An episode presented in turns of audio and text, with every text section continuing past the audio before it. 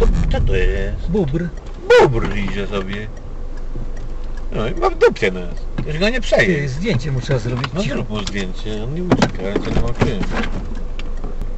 Ma nas w dupie. Nie, bo A go- co on tutaj robi? A co on tu robi? Ale wcale nie ucieka. Rzuci się. Rzuci się na człowieka. Ja. Jakie kino.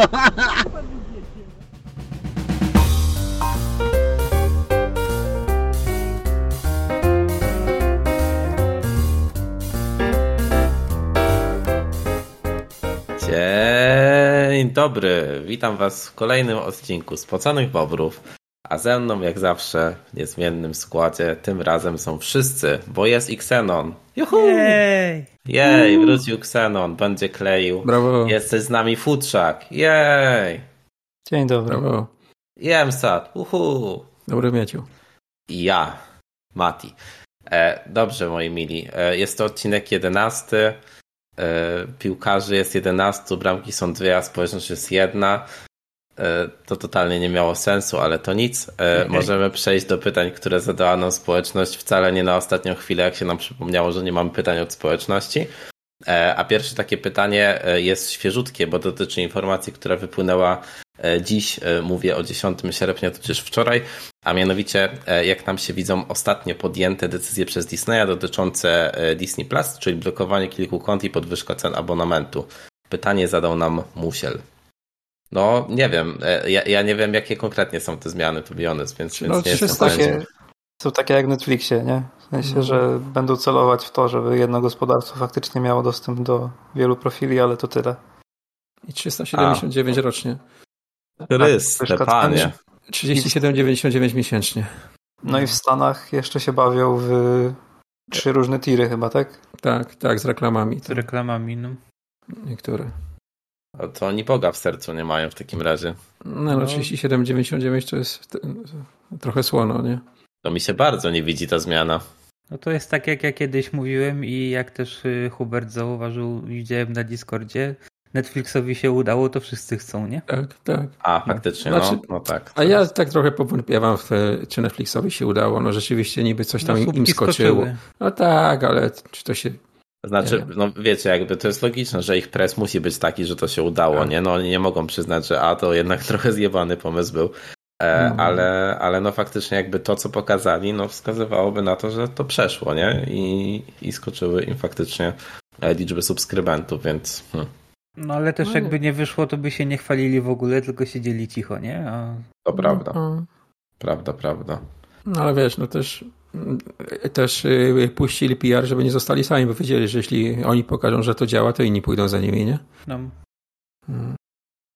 Żeby nie byli tylko oni, wiesz, tymi złymi. Na tak, no. szczęście, panie Bobager, informujemy, że dyski są teraz tanie, więc będziemy korzystać. Znaczy, Disneya mamy jeszcze na dwa lata jakieś, przecież nie, bo ja dostałem z tego, z plusa, tak? Wtedy. No, Tak, tak, to już mówię tak bardziej ogólnie do branży, Ale- a na ale- pewno ale- reszta pójdzie za tym, nie? Jak zaczną blokować, no to i tak będzie, będzie to w dupie, nie? Zobaczymy, jak to, jak, jak to Tak. blokowanie rozwiążą. Hmm, no tak, to prawda. No.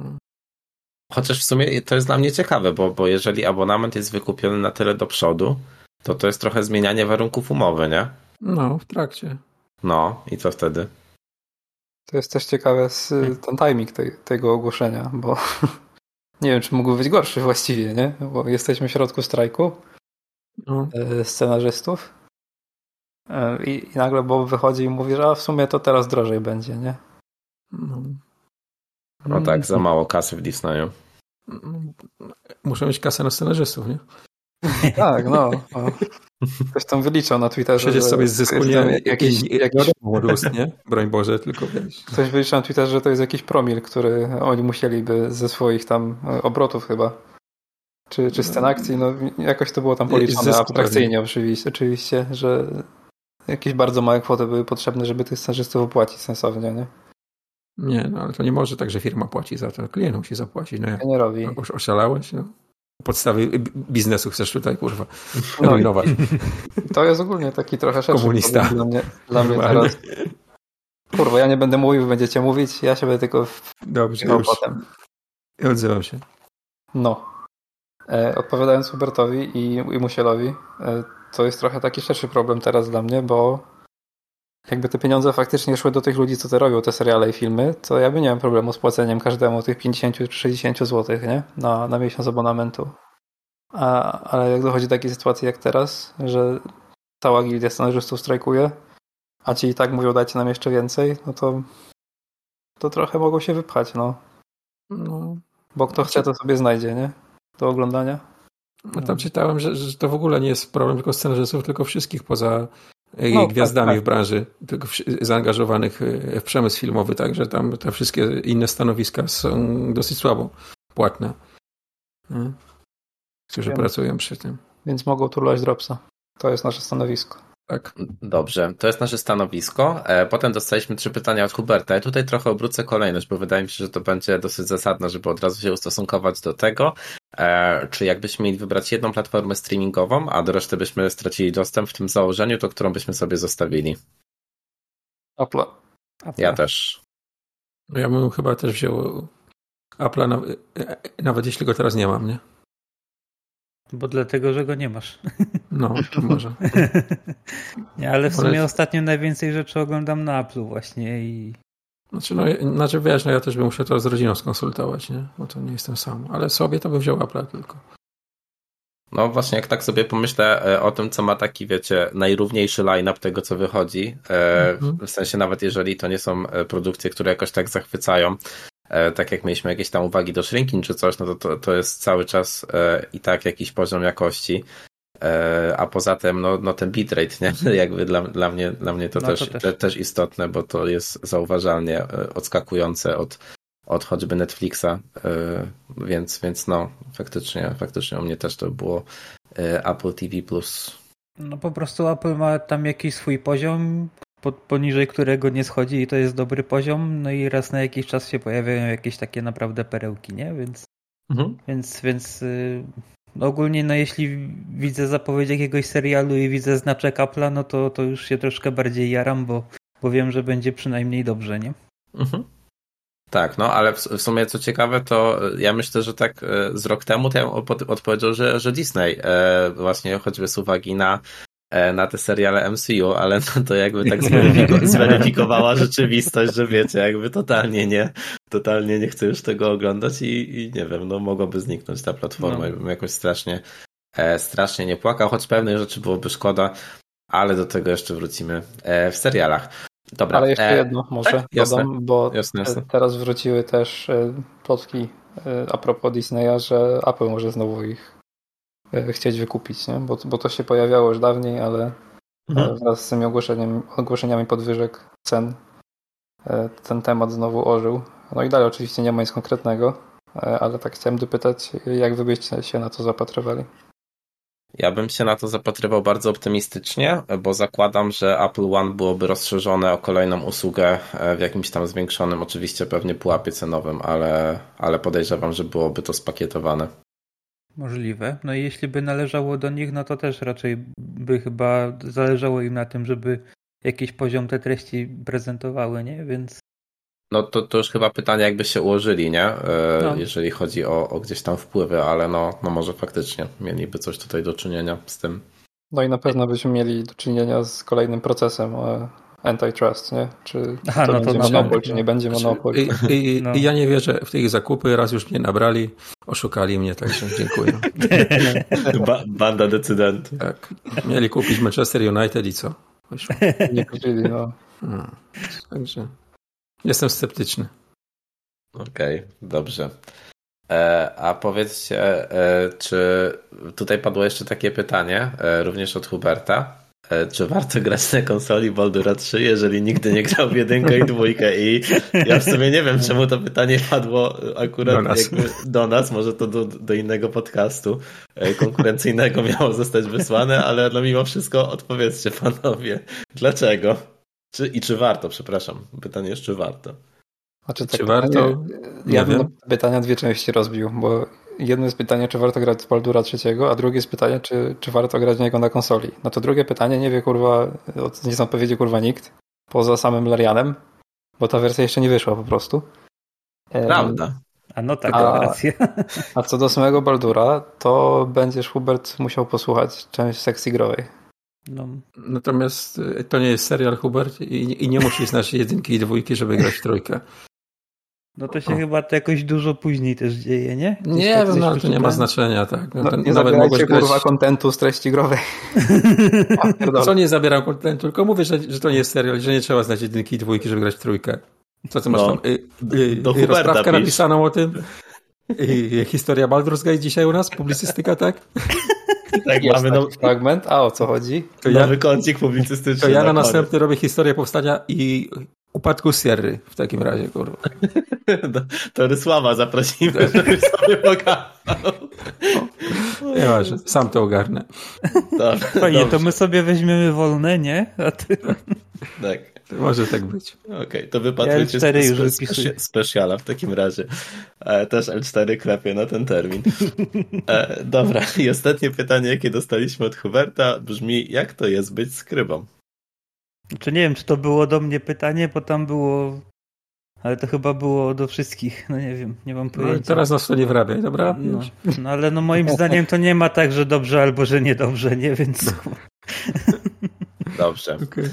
E, lub niedobrze. E, Okej, to w takim razie zamykamy społeczność i przechodzimy do jakże obszernych newsów.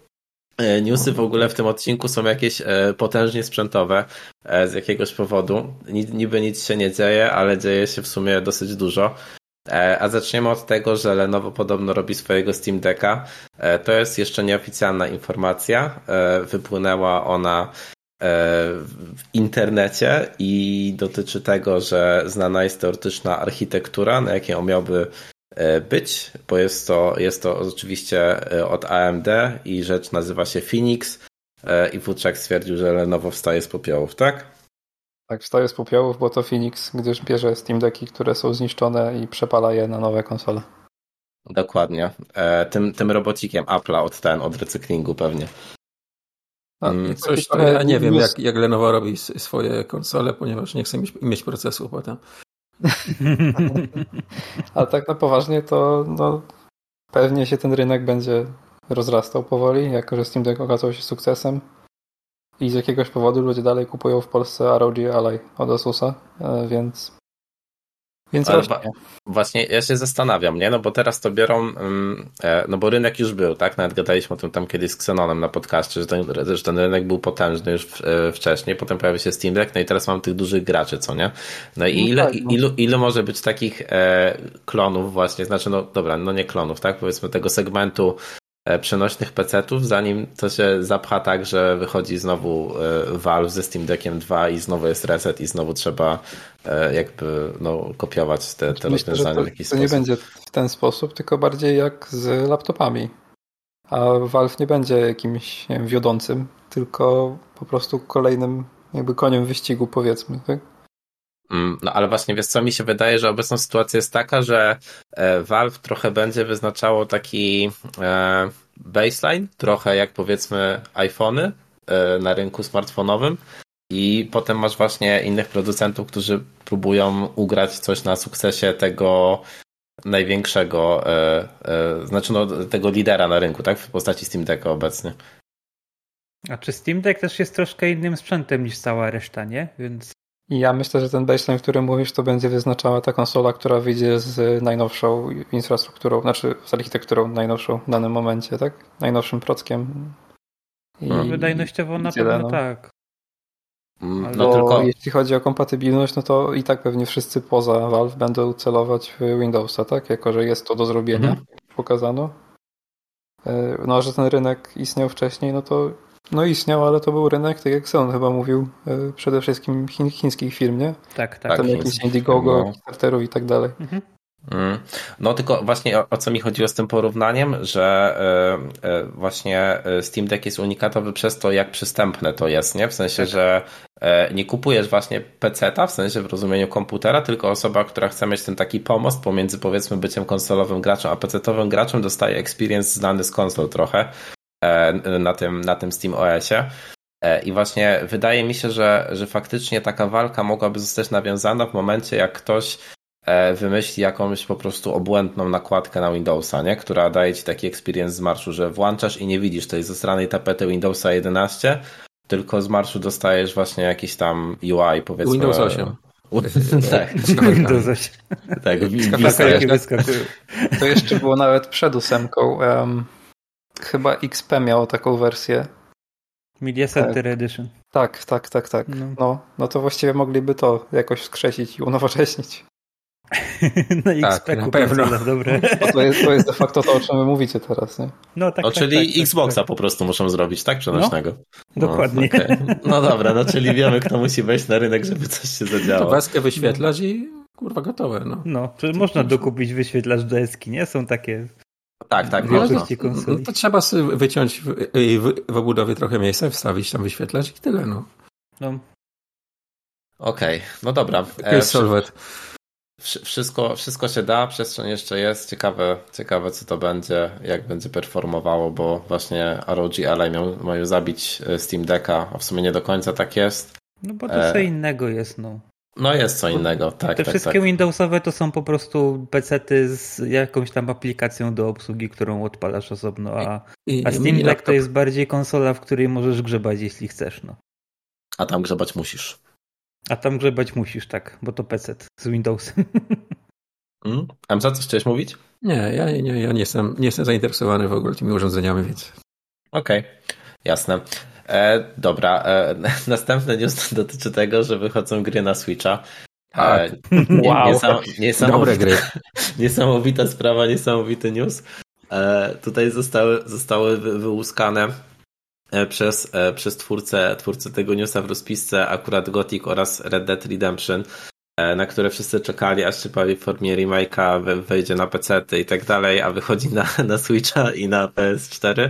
Kurwa macie. E, no, no i jeszcze Gothic, tak? E, e, więc, e, więc, więc jest ciekawie, Switchowcy, Switchowcy mają w co grać. Tak, i to po 50 dolarów są gry. Tak. No tak, no, no No. bo wi wiadomo kogo Czego mamy nie rozumieć, nie? No, idziesz tam, gdzie wiesz, że pieniądze się sypią na gry, tak? Bo się kupuje pudełeczka dalej, więc No. no. Tej, kto powiedział, że te 50 baków to jest dobra cena, ja się obawiam, że oni mają rację. Tak, ja w sumie, w sumie jestem ciekaw, jak to, jak to się sprzeda. E, warto wspomnieć, że ta wersja RDR-a to jest e, wersja, która ma dosłownie takie usprawnienia, jakie ma we- wersja RDR-a odpalana na nowych Xboxach we wstecznej kompatybilności. Znaczy, ale gorzej wygląda. Bo Ale- nie ma headera nawet, nie? Ani nic. No nie ma. A tak, tak, Chyba. faktycznie, bo tam się to dzieje systemowo, co nie? E, Z tak. poziomu Xboxa. Tak, e, więc no, e, jest to oczywiście kompletne wydanie z dodatkami i tak dalej. E, No a cóż, W każdym e, razie no. nie ma klatek, więc niech się pierdolą. No, nie no, 30 jest, nie? Kulane. kurwa Mati. Ale y, z ciekawostek o RDR, że to Red Dead Redemption 2 można zagrać na PlayStation 5 w 60 klatkach. Tak, Tylko- jeśli ma się spakowaną konsolę. Tak, tak zbrykowaną konsolę. No. Okej. I w. Bloodborne'a też wtedy można zagrać w 60, to tak jeszcze Więc powiem. nie wiem, jaki, jakie Rockstar ma wytłumaczenie w ogóle teraz. To Nie może, ma. Nie rozumiem może, tego. może odkupię którąś z poprzednich i, i ten i przerobię wtedy. I w końcu RDR-a przejdę. Nie zdobycie tej konsoli jest problemem, tylko zbrikowanie tego. Okej. Mam, a- Mati ma Steam Decka, da sobie radę, kurwa. No właśnie, ja jestem, ja jestem dzielny Linuxowiec, więc wiesz. E, dobra, ale, no ale ja ale... chciałem poprawić trochę a propos cen, bo wspomnieliście, że obie te gry tyle kosztują, a Gothic jest po 30 euro. O nie, no to no przepraszam spoko, to was. jest W ogóle kupiłem z, za 2 złote na PC ostatnio, wiesz? Całą kolekcję. Ale chciałem dodać, bo to jest, chciałem dodać, bo to jest przedziwna rzecz, bo Nintendo nie ma reprezentanta żadnego w Polsce swojego, nie? Żadnego oddziału. Nie, ich, nie ich czeski dystrybutor e, ogarnia w Polsce. A według strony THQ Nordic Gothic na Switchu wychodzi z polskim dubbingiem. O, Polskim dubbingiem nawet. Tak. No a Jest- przecież ale- oni mają A Red Dead Redemption ma mieć polskie kurwa, napisy, nie? 28 a lat. właśnie, tak. No, no, Ale, no, ale Red Dead Redemption ma mieć polskie napisy, a przecież nie miało w oryginale. no to, jest, to jest jedyna chyba No. zmiana taka istotna. Bardzo że tam istotne. jest. Znaczy tam dużo innych języków też jest dodane, nie tylko polski. No. Gothic w dubbingu ma niemiecki, angielski, rosyjski i polski. Okej. No, No a to są wydaje fani, mi się, nie? że... No właśnie, no, no od tego zacznijmy, ale no oni mają te ścieżki, nie? Pewnie cały czas, więc, więc to chyba jest... No nie wiem. Okej, no dobrze. E, będziesz grał Gotika na Switchu W3? Dalej. Tak, myślałem.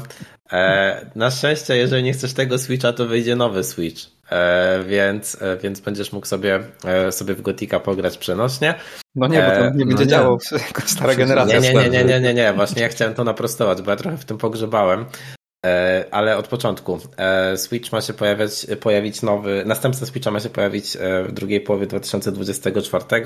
E, Ma być tym samym konceptem konsoli hybrydowej, mobilno, mobilno-stacjonarnej. E, I to, co wiemy na ten moment, e, tak na pewno sprzętowo, to to, że nie będziemy mieć OLEDa, będziemy mieć LCD. Mm, E, oczywiście, oczywiście celem cięcia kosztów i potem wydania wersji OLED na koniec życia konsoli. No ale i ma się, na chuja. tak, i ma się powiększyć, powiększyć pamięć wewnętrzna e, sprzętu, no bo obecnie, e, nie wiem czy wiecie, ale Switch ma 32 gigabajty. E, Więc no, no tutaj z uwagi na rozmiary gier obecne jest to dosyć nierealne Będzie rozwiązanie. 64. Tak. Będzie, będzie 64 dok- dokładnie.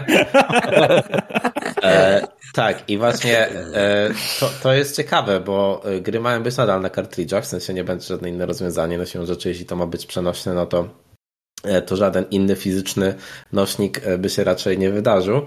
E, natomiast e, to, to, co, to, co wspomnieliście od razu na początku, to, że nie będzie można grać w gry ze Switcha, nie jest takie oczywiste bo samo Nintendo mówi, że ono by chciało zrobić wszystko, żeby przekonwertować obecną bazę Switcha, który w ogóle sprzedaje dzikie kokosy i w tym ostatnim, ostatnim kwartale miał w ogóle rekordową sprzedaż w swojej historii przez Zeldę, e, bo to było bodajże ponad 18 milionów sprzedanych Switchów e, i Ludzie 18 PSP z, i 18 z hakiem Zeldy. E, Natomiast to, co w ogóle obróciło całą tą narrację i wszyscy zaczęli spekulować o tym, że nie będzie, nie będzie kompatybilności wstecznej, to jest to, że e, właśnie dev, de, devowie i wydawcy third party powiedzieli, że to byłoby e, trochę słabe dla biznesu, jeżeli byłaby ta wsteczna kompatybilność z uwagi na e, no oczywiście niemożność wydawania 15 remake'u, nie wiem, Darksiders e, czy, czy cokolwiek. E, Natomiast I czy goticzka znowu. czy gotowniczka znowu, tak. E, Natomiast samo Nintendo w ogóle e, jakby w tą stronę e, w tą stronę nie poszło, e, jeżeli chodzi o te, o te przecieki, tak, bo, e, bo devkity są oczywiście u devów, no ale też e, z drugiej strony oni przecież nie będą rozbierać e, z plomb, tych devkitów, żeby sprawdzić, czy tam e, jest coś pod wsteczną, czy nie.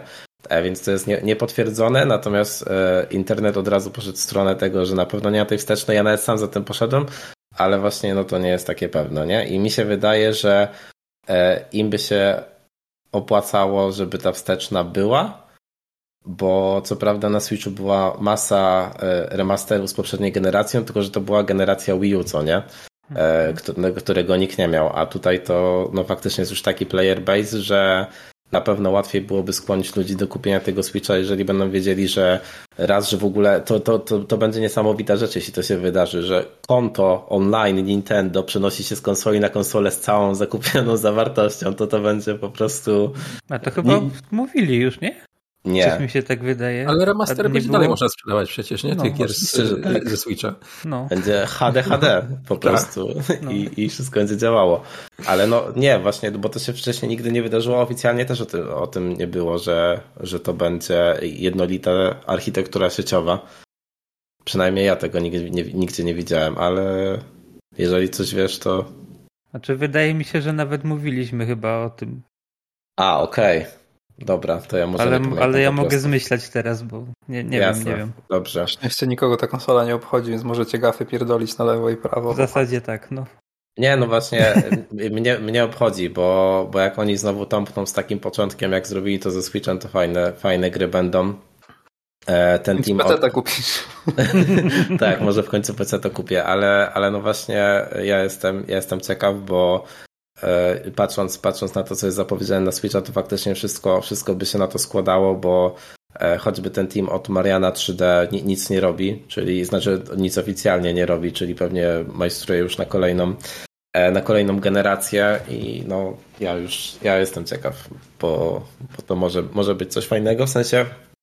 E, problematyczne trochę jest to, że E, W tych przeciekach też się pojawiły informacje, że oni by celowali e, z mocą w PS4, e, a, a z mocą w PS4 to już Switch miał pierwszy celować. E, Więc, 4 FAT.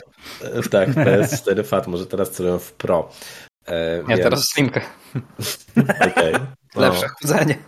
lepsze chłodzenie, być może. E, no nie wiem, e, nie, nie da się zaprzeczyć, że, że wszyscy, wszyscy chcą tej konsoli, tak? W sensie, no sprzedaje O, się, tak, wszyscy. no sprzedaje się niesamowicie, nie? Jakby e, no ni- nic, nic nie poradzisz na te fakty.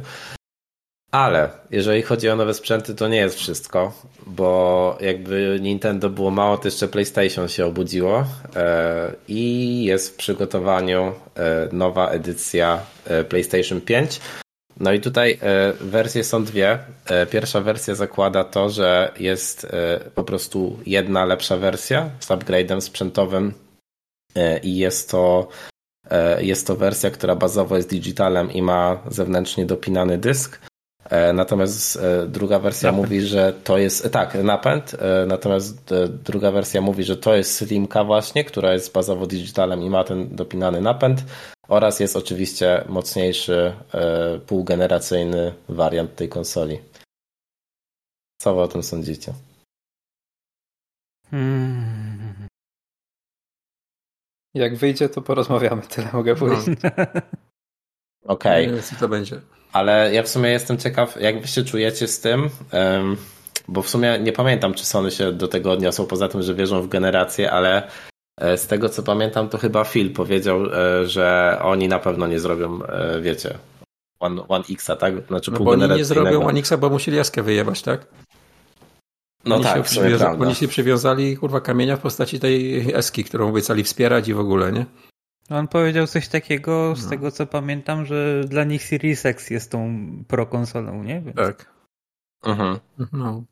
No ale wiesz, no nie zrobią X Series X Pro, bo, bo co zeską wtedy? Ale jak Sony zrobi pro, to będą musieli, myślę. No Chociaż... nie wiem, czy będą nie musieli. Oni tak się nie ścigają z Sony na ilość sprzedanych konsol, bo to nie ma sensu, nie? No. tak, tylko w którymś momencie chyba też e, raz, że masz presję tego, że notorycznie będą informacje o tym, że wersja tam PS5 Pro jest dużo, dużo lepsza, powiedzmy, niż, niż No tak. Series X. E, no i pewnie też e, de- devowie tak by chcieli e, móc wykorzystać większą, większą moc. No tak, no bo po, po co robić optymalizację, jak można mocniejszy procesor wstawić, nie? No. Mhm. Hmm. Nie wiem. No, to Co Xbox? No Xbox ma, ma problem moim zdaniem z tą eską, nie? Duży, tak. Mhm. No tak, macie rację. W sumie oni faktycznie jakby puścili taką półgeneracyjną konsolę, to nie wiem, co by się z Eską musiało stać w tej sytuacji. To Bo był fajny jakby pomysł One na S- papierze, ale się trochę wkopali, nie? Bo jak był ten One S, ale to on wyszedł tak jakby, by- był chyba lepszy niż, niż ten podstawowy Xbox One, nie? O, bardzo minimalnie z tego co pamiętam. No. Tam chyba odrobinę szybsze zegary miał i tyle. Okej, Tak no no, jakoś, to miał, jakoś to miało sens, bo był y, ten, ten i była jedna, tak? Był X, nie? One X, nie? Tak? Mhm. Był Tak, ten tak, mocniejszy i był One S, który był taki jak, jak bazowy, czyli miałeś dwie konsole, Tak. tu byś miał trzy, tak? Mm. One S, Series X i Series X Pro, tak? No to to już jest, kurwa, się robi problem trochę, nie? Mhm. Z takim rozstrzałem. By musieli powiedzieć tym, co kupili te eski, że no sorry, ale nie mamy dla was dobrych wieści. Mamy taką fajną usługę streamowania gier. No, No. Zapraszam wszystkich do chmury teraz. tak. tak, no w tą stronę by musieli pójść, nie? I taka grafika z filem na chmurce wylegującym się, jak zaprasza do grania. Mm, to by było. A może być też tak, że. No bo my nie, de facto nie wiemy, w co grają ci, co kupili Eski, nie? A Microsoft to wie.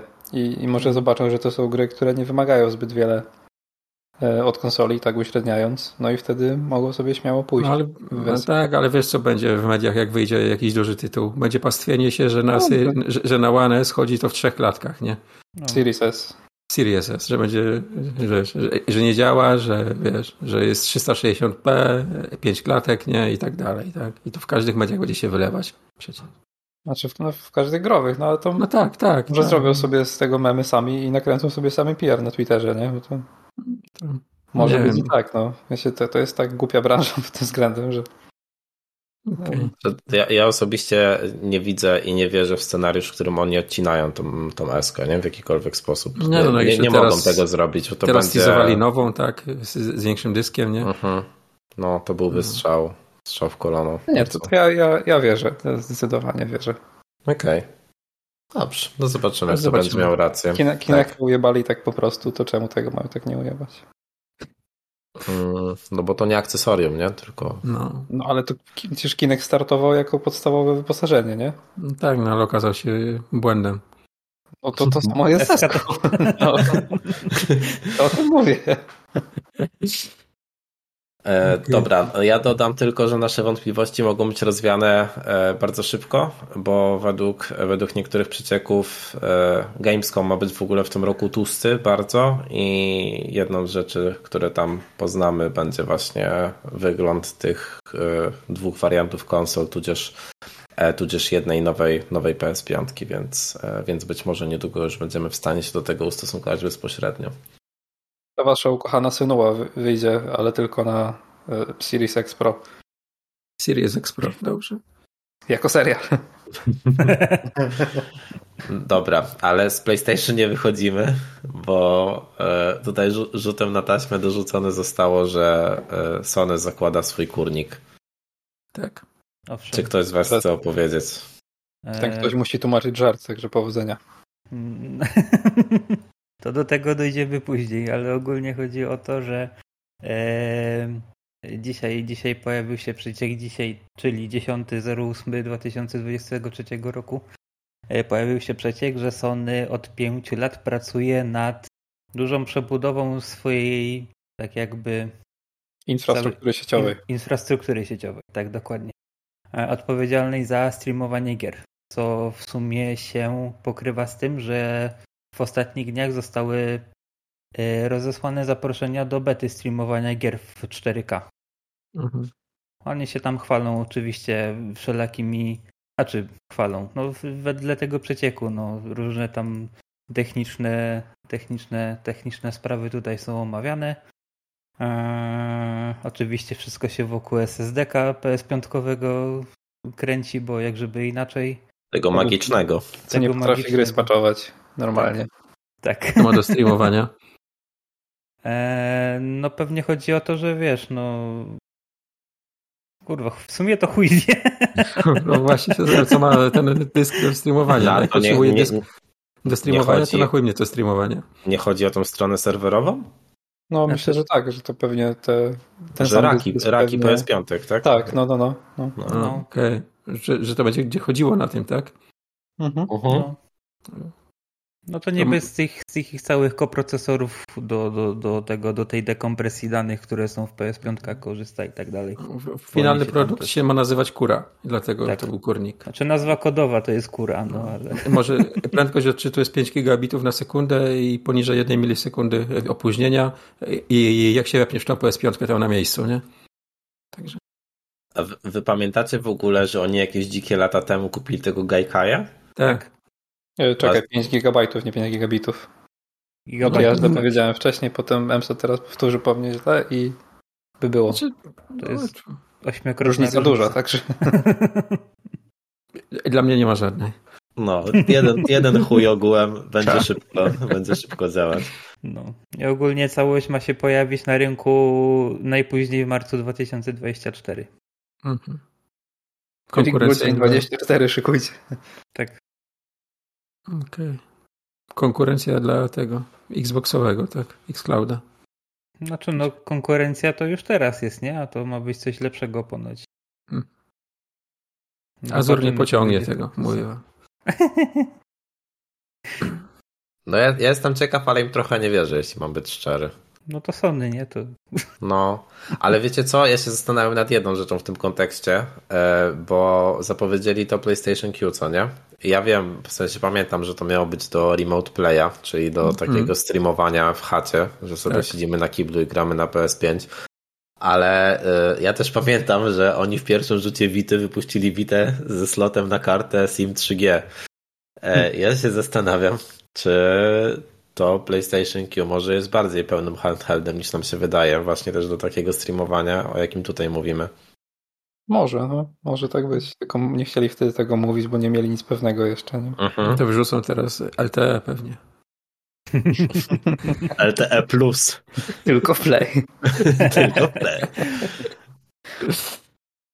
Dobra.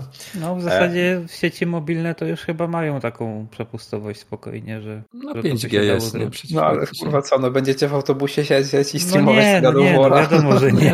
Znaczy, no ja w ogóle nie jestem, nie jestem targetem tych przenośnych konsoli, więc mam Chodzi mi po prostu o to, że to jest chyba do zrobienia. No. No to wykonalne może jest, ale po chuj. Znaczy, ja, ja wam powiem, że mi się wydaje, że y, to jest takie pochuj z naszej perspektywy, a to są cały czas zakusy na takich y, graczy mobilnych, bo my, my, te, my ten rynek mamy w dupie i sobie możemy go mieć w dupie, y, dopóki nie, nie spojrzymy na kasę, nie?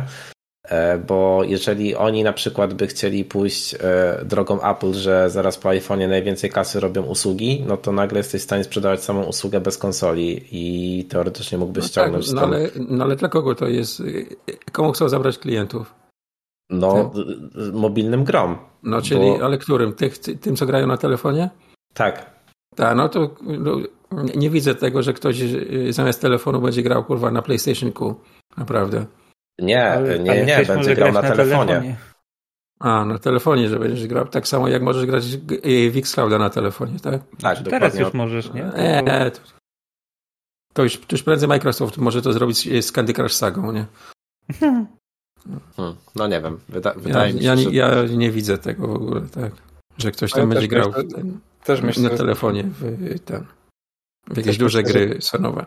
że ten punkt przecięcia, który oni sobie widzą, że tu, tu na telefonie, tu na telefonie jest jakiś taki wyimaginowany mocno, no bo to jednak są gry na 5 minut, a tu masz gry na kilkadziesiąt godzin. Tak. Nie? To się nie tłumaczy, tylko dlatego, że będzie w tej samej formie dostępny. Ale e, jakby... mm, hmm, No macie też na przykład e, takich ludzi, co grają na telefonie, nie wiem, w Fortnite'a, grają w Genshina i to nie jest takie granie na 5 minut wtedy, nie?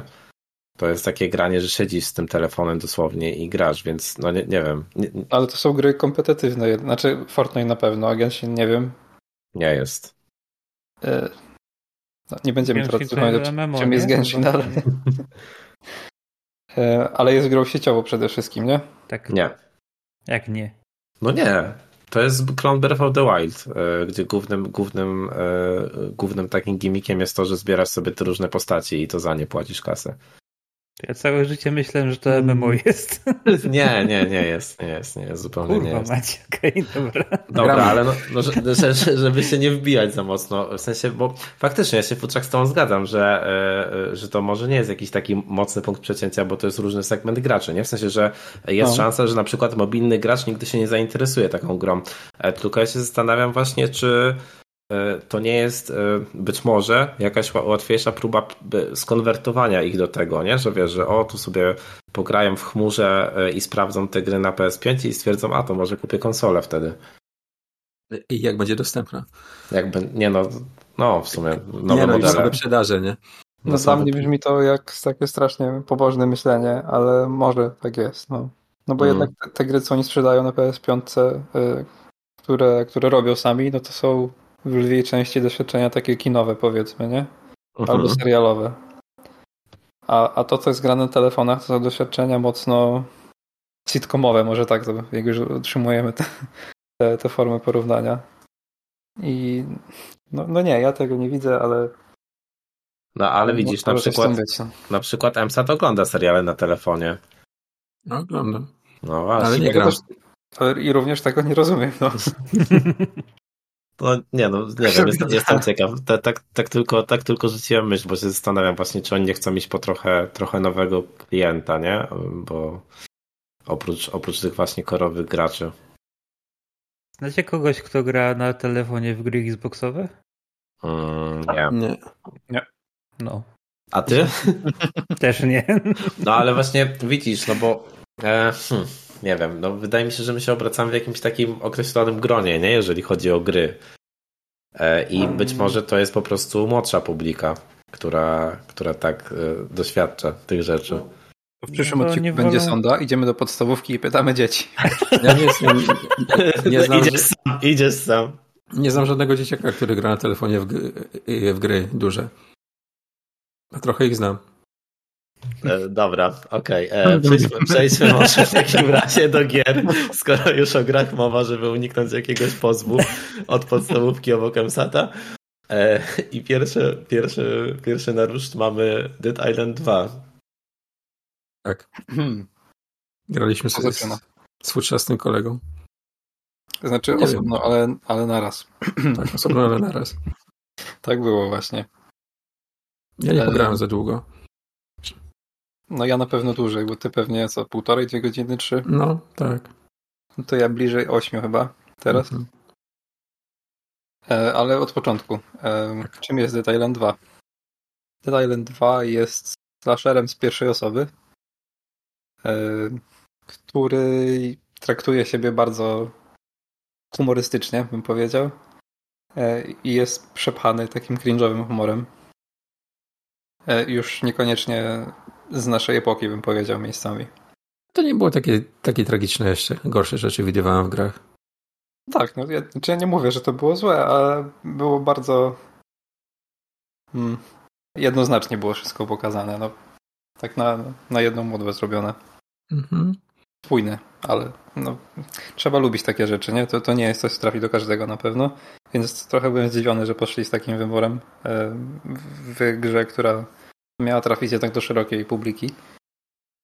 E, no bo to jest właściwie kontynuacja jedynki, jako tako, która odniosła duży sukces, a przynajmniej ja to tak pamiętam.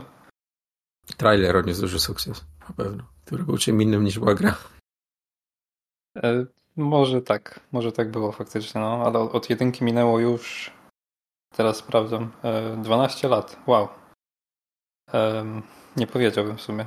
Też nie. Wszyscy graliśmy w jedynkę, czy ktoś nie grał? Ja nie grałem. Ja grałem i w jedynkę i w to Riptide. Ja Okej, w jedynkę Stan? grałem. Jedynkę, okej. No. I ja jedynkę wspominam bardzo dobrze, ale tak jak teraz patrzę na screeny, to jednak ja mam wspomnienia w 4K tutaj zdecydowanie. Em, I dwójki nie będę wspominał aż tak dobrze. Bo wygląda Em, tak samo. No, znaczy, to, to nie jest brzydka gra wizualnie. No, ale są momenty takie, że nie wiem, e, włosy z dupy są zrobione, tak, tych postaci. Tak, tak, takie pojedyncze rzeczy, no. No, które się ale- rzucają w oczy, które są chujowe po prostu. Jezu, włosy z dupy, ja... no Dobra. Okej. To duże przywiązanie do detali bym powiedział. No właśnie, ja, ja o tym myślałem. Mówię, co? Ale dziwnie. Ale jak już wspomniałeś, to duże przywiązanie do detali akurat jest. Są E, włosy? W sensie w takim, że no te zombiaki są zrobione naprawdę prima sortem, bym powiedział, jeśli o, o same wizualia chodzi. E, I jest ich bardzo dużo modeli, e, co mnie też pozytywnie zaskoczyło. Znaczy, no wiadomo, że tego byś oczekiwał po takim tytule, ale nie jest to gwarantowane. E, I tu mi na myśl przychodzi od razu e, Dying Light konkurencyjny, który jest zupełnie w innym stylu zrobiony, ale jednak no, gra się bardzo, bardzo podobnie. E, Dlaczego tak krótko grałeś MSAT? Może tak. Grałem krótko, bo ciachanie jest, jest bardzo fajne. Spodobało mi się nawet. Zwłaszcza jak tą maczetę dorwałem, sobie ją zrobiłem na... Tam dołożyłem jakieś to ulepszenie elektryczne i tak dalej i fajnie się zombiaki prało, ale co z tego, jak ona mi się za 10 minut rozjebała. No. I, I żeby ją naprawić, to musiałbym się kurwa cofnąć gdzieś, bo, bo nie ma tych warsztatów tak rozrzuconych wszędzie, nie? I to mnie tak najbardziej Mhm. denerwuje, to niszczenie się broni. Nie wiem, czemu ten koncept jeszcze kurwa funkcjonuje w ogóle Giereczkowie. No tutaj i, I w tej formie. tu zdecydowanie macie zachęcić do tego, żebyś co chwilę tą broń wymieniał. e, Bo No ja nie chcę, jakaś- kurwa. No mi się podoba to, co mam, nie? No i, no i zamykamy temat. No, to było No. No ja tak Ale- zamknąłem, nie? No rozumiem. E, Ja też na początku chciałem się trzymać jednego przynajmniej rodzaju broni, ale no szybko zauważyłem, że to nie jest zbyt wykonalne. E, I po prostu zacząłem używać tego dosłownie co znajdowałem pod nogami. E, No i ta gra się całkiem, całkiem szybko rozkręcała. E, I na początku bym powiedział, że jest strasznie łatwa, nawet za łatwa. Ale tak po...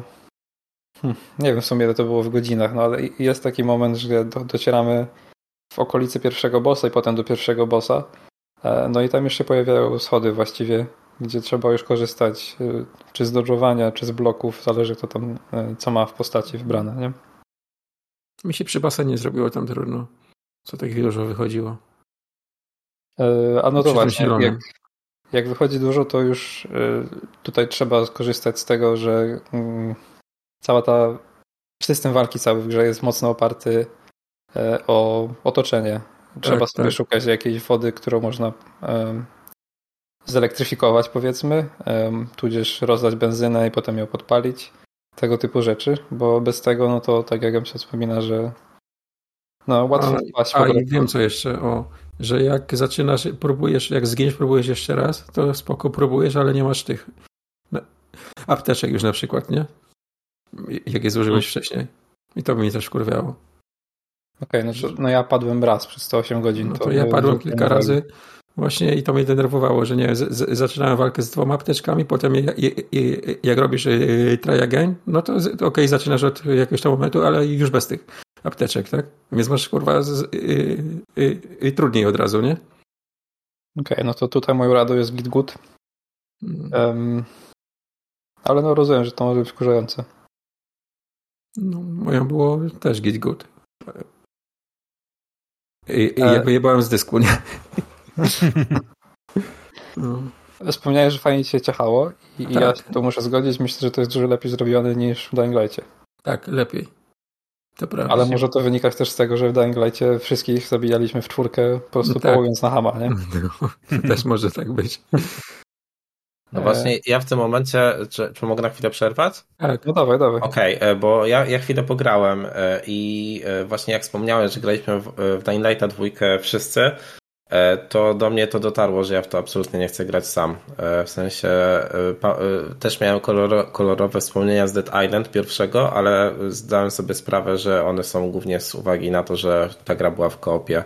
E, Podejrzewam, że podobnie by to wyglądało w przypadku Dying Lighta drugiego, więc tutaj to, to ja się kompletnie odbiłem po, po godzinie około, więc, więc no. No, a tutaj w koopa grać nie mogliśmy, bo gra wspiera koopa do trzech osób. Także uhu. No. Em, I co jeszcze chciałem wspomnieć? A o tym poziomie trudności właśnie. Em, W grze przynajmniej przez te kilka godzin jest dość mało tyłu przeciwników, e, ale jak już się pojawią ci tacy faktycznie konkretniejsi, no to to już jest naprawdę no, bicie się z koniem, jeśli nie znajdziesz e, jakiegoś, e, jakiegoś wsparcia w postaci właśnie wody, pod którą idzie podpiąć prąd, czy, czy obrać kogoś benzyną i podpalić, nie? To bez tego to jest naprawdę długa przeprawa z tymi większymi mobami. I w grze jest broń palna, ale jeszcze do niej nie dotarłem i nie wiem, czy to wynika z tego, że coś mocno minąłem, e, czy jest tak daleko schowana gdzieś. Czyli ja bym też wolał, żeby to było w TPP, a nie e, FPP. Ja w, ja w tych grach e, nie mogę jakoś tak tej walki pogarniać dobrze, nie, nie czuję dystansu w ogóle, nie? Mhm. Jak- on ciacha tym i ja- jak ja mam y, y, się bronić przed tymi zombiakami, te uniki, to wszystko to jest dla mnie po prostu kurwa czarna magia. I nie jestem w stanie tego jakoś tak poskładać, jak to jest FPP. To samo było w Dying Light'cie, to samo jest tutaj. W TPP by mi się w to zdecydowanie lepiej grało na pewno. Na pewno było, byłoby prostsze, to się zgadzam, ale myślę, że straciłoby trochę uroku, jeśli o wizualia chodzi.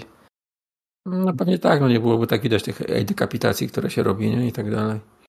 Tak, tak. Oni się w ogóle tam chwalili przed premierą, że jest ten e, ich autorski jakiś system dzielenia całego e, modelu postaci na te hitboxy, które potem faktycznie odpowiadają za konkretne części ciała. Nie? I tutaj faktycznie idzie obciąć tych zombiaków praktycznie wszystko. E, tudzież rozbić wszystko, zależy od typu broni, jakiego używamy. E, no i wizualnie to naprawdę robi robotę, bo latają kończyny, miażdżą się czaszki i tak dalej, i tak dalej. No, to było przyjemne akurat. E, Jeśli ktoś jest wrażliwy na krew, to no, lepiej tego nie tykać, bo chyba nie da się tego wyłączyć. Mhm. A, Można to- kupić nie, niemiecką wersję, będzie y, niebieska, czy tam zielona. Zielona chyba. A, a krew się tu leje jak pojebana, nie? Absolutnie wszędzie, więc poszli na całość z tą stylistyką na pewno. Za to, za to chwała, myślę. Ja dodam z kronikarskiego obowiązku, że działa na Steam Decku bardzo dobrze. I jest obecnie często na przecenach, widziałem przynajmniej pudełkowa wersja, nie wiem jak z cyfrówką. Co, nie sprzedało się? E, nie, no myślę, że to wynika raczej z tego, że już trochę minęło czas od premiery. Nie? Mm, Tak. W sumie. E, I wyszło też na starą generację z jakiegoś powodu. No. Tak. I na PC chodzi dobrze. To też mogę powiedzieć. I Chociaż, chociaż ja miałem, nie, nie wiem, lustra nie działają, chyba że ja miałem w, w ustawieniach wyłączone. Bo nie wchodziłem nawet tam. Tylko tak jak się to uruchomiło, tak grałem, więc. Okej, to ja nie zwróciłem uwagi na lustra, muszę No przyznać. ja nie wiem, stanąłem przed lustrem, już sam mam screena nawet, nie? Mhm. I, jak wampir. Pamiętam. Nie ma nikogo. No i to było. Dead Island 2. Każdy musi sam sobie sprawdzić. Oj, po to właśnie się podcastów słucha. Tak. Zajebiście. No. Znaczy, no, nie wiem. To nie grajcie, bo to chujowe jest. Nie, a ja bym powiedział, że warto spróbować. Ja bym powiedział, że jeśli graliście w Dying Lighta i on się okazał zbyt szary i nijaki, e, to tutaj jest to, czego potrzebujecie. A jak wam się podobał Dying Light, to może lepiej w to nie grajcie. O, jak chcieliście konkretnej rady, to proszę bardzo. Ja też dałem konkretną. Więc wszyscy, wszyscy powinni być usatysfakcjonowani. Rabini się wypowiedzieli. Tak. To lecimy dalej. I, i znowu ja gadam, prawda? Tak. Tak wyszło. A, to, okej, to, Na jest, co tyle to jest- grałeś? to jest tytuł, gdzie miał grać ze mną jeszcze dwie osoby, ale okazało się, że grałem sam. Em, Nie wiem dlaczego. Mianowicie jest to Deadlink, który jest grą polskiego dewelopera, Grube Entertainment. Grubo. Pewnie się rzucał. E, no. I tak, setting tej gry jest taki, że są cyberpunkowe, bliżej nieokreślone klimaty. W sensie bliżej nieokreślone, jeśli chodzi o czas działania się tego wszystkiego. To chyba nie pada tam żadna data, wydaje mi się. No ale jest cyberpunk pełną gębą. E, są roboty, są megakorporacje. E, jest też trochę mieszania tego z kulturą azjatycką z jakiegoś powodu. E, nie wiem, pewnie dla, dla złapania szerszej wid- widowni, szerszej publiki. E, ale gra jest po prostu FPS-em, e, który jest też roguelike'iem. Mhm. E, I to połączenie gwarantuje, że gameplay jest ekstremalnie szybki. E, Wszystko jest bardzo intensywne w tej grze. Jak staniesz w miejscu, żeby coś sobie zaplanować czy pomyśleć, to raczej się rozpierdolisz zaraz. E, Więc gra zdecydowanie nie jest dla MSATA. Dziękuję. E, Możesz ich spać. E, a, ale jestem zdziwiony, że Mati w końcu w nią nie grał. E, bo myślę, że to by mu odpowiadało zdecydowanie. I co? Może tak, o gunplayu trochę powiem, bo na początku każdego ranu wybieramy sobie klasę, które na poc- na początku trzeba odblokować oczywiście. E, No ale one się różnią przede wszystkim typem broni i, i skillami. Em, Mamy typa z shotgunem, mamy typa z e, karabinem maszynowym. E, Tak teraz myślę na pewno o, o tej nazwie, czy mnie zaraz Szymon nie przypierdoli, że źle to określiłem, ale to jest karabin szturmowy chyba. E, I jest jeszcze koleś z obrzynem, tudzież odpowiednikiem obrzyna w cyberpunkowym klimacie przynajmniej. E, No i to wszystko się faktycznie różni już w grze, bo jeśli mamy shotguna, no to mamy te kilka pocisków, które biją bardzo mocno, ale relatywnie szybko trzeba przeładowywać, w sensie często. Jeśli mamy obrzyna, no to de facto wystrzelenie dwóch pocisków, potem przeładowanie jest konieczne za, e, z walką z każdym przeciwnikiem, a jeśli mamy karabin szturmowy, no to to już e, troszkę inaczej ta rozgrywka płynie po prostu.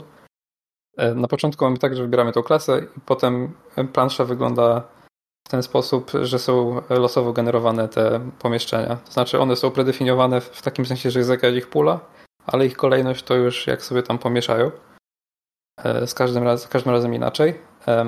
I na tych planszach możemy zbierać nie tyle power-upy, ale są takie po prostu kulki, które jak rozwalimy, to dostajemy specjalny typ amunicji. E, Specjalny, czyli taki, który działa do naszej drugiej broni, e, która zadaje większe obrażenia, zazwyczaj też obszarowe.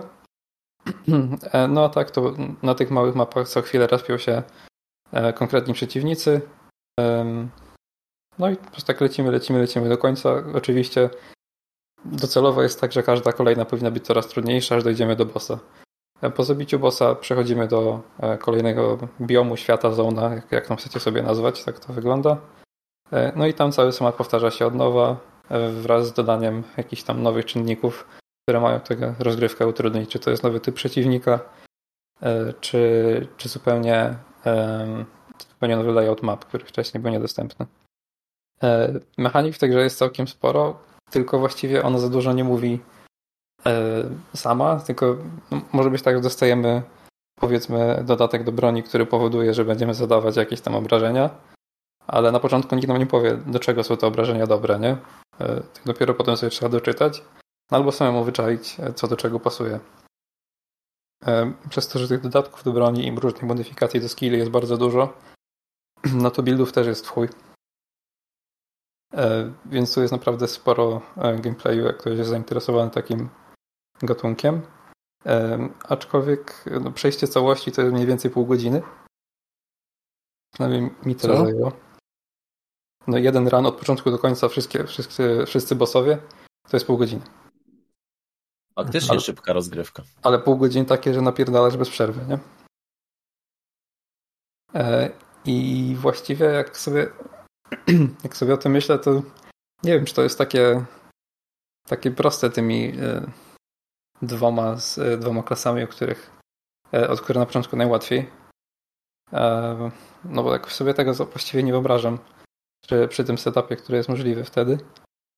E, ale jakoś nie mam za bardzo też czasu, żeby do tego wrócić i popróbować, bo tylko jedną klasę skończyłem całość, całość. No ale tak, no, to, to jest Deadlink właśnie. No, jak macie jakieś pytania, to śmiało, ale myślę, że nakreśliłem, jak to wygląda. Ale polecasz, tak? E, bardzo polecam, tak, jak najbardziej. Okej. Okay. No ja mam to na liście, jak będzie jakaś pierwsza promka, to na pewno sobie wezmę, bo, bo mi, się, mi się podobał cały, cały koncept i też jak opowiadałeś, e, jak rozmawialiśmy, więc, więc faktycznie będę chciał sprawdzić. No skoro polecasz, to też na pewno tym bardziej się przyjrzy. Bardzo ADHD friendly to jest.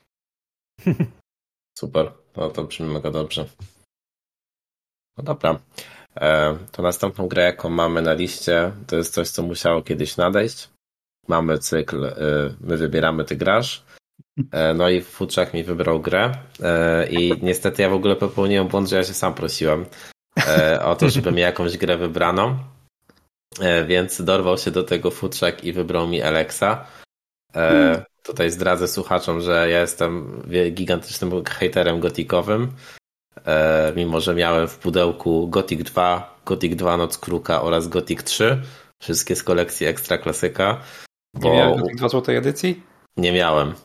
Gościu. A, ale ulegałem presji rówieśniczej, bo wszyscy twierdzili, że to jest takie super, a ja nigdy nie rozumiałem, dlaczego to jest takie super i nigdy mi się to nie podobało i uważałem, że te gry są po prostu słabe. No i e, padło na Alexa. E, no więc odpaliłem tego Alexa, e, więc e, wszystko zaczyna się od tego, że mamy jakiś gigantyczny setup lore e, w niepomijalnej cutscence na jakieś 5 minut. Zmieniają się obrazki, przedstawiają cały świat. E, no i potem już mamy scenkę na silniku gry i nagle nic już nie wiadomo. Rozbijamy się na jakiejś planecie, w ogóle nie wiadomo gdzie. E, chłopem, co ma, co ma blond brwi, od razu przychodzi jakiś inny chłop powiedzieć mu, że porażka ma swoje konsekwencje, dają mu, dają mu w łeb i zabierają, e, nie, przepraszam, dają mu w łeb i on traci, traci przytomność, oni odchodzą. Potem przychodzi jakiś w ogóle, nie wiem, jakiś Romek, okrada nas z całego armora, bo my jesteśmy taką postacią mm, która by równie dobrze mogła być, nie wiem, w Destiny albo, albo w innym takim cybernetycznym świecie, ale to jest wszystko taki miszmasz, taki średniowieczny mm -hmm. cybernetycznych klimatów, więc tutaj jest intrygująco wręcz. E, ale no właśnie mamy scenkę i co jest najśmieszniejsze, jak on nam zabiera ten armor, to wyglądamy dosłownie jak, jak ten główny bohater e, bezimienny z Gotika, e, z Gotika 2, bo zostajemy w jakichś takich obsiurpanych skórach. Więc no i wtedy się zaczyna gra. No i e, tutaj, żeby nas wprowadzić w ten świat, to postać w ogóle myśli do siebie pełnymi zdaniami e, i, i normalnie sobie gada całą historię, e, jak, jak my robimy tą, tą strefę, strefę tutorialową. Lata minęły od tego gotika, ale, ale w Niemczech płyną wolniej, w mojej, w mojej skromnej opinii, bo jest niesamowicie drewnia, drewnianie I to widać właśnie choćby, choćby w tych animacjach, w sensie jest osobny przycisk e, skoku czy wspinania się, e, więc to tam jest dosłownie taki punkt e, przeskoku całej postaci do tej animacji. Wszystko wygląda dosyć, dosyć śmiesznie. Mm. Zaczyna się od tego, że dosłownie walimy szczury w piwnicy, więc też jest klasyka. Chodzimy, zbieramy jakiś szajs po szafkach. Z jakiegoś powodu najwięcej jest szlugów i papieru toaletowego. E, więc no. Pandemia może wiesz. No właśnie, właśnie to, to jest chyba jakiś postpandemiczny świat. E, t, tak, twórcy przewidzieli, przewidzieli przyszłość, bo to jest chyba sprzed pandemii, ale no, być może się jakoś. Tak da, także wiesz. Ile? Przepraszam? Sześć. Sześć, okej, okay, dobrze. E, okej, okay, e, no więc e, te, ten nasz chłopak się w ogóle praktycznie nie zamyka, on cały czas coś do siebie gada. E, my, my mamy z marszu jakiś quest. To wszystko jest, jest mega niejasne. W sensie chodzi o to, że mamy się dowiedzieć, dlaczego oni nam w ogóle zabrali ten, e, ten armor i, i o co chodzi i, i co myśmy takiego zrobili, e, że porażka ma swoje konsekwencje, jak to powiedział ten, ten mądry człowiek z początku gry. Więc no, zbieramy, zbieramy. To, co wtedy mi się rzuciło w oczy, to to, że PS5 daje radę 60 FPS-ach to odpalić, co naprawdę na plus, fenomenalnie, wow. się, w to, fenomenalnie się w to gra. E, I potem e, i to, to, to był taki moment, który mnie rozwalił, bo jak wychodzimy już właśnie z tych piwnic, z tej takiej wieżyczki, to mamy taki wielki przejazd po świecie, taki reveal normalnie jak Breath of the Wild, jak się wyjdzie na to tam Grand Plateau, tylko to jest, wiecie, takie, takie Breath of the Wild w domu, że mamy ten przejazd, tam w ogóle zakres rysowania tego świata to jest tak na, na, na 20 metrów do przodu ale ujęcie jest dokładnie takie samo prawie, e, więc miałem tutaj miłe wspomnienia, miłe wspomnienia z Zeldy. E, no i e, potem, potem spotykamy takiego kolejnego chłopka. Ja właśnie w takich swobodnych RPGach zawsze próbuję robić jakieś rzeczy, żeby sprawdzić, jakie są granice możliwe, więc oczywiście próbowałem go zabić, więc samemu się nie dało go zabić. Natomiast ten chłopek początkowo był, był Romkiem 2, E, następnie został Durasem, bo tak też się nazywa. E, miał mnie zaprowadzić do jakiejś takiej osady e, i on powiedział, że jak za nim pójdę, to będzie bezpiecznie. Więc ja, ja mu zaufałem, ale zobaczyłem, że jest taka odnoga, więc w nią poszedłem. No i się okazało, że tam jest jakiś zbój, który, który ewidentnie nie był na mój poziom. Więc go przyprowadziłem do tego Durasa. No i mówię, dobra, to sprawdzimy, co Duras zrobi. No i Duras zaczął z nim walczyć, ale ten zbój z nim wygrał. I myślałem, że już teraz będzie dupa blada, że zabiłem Durasa. Ale na szczęście twórcy przewidzieli taki wariant, e, bo e, Duras był tylko otumaniony, jak go zabił ten przeciwnik, a potem już ja dobiłem tego przeciwnika, bo Duras go tak mocno zbił. E, I potem oczywiście są takie rozmowy i co ciekawe jest nastawienie NPC-ów do gracza, bo Duras w pewnym momencie powiedział, że w rozmowie, że jestem dziwny i dosłownie się wyświetli taki komunikat, wiecie, jak tam, nie wiem, e, Clementine będzie, będzie pamiętać e, o tym, to, to się wyświetliło, że Duras myśli, że jestem dziwny, więc, więc to jest ciekawe. To co, to, co jeszcze mechanicznie zwróciło moją uwagę, to, że są trzy kamery aż w tej grze i można mieć taką kamerę pośrednią, taką powiedzmy mm, na odległości z Wiedźmina 3 E, taką bardzo bliską z ramienia i taką oddaloną. Ja sobie grałem na tej najbardziej oddalonej, aczkolwiek e, w ferworze walki za dużo wcisnąłem tego R3 i gdzieś tak po 15 minutach od rozpoczęcia gry już tej kamery nie mogłem zmieniać i niestety zawiesiłem się na tej najbliższej, bo przestało to po prostu działać. No i tutaj w sumie niedługo po tym umarłem i to, co mnie też rozbawiło, to jest to, że nie ma żadnego game over czy coś tam, coś tam, tylko po prostu się pojawia end. I, i to myślę, że, że, to, że to, jest, to, to jest ten moment, kiedy gra po prostu ci mówi, co powinieneś, e, co powinieneś z nią zrobić. Mm, tak, co jeszcze zwróciło moją uwagę? E, podczas tej walki te dźwięki są momentami, jakby ktoś tak wiecie, tapał palcami w mikrofon. Ja tego z uwagi na e, szacunek do słuchaczy nie zaprezentuję, ale możecie sobie wyobrazić, o jakim dźwięku mówię. Taki głuchy, głuchy i nieprzyjemny. Jak I... HomePod Mini. Tak, tak, trochę tak, no. E, dokładnie tak. E, I jeżeli chodzi o walkę, no to tam jest taki system, że się kom, buduje taki e, kombometer i jak się e, macha kilka razy tą bronią, nawet nie trafiając w cokolwiek, to on i tak się ładuje. E, no i wtedy możemy wcisnąć trójkąt i postać wykonuje takie combo. No i to jest ten moment, kiedy ja żałuję, że my podcastu nie prowadzimy w formie wideo również, bo nie mogę absolutnie zaprezentować, jak to wygląda, aczkolwiek wygląda komicznie. Bo pierwszą bronią, jaką mamy, jest taka rurka e, od gazu. No i ta postać nią tak ma, jakby, nie wiem, chciała komara zabić na ścianie, tak kilka razy z rzędu. Tylko, że ta walka jest tak zrobiona, mm, jakby te wszystkie wciśnięcia się bardzo mocno kolejkowały do przodu, więc zanim zdążyłem odpalić to kombo, to już, to już w ogóle ta, tam, ten przeciwnik nie, nie żyje. Oczywiście, jeżeli chodzi o przeciwników, to mam tutaj e, gotikową klasykę. E, MSAT, MSAT się mnie już pytał, czy, czy zabiłem e, swoje, swoje, co zabiłem MSAT? Jak, jak ścierwojady właśnie. Ścierwojady. Czy, czy są ścierwojady? Są ścierwojady. Nie nazywałem się, nie, nie nazywałem się ścierwojady, ale wyglądałem jak ścierwojady. Oczywiście mam jakieś przerośnięte szczury też i, i tego typu inne, inne przyjemniaczki.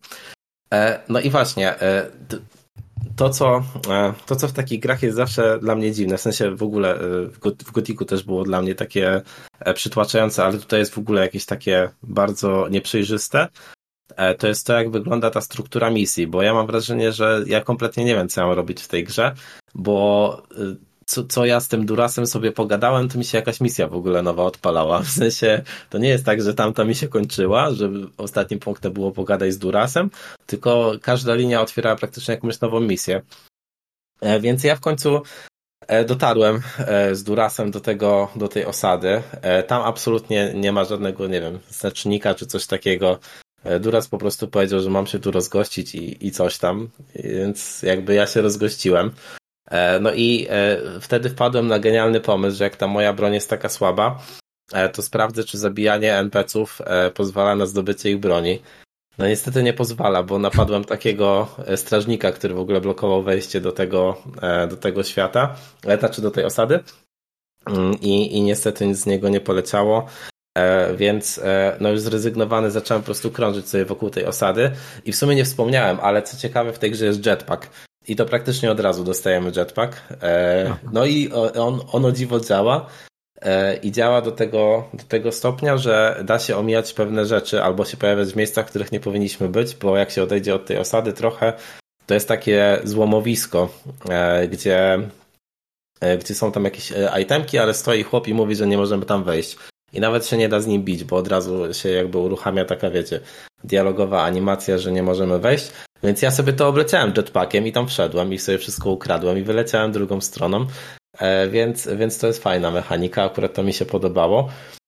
No tylko e, hmm, w tej grze właśnie ja mam wrażenie, że jest taki brak struktury, w sensie e, ja do końca nie wiedziałem, co dalej zrobić i to, to, jest coś takiego, że mi się nie chce siedzieć w tych menusach, które w ogóle z jakiegoś powodu działają tak wolno, że jak wracałem od mapy do gry, od mapy do gry, e, no to to, to nie było przyjemne doświadczenie. Mm, więc e, koniec końców sobie po prostu eksplorowałem ten świat.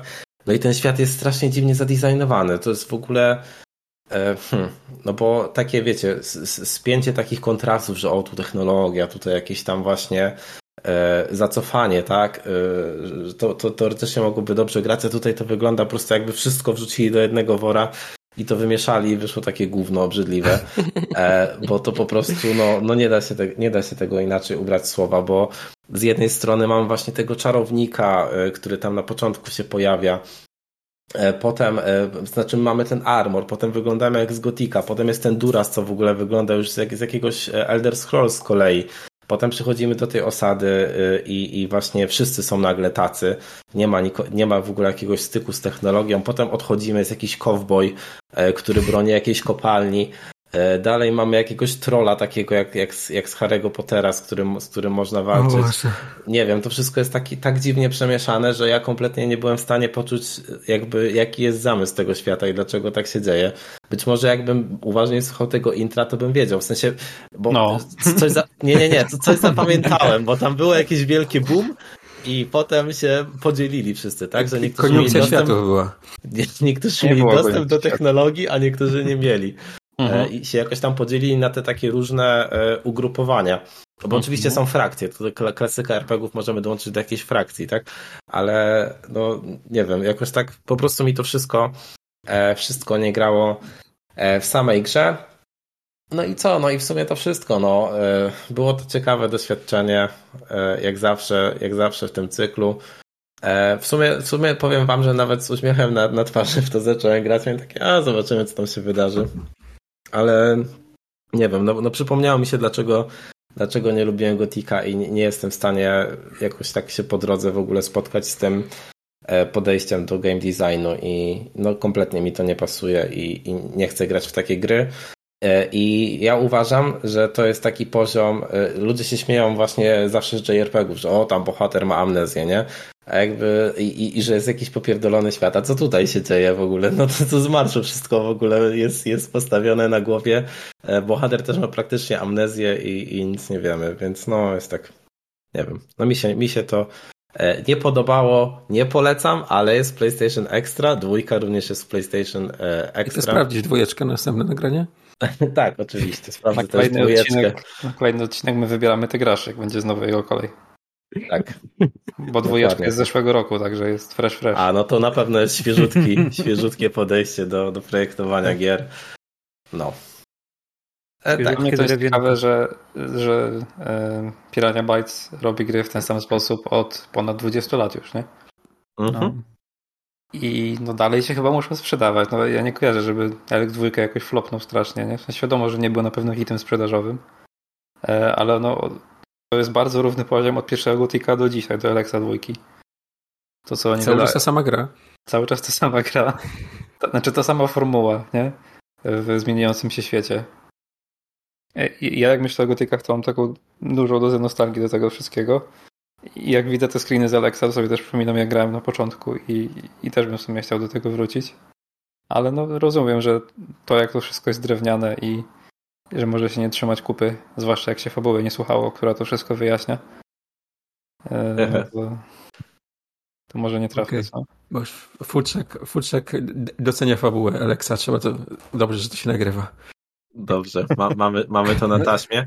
A, ale nie mówię, że doceniam, ale dajcie mi powiedzieć, że to jest wszystko kurwa wyjaśnione. To nie jest jak JRPG, że no tu jest tancerka erotyczna, tu jest baba, która jest łowczynią, tu jest koleś, który jest synem króla i idą na przygodę, nie?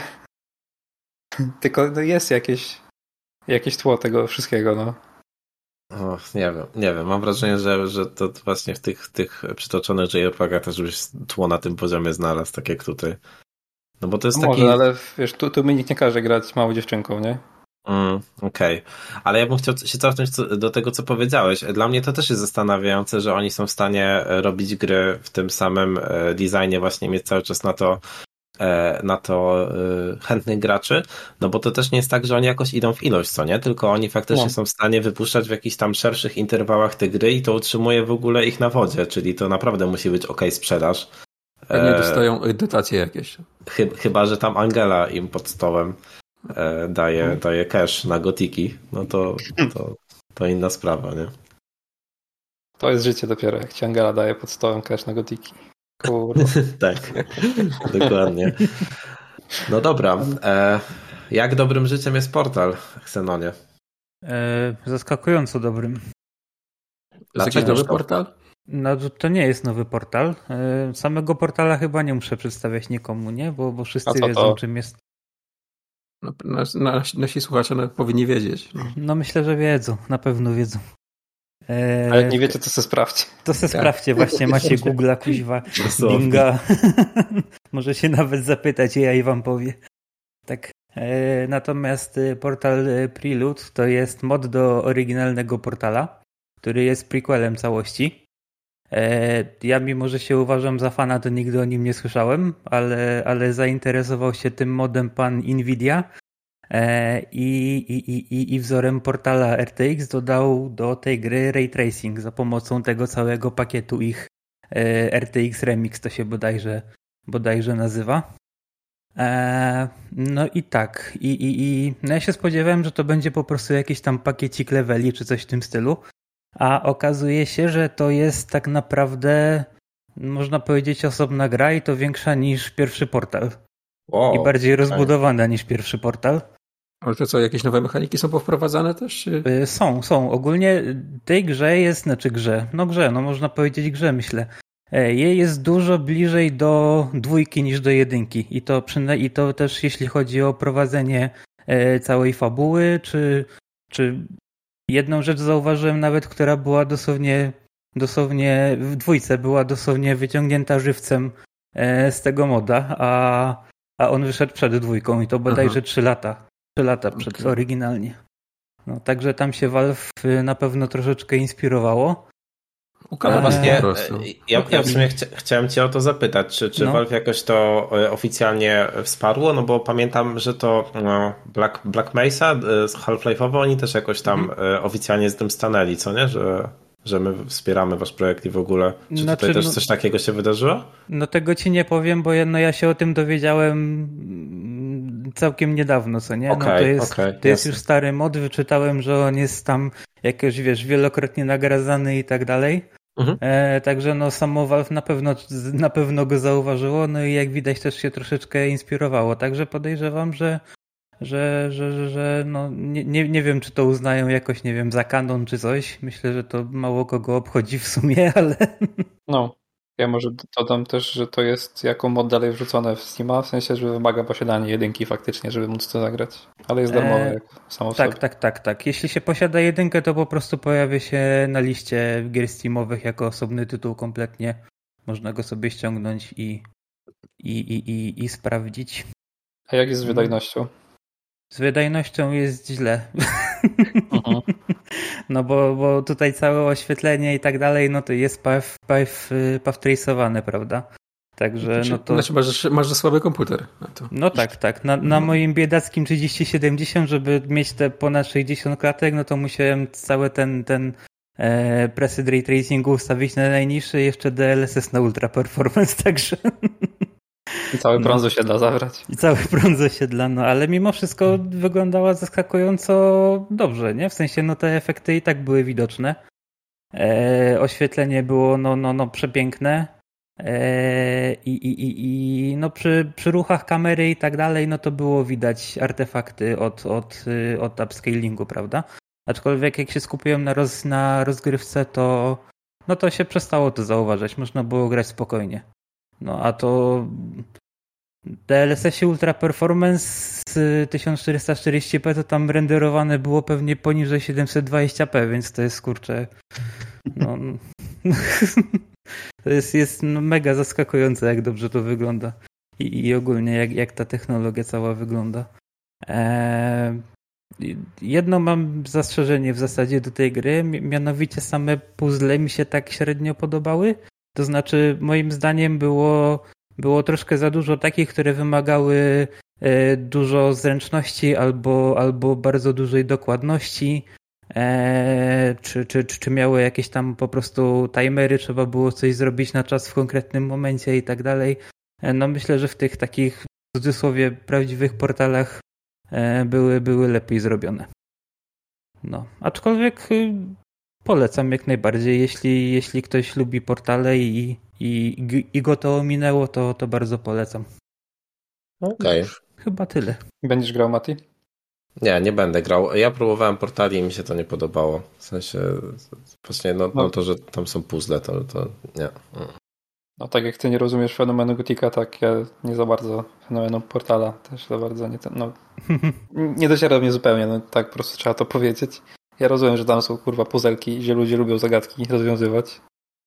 Ale Znaczy mnie, mnie do portala nie ciągnęły puzelki, tylko e, przede wszystkim do dwójki. To właśnie jak jest fabuła poprowadzona, humor jaki tam jest, bo mi też bardzo Jakaś odpowiada. fabuła jest w ogóle? Jest, jest, no, jest, no. jest. I w dwójce jest naprawdę rozwinięta, więc ja też w tej fabuły jestem ciekaw, ale nie ciekaw na tyle, żebym się męczył przez te zagadki wszystkie, żeby sobie posłuchać dialogów, nie? to na YouTubie pewnie jest jakiś. No właśnie, ja chciałem Wycięty. powiedzieć, że, że ja całą fabułę poznałem bokiem i, i nie potrzebuję w to grać. No, Warto było. to Mati? też, też jest sposób. Tak, tak, to, to jest super humor, nie? To jest, to jest naprawdę no, faj, bardzo fajny, bardzo fajny klimat. No, Możemy darmową reklamę zrobić, bo nie tak dawno powstał odcinek o powstawaniu chyba już drugiego portala na arm.eu na YouTubie i ja polecam sobie obejrzeć, jak ktoś zainteresowany grami ogólnie. Nawet Tak, niekoniecznie portalem. Bardzo fajna rzecz. Dobra. E, Xenon, przycho? Przyjechał. Dobra, to w takim razie następnego na liście mamy Ratcheta. E, Ratcheta i Clanka Rift Apart grałem ja, e, grali, grali też chłopacy, ale oni grali e, dużo, dużo wcześniej, bo przy premierze. Ja czekałem, czekałem, wiedziałem, że kiedyś będzie w plusie, doczekałem się i w końcu, w końcu zagrałem. Timing jest dobry, bo wyszła w ogóle wersja pecetowa, więc się trochę, trochę odnowiła dyskusja. Ja mam zamiar grać. Okej, okay, no to super, to nawet nie muszę przekonywać w takim razie odnowiłaś trochę dyskusja e, na temat tej gry e, i ja najpierw trochę powiem, co ja sobie o niej myślę, a potem trochę chciałem odpowiedzieć na rzeczy, które się, e, które się gdzieś tam pojawiały dookoła tego tytułu ostatnimi czasy. Więc tak, ja jestem zachwycony absolutnie tą grą. Mi się ona bardzo, bardzo podobała. Ja zawsze kojarzyłem konsolowe granie z platformówkami. Jedną z moich ulubionych gier ever jest, jest Crash Bandicoot i bardzo zawsze lubiłem ten gatunek i podobało mi się, w jakie różne strony on potrafi ewoluować już przy pierwszych ratchetach. E, w nie nie grałem e, na premierę, bo nie posiadałem PlayStation 2, natomiast grałem w nie na PS3 e, oraz na PSP w Size Matters i Secret Agent Clank i mi się zawsze te gry bardzo podobały. Uważałem, że mają spoko, spoko humor i są naprawdę naprawdę fajnymi, fajnymi tytułami właśnie rozwijaniem tego, tego platformówkowego konceptu.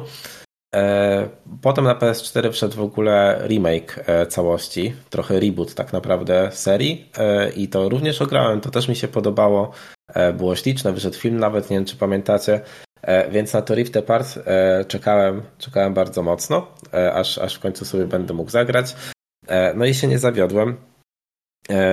Całość wydaje mi się, że jest może obok Returnala, jedną z takich naprawdę next-genowych gier, e, godnych powiedzmy e, kolejnej konsoli, w tym przypadku PS5. I to strasznie czuć, bo wizualnie to jest po prostu, Boże, no mózg eksploduje. To jest, to jest, to jest film Pixara w ruchu totalnie i to tak bez, bez, żadnego, bez żadnego mydlenia oczu, bo to się prezentuje niesamowicie. DualSense jest wykorzystany tak, że to po prostu no, robi, robi mega dobre wrażenie. Masa broni ma alternatywne E, alternatywne e, jakby opcje strzału, e, które na przykład uruchamia się połową wciśnięcia triggera, no i oczywiście z uwagi na to, że te triggery są jakie są, no to one nas fizycznie, fizycznie stopują. Też właśnie taka śmieszna rzecz, raz grałem na słuchawkach, a tam właśnie coś, coś, coś odpowiadałem, czy coś takiego, zdjąłem te słuchawki, ale dalej grałem E, no i na przykład jak się strzela z tego podstawowego pistoletu, to trigger e, jakby odskakuje i, i wydaje z siebie taki dźwięk, jakby się dosłownie strzelało z jakiegoś karabinku. E, więc no. więc no to, to, jest, to jest naprawdę me, mega fajne i ta gra ma rewelacyjną strukturę. Tą grę mi się z przyjemnością robiło na 100%. Ona strasznie szanuje gracza, w sensie jakby jeżeli chodzi o to, Mm, jak na przykład zaprojektowane są znajdźki, bo całość oczywiście odbywa się, znaczy całość dzieje się na kilku, e, na kilku planetach, e, na nich mamy jakieś tam misje, to są takie mini otwarte, otwarte światy, jest jakaś misja główna, przeważnie jest jeszcze jakaś misja poboczna e, i oczywiście jest kilka, kilka różnych znajdziek do znalezienia. Natomiast no, to, co, to, co mi się strasznie podobało, to jest to, że ta gra E, takiego otwarcia struktury względem poprzednich ratchetów, bo one nie były aż takie, aż takie obszerne, to przeważnie była taka, wiecie, e, dosłownie liniowa ścieżka, tak, która gdzieś tam prowadziła przez jakąś daną planetę. E, natomiast tutaj faktycznie mam troszeczkę otwartych przestrzeni, do tego też dochodzą jakieś inne opcje przemieszczania się, których wcześniej nie było. Natomiast chodzi mi o to, że jakby twórcy nie wykorzystali takiego zabiegu do tego, żeby tą grę naćpać znajdźkami, czy jakimś innym głównym, powtarzalnymi challenge'ami i tak dalej, tylko wszystko jest mocno skoncentrowane i z pomysłem. E, I każda planeta jest mocno odmienna. Wszystkie te takie opcjonalne rzeczy mają jakiś osobny koncept na siebie. E, I no to jest naprawdę bardzo, bardzo fajne i z przyjemnością platynowałem w tą grę. E, bardzo mi się podobała też fabuła. Oczywiście to nie jest nic, nic super odkrywczego, e, natomiast e, czułem się po prostu jak na dobrej bajce. No tutaj tajemnicą nie będzie to, że mieszają się światy, miesza się świat Ratcheta oraz inny, inny świat, na którym odnajdujemy odpowiedników postaci z Ratchetowego świata, w tym oczywiście odpowiedniczkę Ratcheta w postaci Rivet, więc mamy tutaj całą dynamikę całą dynamikę e, poznawania się tych lombaksów, co jest, co jest mega, mega spoko zrobione. E, no i nie wiem, naprawdę strasznie, strasznie mi się to podobało. I a propos tego, co właśnie mówiłem, że chciałem trochę odpowiedzieć na to, co się gdzieś zadziało wokół tej gry, to ja widziałem masę nagłówków, że to jest gra, która nie jest obecnie warta 60 baków. Dlatego, że, że jest na 8 godzin, 8-10 godzin, cokolwiek. Ja I, pierdolę. I ja po prostu dostałem takiej furii, jak to wszystko zobaczyłem wokół właśnie Tylko tego. Valhalla. Tylko Valhalla. Tylko Naprawdę. Wiecie, bo po prostu jak zobaczyłem te nagłówki wokół tego pecetowego wydania, to no mi się słabo zrobiło, bo właśnie dla mnie to jest gra warta tych pieniędzy. No. W sensie dosłownie bym na, za nią te pieniądze w, w, pełni, w pełni zapłacił, wiedząc, że faktycznie jest, jest tak dobra i właśnie jest tak zaprojektowana, bo Podobnie jak właśnie gadaliśmy z Futrzym o Remnancie, tam jest wszystko zaprojektowane z rozmysłem, tak? I właśnie nie ma tego walhalowego napierdolenia wszystkiego zbędnym kontentem powtarzalnym. Wszystko jest przemyślane, zaprojektowane od A do Z i jakby no wszystko, wszystko tam działa i jak wszystko po prostu jest zrobione bardzo, bardzo, bardzo dobrze i to jest najzwyczajniej w świecie mega dobra gra. Więc jak dla mnie ona jest warta właśnie tych pieniędzy i ja się cieszę, że ona w taki sposób uszanowała mój czas, że ja byłem w stanie jej poświęcić, nie wiem, dwa, trzy wieczory, yy, zrobić wszystko, co w niej było do zrobienia i no po prostu czuję, że bawiłem się świetnie. Nie czuję się brudny, że robiłem 15 kropek, które polegały na czyszczeniu obozów jakichś, nie? Z przeciwników czy cokolwiek. Yy, I, I faktycznie chciało mi się to wszystko robić, chciało mi się znaleźć te wszystkie znajdźki. I no chyba największym dowodem na to, że to jest zajebiście zaprojektowane, to jest to, że to jest chyba jedna z niewielu platyn Futrzaka, tak? który procesem Mhm. gardzi. Więc no, kurde, no chyba większego, większego dowodu na to nie trzeba, nie? Naprawdę, ja jestem zachwycony, polecam to każdemu i rewelacja, rewelacja, rewelacja. Jak jest E, poziomem trudności? E, hmm. No, ta gra jest dosyć łatwa, nie? W sensie, e, w sumie o tym w ogóle nie wspomniałem. Ale, ale charakterystyką Ratcheta jest to, że zawsze są e, bardzo różne bronie. W sensie oczywiście jest kilka takich odpowiedników e, klasycznych broni, typu właśnie wspomniany wspomniana broń jakaś taka e, typu karabin maszynowy, shotgun oczywiście i tak dalej, i tak dalej, ale są jeszcze jakieś takie inne bronie, które są bardziej wykręconymi konceptami, na przykład takie zraszacze, które e, obrastają wrogów e, krzakami, nie? że oni się wtedy nie ruszają i w ogóle, e, więc, więc to jest zawsze, zawsze też bardzo fajny aspekt Ratcheta. Natomiast to, że mamy taki duży arsenał sprawia, że jak opracujesz sobie jakiś kombat, to przeciwnicy praktycznie są w stanie się nie ruszać, bo masz kilka takich broni blokujących, typu właśnie te zraszacze, e, typu freezer, który zamienia ich w kostki lodu na dosyć, duży, na dosyć długi czas, że potem ich czyścisz, nie? A jeżeli faktycznie grasz na przykład tak jak ja, że chcesz wszystko wyzbierać, e, to te bronie bardzo szybko wyupgrade'ujesz do, do maksymalnego poziomu, a one wtedy na tym ostatnim poziomie się zmieniają jeszcze, znaczy no, zmienia się w ogóle nazwa tej broni, ona dostaje jakiś doda- dodatkowy feature, e, więc no wtedy już praktycznie kosisz, nie? Ale to jest bardzo, bardzo przyjemne koszenie, nie? Bo, bo ci przeciwnicy nie mają być dla ciebie takim wyzwaniem w stylu taktycznym, że oni się wiesz, gdzieś chowają czy coś takiego, ale to wszystko jest e, to wszystko jest e, przez, całą, przez cały czas trwania tej, tej gry bardzo przyjemne i wydaje mi się, że to w sumie gra e, na jej korzyść e, w tym przypadku, bo jeżeli ona byłaby dłuższa, to być może ta e, monotonia walk byłaby się w stanie wkraść, bo e, no właśnie z uwagi na to, że ona nie jest trudna, to ta różnorodność przeciwników nie robi takiej roboty, nie? bo oni są trochę e, no, jedni są tacy nadbiegający, na przykład bez broni palnej, inni strzelają do ciebie, inni latają, tak? I powiedzmy, to są takie trzy, trzy główne rodzaje. Bossowie są również relatywnie podobni, mini-bossowie są bardzo powtarzalni z kolei. E, no, ale właśnie no, dzięki temu, że ta gra trwa tyle, no to, to kompletnie nie przeszkadza, nie?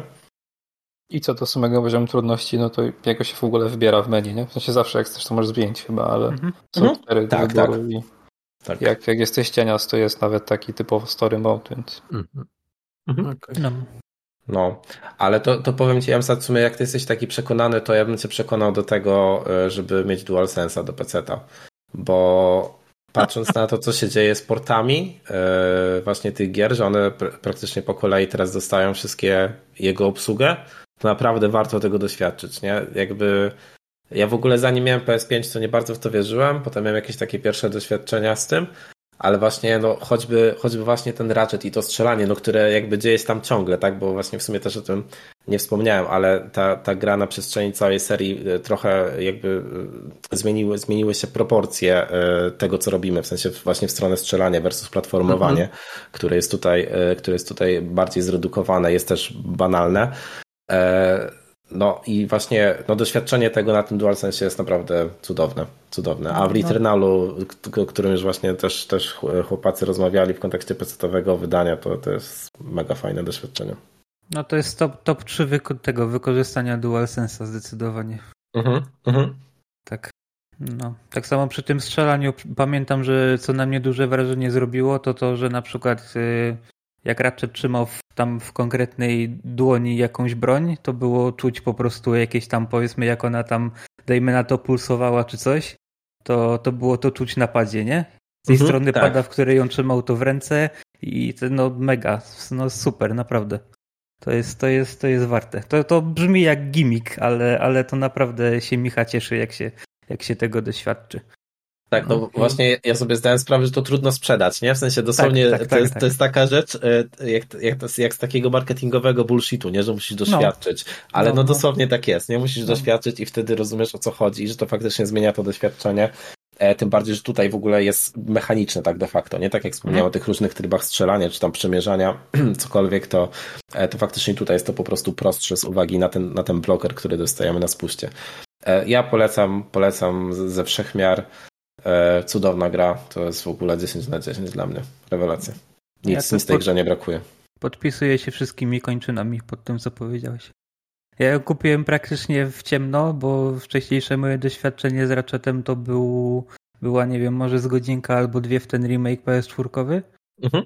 Kupiłem na premierę praktycznie w ciemno i byłem zachwycony. I zresztą też platynę zrobiłem. To się u mnie też rzadko zdarza. Także super. Piękna gra. To już w ogóle dwa lata od premiery minęły. No. Szybko. No. A i, i, i jeszcze jako, że ja się bardzo lubuję w technikaliach, tak, to, to dodam, że ta gra jest przepiękna i, i, i działa bardzo dobrze. Zresztą przy premierze pamiętam, że się pojawiła dyskusja, czy gry już wyglądają jak filmy Pixara, nie? A tak, właśnie, no, e, do, no. dobrze o tym wspomniałeś, bo nie wiem, czy to było na premierę chłopacy, ale y, ja grałem w 120 Hz, w sensie nie było tego na premierę. Okej. Okay. E, to sprawdzałem właśnie te oba tryby z ciekawości, w sensie, czy, czy jest jakiś znaczący upgrade między 60 a, a 120 wizualnie i absolutnie nie.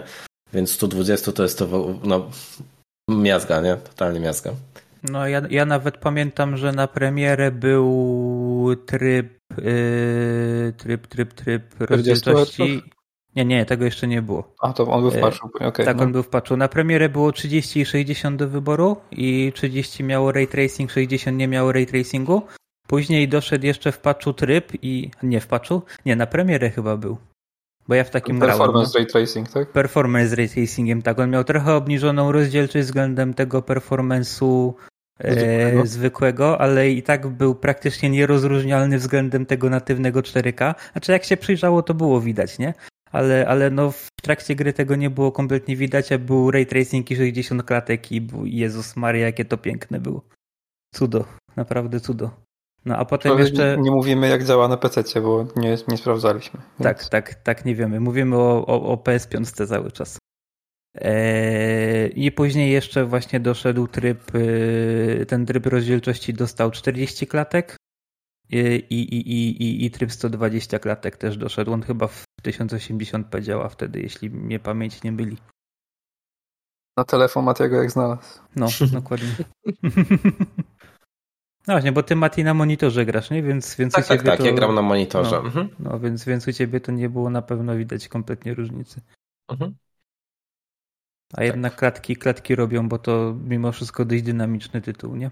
Tak, no właśnie, właśnie z uwagi na, na dynamikę tej walki, e, tych, tych wszystkich efektów przy wystrzałach, walce i w ogóle, no to faktycznie robi, robi wrażenie, nie? Jak to jest tak, tak. tak płynne, jak, jak masełko, no cudne, cudna sprawa. Także polecamy wszyscy w trzech. Tak, wszyscy, wszyscy w trzech, a MST pewnie też będzie polecał jak ogra. Pewnie tak. Niebawem. Sun jak skończę Jak skończę to, co gram teraz. Czyli Valhalla, tak? do... Nie, Elden Ringa. Także. Dobrze. E, Okej. E, A Valhalla no, mam nieskończoną jeszcze, nie? Okej, a czy Wódrzek masz skończonego Baldura trzeciego? Nie. Um, dobra, bo miało być jakieś, jakaś historia świata Baldura. Tak dobrze nie będzie, bo kogo to kurwa obchodzi. Ale nakreślenie settingu Baldura e, trzeciego, w sensie Baldur's Gate 3, jest takie, że całość dzieje się 120 lat e, po wydarzeniach z dwójki. Więc odpowiadając Hubertowi, nie, nie trzeba grać w jedynkę i dwójkę, żeby wiedzieć o co chodzi w trójce. E, ominiecie takich pobocznych rzeczy po prostu trochę, ale to nie są rzeczy konieczne do zrozumienia fabuły. No, jakieś easter eggi, nie? I tego typu No tak, tak. No. Yy, no a ten cały ten setting no to jest D&D, czyli taka mieszanka średniowiecza i renesansu pewnie, tak byśmy to ubrali. Yy, To jakoś tak, coś w, w tym No. stylu. yy, plus oczywiście cała magia i tak dalej, nie? I inne rasy. Aczkolwiek nie będę tu mówił zbyt dużo o, o samej grze, bo zbyt dużo jej sam jeszcze nie widziałem, ale będę mówił o problemie, jaki mam z tą grą. E, Bo całość wygląda tak, że przejście zajmuje 30 parę, 40 parę godzin. Jak ktoś chce po prostu fabuły głównej doświadczyć i tyle. E, No i gra się to w to tak, jakby to był taki bardzo interaktywny serial e, high fantasy, tak bym to określił. I teraz sobie wyobraźcie, że oglądacie taki serial i reżyser nagle uznaje, że w sumie to główny bohater nie ma głosu, nie? Tylko będzie niemy i będzie sporadycznie robił e, dziwne rzeczy ze swoją twarzą. Dlaczego? Jest Dlaczego znowu niespełnionym brzuchomówcą może i Dlaczego oni to znowu robią, kurwa? To jest dla mnie po prostu taki absurd, że jak na początku to zobaczyłem, to byłem przekonany, że mam jakiś błąd w grze.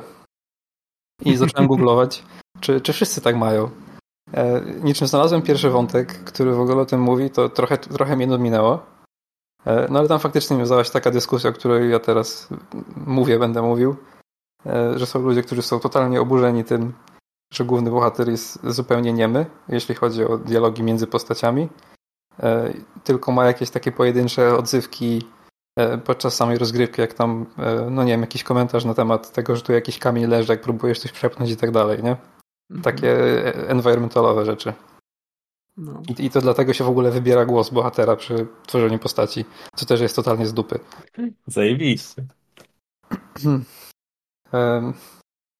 I, I w tych dyskusjach ludzie dochodzili do takiego wniosku, e, który ja uważam za absurdalnie głupi, e, że to jest za drogie, bo jest za dużo linijek do nagrania.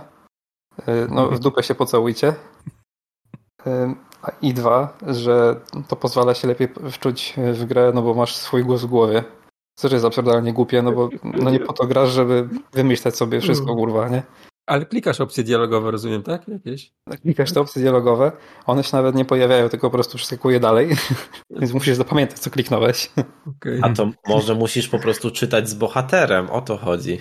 No ale nawet nie ma na to czasu, nie? W sensie, no masz te opcje dialogowe i jak klikniesz, no to już leci opcja Mm, dialogowa Okej. Kolejnego bohatera, nie? której ty nie wybierałeś, tylko słuchasz jego odpowiedź. O, No po prostu, no w bani się to nie mieści, bo to by spokojnie była dla mnie gra roku pewnie. E, A, a jest taki bubel, nie? No. To jest gra RPG, tak? Gdzie ma się wczuć w klimat swoją postać i tak dalej. No. Ja No, rozumiem, tak to że musieli nagrać, y, zatrudnić sześciu ludzi do tego, albo nie wiem, y- y- jednego, żeby, żeby to nagrał na sześć czy osiem różnych sposobów, tak? Mhm. No ale kurwa, no chyba są już dużymi chłopcami, nie? Oj tak, no. To nie jest gra indie, to nie jest ich pierwszy tytuł i, i w ogóle, tak? No tym bardziej, że był taki gigantyczny w ogóle prep do tej gry, nie? Tak, no, tak. no kurczę, Dwa lata early accessu, no właśnie, No. nie? pre- premiera Dostali 1.0, przecież z, z early accessu, bo ludzie to kupowali, tak? Premiera wersji 1.0, która też rozbiła tam bank. Mm. E, i- No. No jest to, jest to absurdalne zupełnie, nie? Też uważam, że, że, że niemy bohater powinien kurwa umrzeć już dawno, tak? W grach. To jest jakiś kompletna głupota, tak? No, Nie tak, wiem, to, to dalej funkcjonuje. W sensie, ja, ja rozumiem e, ten argument, wiecie, wczuwania się, nie? Tylko e, jak dla mnie e, ten, ten moment, w którym my się wczuwamy, to jest kreator, nie? W którym faktycznie, tak jak się mówi, wybieramy ten ton głosu i mamy takie, Mhm. okej, okay, to to jest ten mój, nie? Który ja bym chciał Tak, mówić, tak. mówić będąc w tym. Ale no, no dosłownie, no jeżeli wszyscy mówią dookoła, a ty nie mówisz, no to o co No. kurwa chodzi, nie? Przecież to jest paranoja jakaś. Jak jeszcze był, jak jeszcze wszystkie by były te dialogi na tekście oparte, no to okej, tak? Mhm. No to klikasz i czytasz, nie? Ale kurwa, no jak tylko jeden jest, jest niemy, a reszta mówi, no to, to, to, to już wychodzi i creepy. Tak samo było, w Monster y, Hunterze, nie? Te scenki, kurwa, gdzie wszyscy rozmawiają, a tylko stoi i mruczy, No. to jest po prostu, kurwa, taki creepy as fuck. A, ale właśnie za- zabawnie, że o Monhanie wspominasz, bo ja mam wrażenie, że my się tutaj znowu grupowo ścieramy z czymś takim, że wiecie, jest jakaś zaszłość, ktoś sobie Tak. kiedyś coś wymyślił w designie i w ogóle wszyscy są jak nie, no super, no bo y, to, to że Fuczak o tym mówisz, to y, jakby ja się super nie interesowałem tym tytułem, ale się rzeczy jest o nim tak głośno, że i tak rzeczy widzę. Ja nie widzę ludzi narzekających na to za bardzo. Tak. Nikt, nikt na to nie zwraca uwagi w ogóle, nikt o tym nie No, wspomina. jest nie? bardzo cicho, tak. Są pojedyncze wątki na reddicie gry, nie? Gdzie od razu zostają ci ludzie zjedzeni przez innych, że no, nie rozumiesz, kurwa, głupi jesteś i tak dalej, nie? I to no w całej reszcie pewnie, nie? Zaraz. No, no. I jest taki bardzo dziwny miks, bo faktycznie jest, jest nagłośnienie tych wszystkich takich odzewek, nie? Tam, nie wzdychania, krzyczenia coś do, do przeciwnika w trakcie walki, takich randomowych rzeczy. No. A żadnego dialogu nie ma nagranego. To jest kurwa. O. No. To jest, to jest No. strasznie I, do, dziwne. I do tego jest ta mimika w tych cutscenkach, która jest podkręcona absolutnie do 11. Nie, nikt na żywo nie robi takich ekspresji, bo wyglądałby jak z innego świata zupełnie. Je- Jestem ciekaw ich toku myślenia, kurwa. Co? e, Nie mówi, to podkręćmy mu, kurwa, mimikę, tak? Będzie mimem? Nie? Nie, nie. Mówię, niespełniony brzuchomówca. No. Chciałby, ale, ale- nie umie. Ale właśnie, nawet wiecie, zostając, zostając przy tym argumencie y, durnym, jak już ustaliliśmy, no to jaką imersją jest to, że twoja postać się zachowuje jak debil? Je- No. jeżeli To jeżeli na bardziej przykład. wybija, nie? No właśnie, nie? Y, To, to jest jak takie y, wręcz karykaturalny wydźwięk dostaje nagle, nie? Kurczę, no No. bez sensu. Zwłaszcza, że tam jest, wiesz, no, w, w, w tej głównej fabule mowa o dość poważnych rzeczach, nie? Tam dosłownie ratowanie świata znowu. A, A ten stoi jest i się krzywi, tak? o, no. Kurwa. O. No Dobrze. Znaczy, i, i ja zagrał na pewno. Także jeszcze pewnie Baldur wróci. Ja na, No PC, na PC już nie zagram. Cały czas się waham, czy chcę to na konsolę kupować, żeby tam przechodzić. Na razie jestem na nie i po, po cichu cały czas liczę, że ktoś tam się w końcu kurwa obudzi i rodem Disco Elysium uznają, że jednak są pieniądze na zrobienie voiceovera.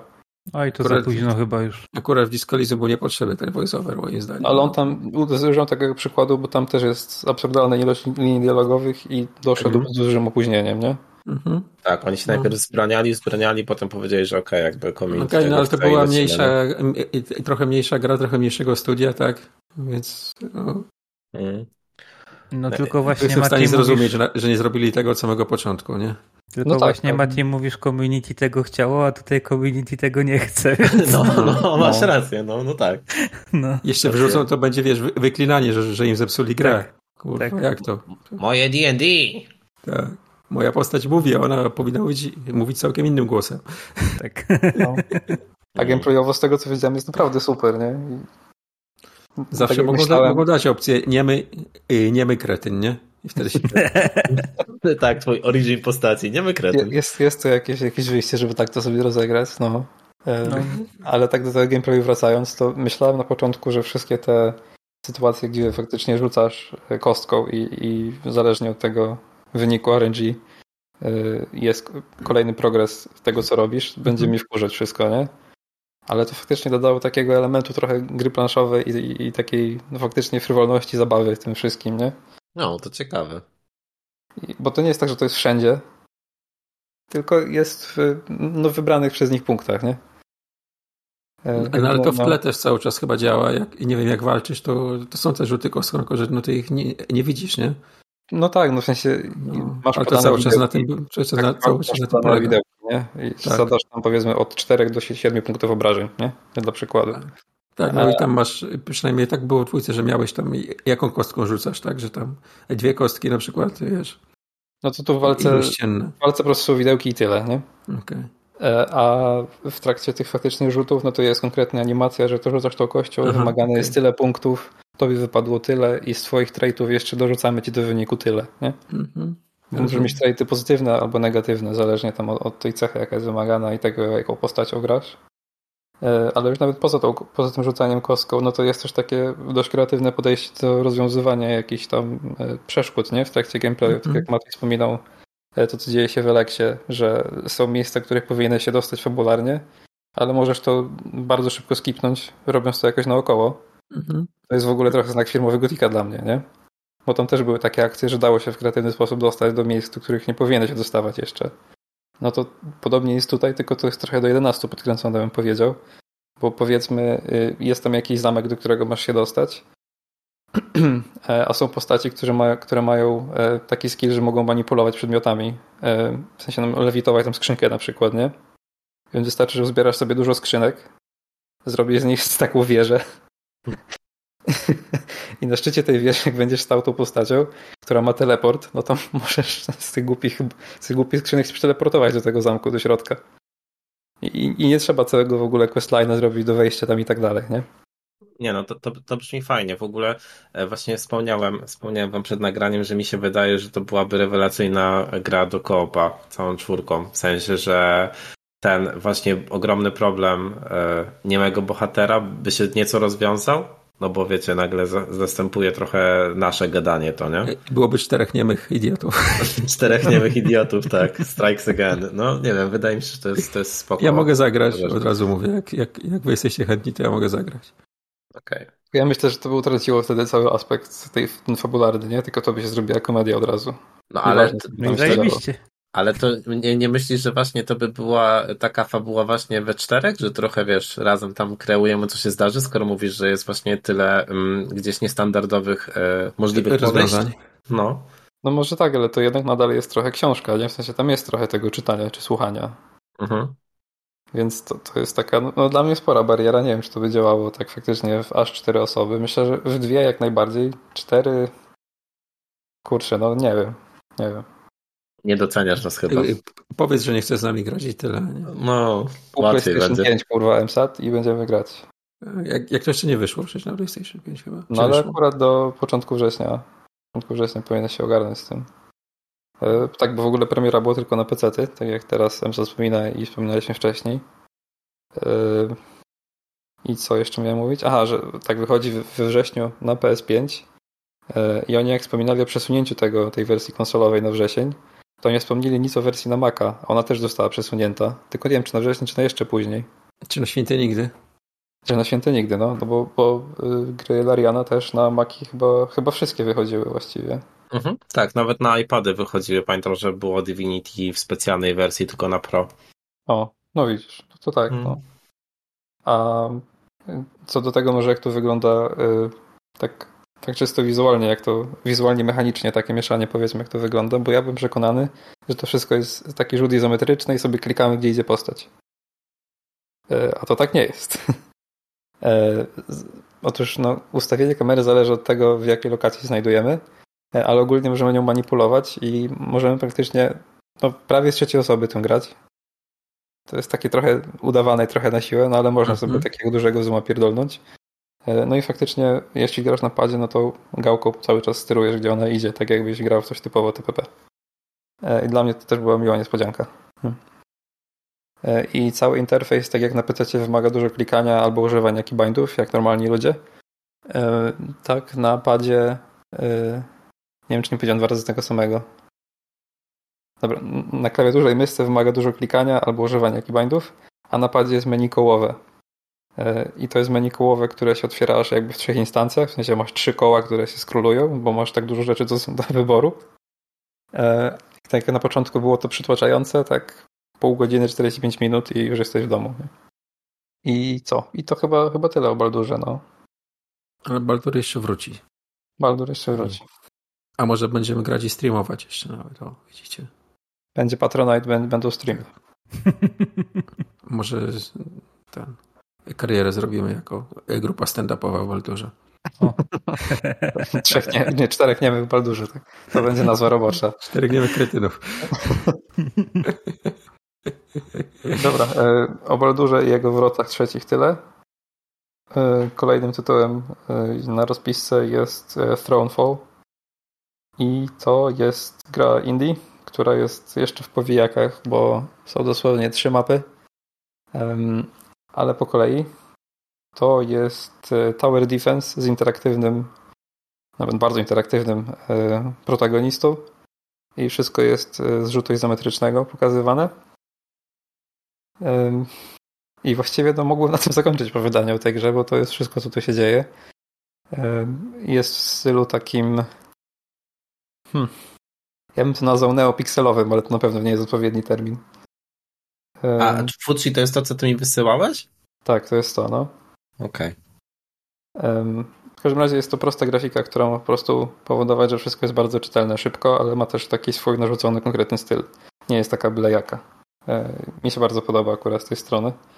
E, no ale na początku mamy tak, że wybieramy sobie z jakiej broni chcemy korzystać, e, z jakich perków chcemy sobie chcemy korzystać i możemy sobie narzucić jeszcze jakieś utrudnienia na, na daną rozgrywkę. To są utrudnienia typu taki taki typ wroga będzie miał tyle i tyle więcej życia, albo twój bohater nie może sprintować i tak dalej, i tak dalej, nie? Tego typu rzeczy. I te utrudnienia służą nabijaniu większego E, większego wyniku na koniec po prostu. Bo jak już są trzy mapy, no to cała rozgrywka to są te utrudnienia później i prześcigiwanie swoich znajomych w leaderboardach. Tak trochę arkadowo.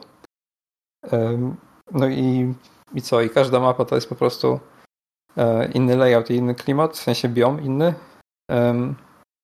No i jak to w Tower Defense, no budujemy sobie po kolei swoją bazę. To wszystko jest rozwijalne.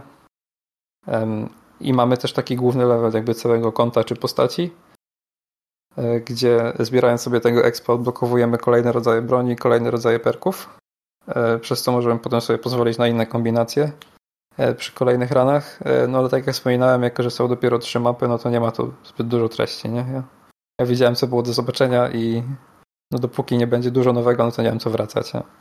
A, a to, jest, to, to jest taki tower defense e, biegany czy stacjonarny? Że robisz, wiesz, e, faza przygotowania i potem patrzysz jak jest, idzie? Jest biegany taki. Okay. Tak jak wspominam, że jest bardzo interaktywny, no to, e, to wybierasz sobie tą broń, z której korzystasz i to jest albo łuk, albo miecz, albo włócznia.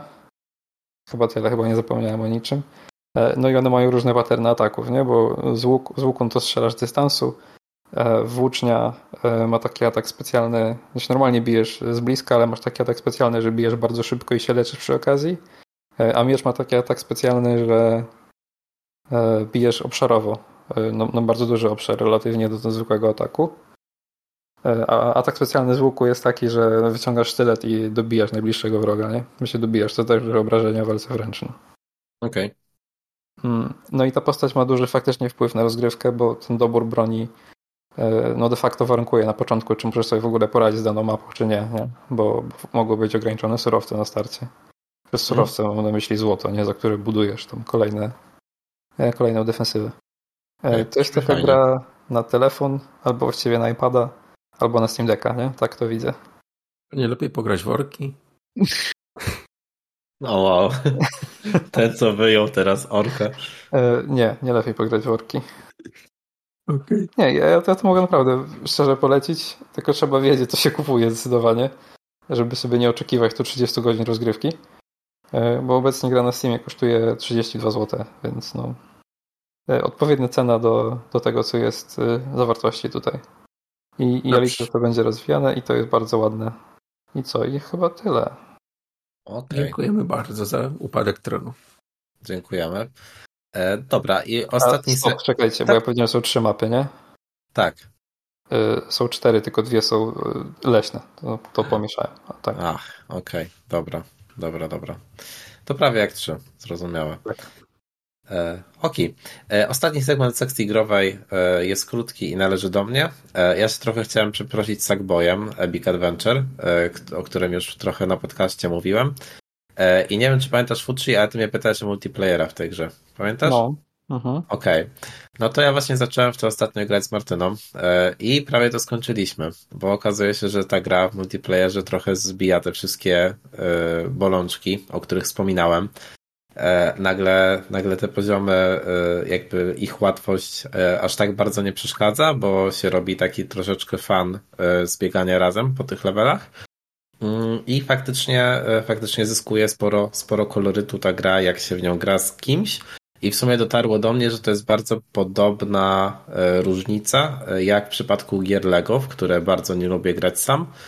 E, Dosłownie w jedną z nich grałem sam i mi się to podobało, e, a dopiero w koopie gdzieś tam one faktycznie, e, faktycznie mi się dały. No i istotnie tak jest tutaj. Rzeczy, do których nie dotarłem grając, grając sam, to tam kilka godzin na początku jak na przykład, nie wiem, takie levele na czas, w których, w których żeby zdobyć maksymalną ilość tych orbów, to musimy ukończyć poziom w jakimś określonym czasie. Masa jakichś takich fajnych, fajnych konceptów po prostu na poziomy. I faktycznie ta gra zyskała sporo, więc jeżeli macie z kim, z kim pograć, to polecam sobie to sprawdzić. Natomiast odkryłem też kolejny minus niestety tej gry, a mianowicie to, że jest bardzo słabo wyważony ten poziom trudności. E, bo o ile gdzieś tam pierwsze, hmm, no może dwa światy e, są naprawdę no dosyć, dosyć proste, e, tak trzeci już bardzo, bardzo wysoko wyskakuje, tak jak już właśnie teraz jesteśmy przy tej końcówce, to faktycznie zdarza się nam w ogóle nie ukończyć poziomu, tak, a, a, a, to, a to raczej na początku miejsca nie miało.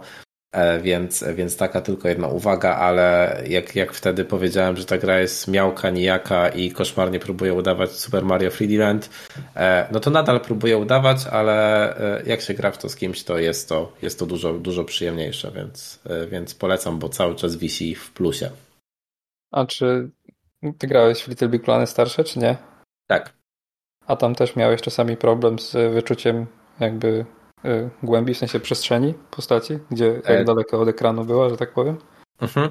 Tak, no tutaj tego nie ma, bo wszystko jest, e, znaczy e, e rzut taki 2D jak w Little Big Planet e, też jest momentami, ale bardzo często mamy taki rzut e, hmm, nieco izometryczny, powiedziałbym, E, okay. Więc... mamy większą świadomość, tak? Gdzie jesteśmy w przestrzeni. Tak, tak, tak, zdecydowanie, ale też po prostu mi się wydaje, że movement jest znacznie usprawniony względem oryginalnych Little Big Planet, bo ja miałem dokładnie to samo, o czym mówisz, ale tam mi się wydawało, że te postaci mają e, troszkę zepsuty timing, nie wiem, na skokach, e, na tym, jaką mają bezwładność e, i, i gdzieś tam jak są w stanie się zachować e, po skoku, czy właśnie E, czy właśnie e, ile potrzebujemy gdzieś tam tej przestrzeni, e, o której wspominałeś. Więc, więc tutaj, tutaj takiego problemu nie miałem. Tam z tego co pamiętam, to w Little Big Planet w ogóle takie charakterystyczne było właśnie to przemieszczanie się między planami, co nie? W sensie, że były jakby mhm, lejny no.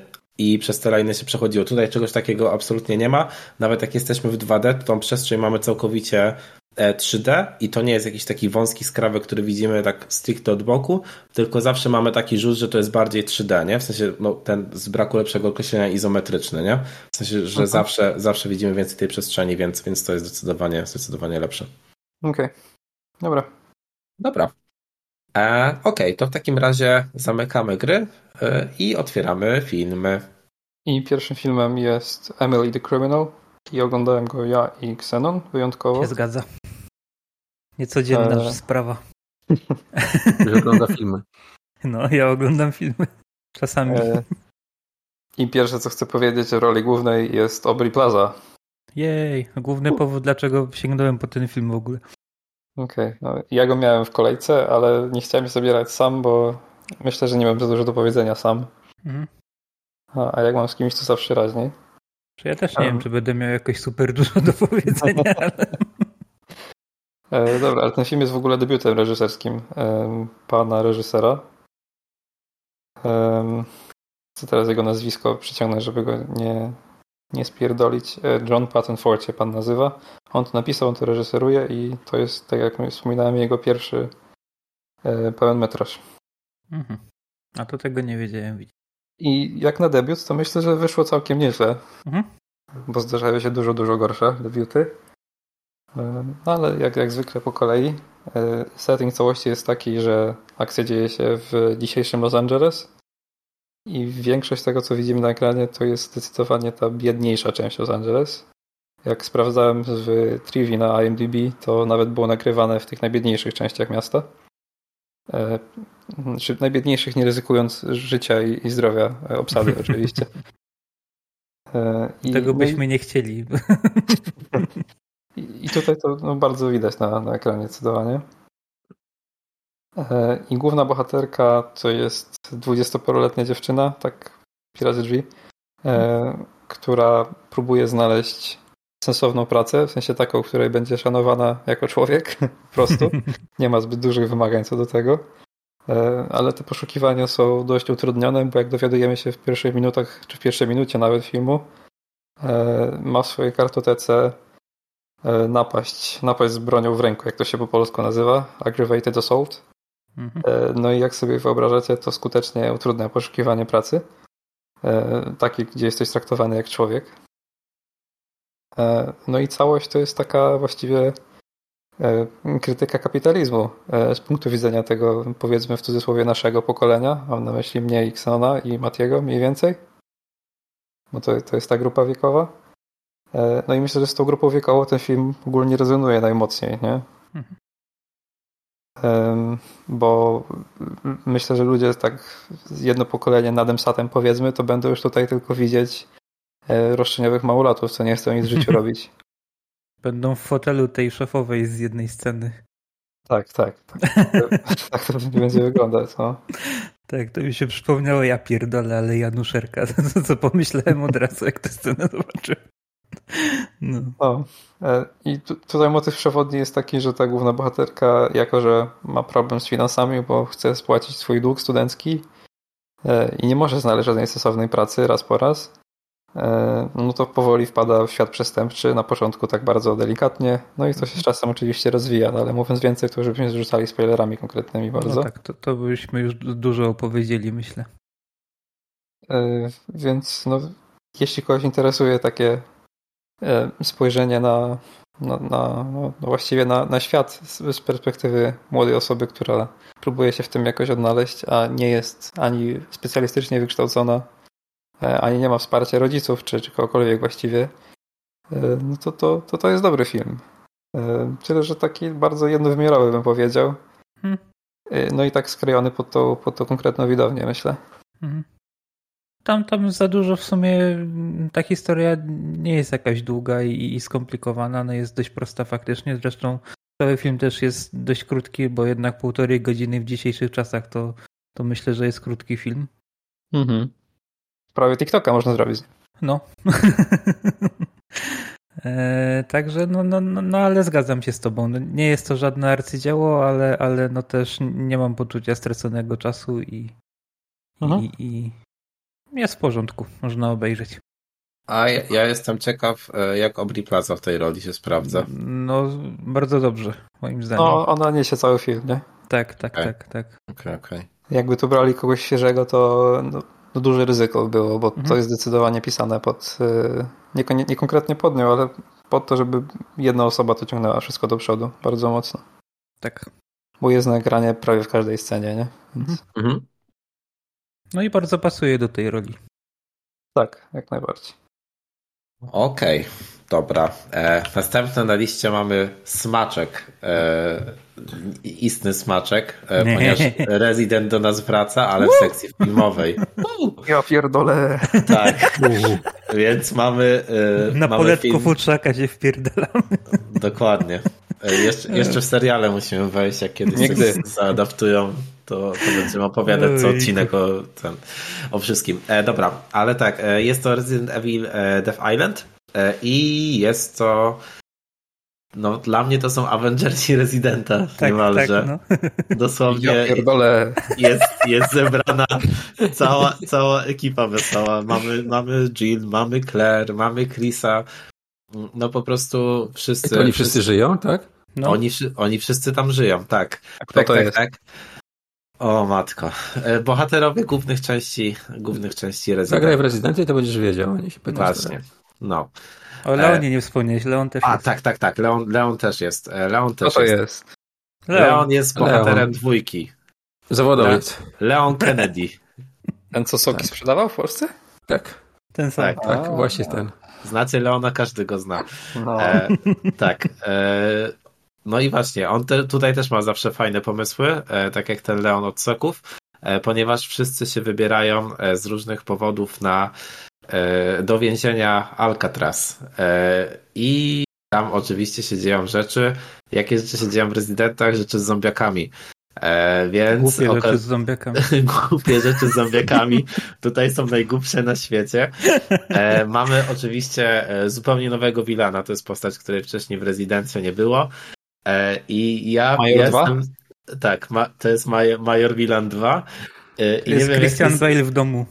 Trochę tak, ale nie wiem jak ty sądzisz Xenon, ale ja mam No. wrażenie, że on ma w ogóle lepsze backstory i motywację niż 95% Marvelowych e, z Wally. sensie- Eee, znaczy, mm, no w sumie, jak tak pomyśleć.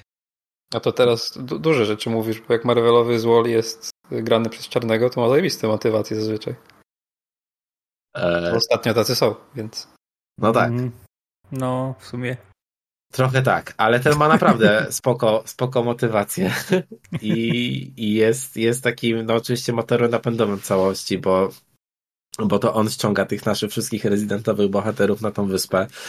E, No ten film ma taką banalną strukturę w ogóle, bo jak już wszyscy bohaterowie się zjeżdżają, e, no to film sobie ich rozdziela. E, Claire jest e, z Chrisem, a Leon jest z Jill.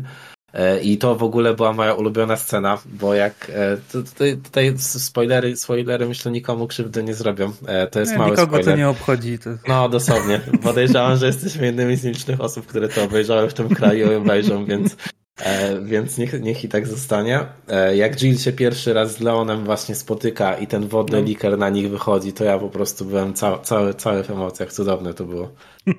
Naprawdę. E, tak, e, i właśnie no, no, Te no, żarciki między sobą też. tak, no. tak. Ja chciałem właśnie o tym powiedzieć, że, że właśnie oni mają w ogóle najlepszą dynamikę i to mi strasznie rozwaliło ten film przez to, że oni się zdecydowali na ten podział, bo jak były te sceny Chris, Chrisa i Claire, to ja miałem takie, Jezus, to już, już naprawdę wyjście, wyjście z To jest ekranu. rysunkowy film, tak? Dobrze? Animowany, no. Animowany, Animowany. To jest anima, Tak? animacja Czyli bajkę komputerowa. oglądaliście, tak? Dobrze. Co oglądaliśmy? Bajkę. A, Bajkę, bajkę. tak. Bajkę, bajkę o zombie, o zombie w więzieniu.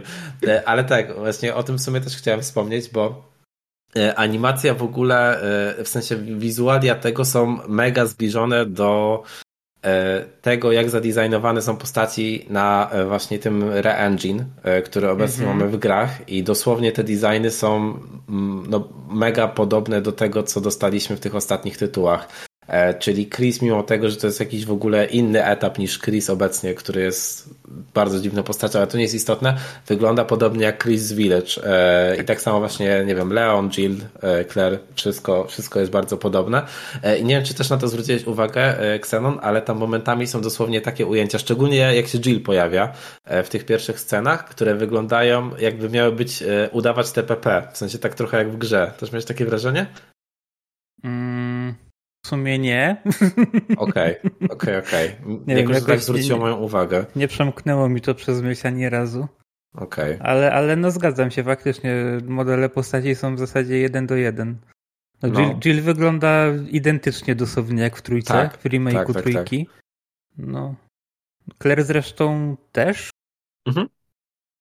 Mogę zgarnąć motywację tego głównego złego?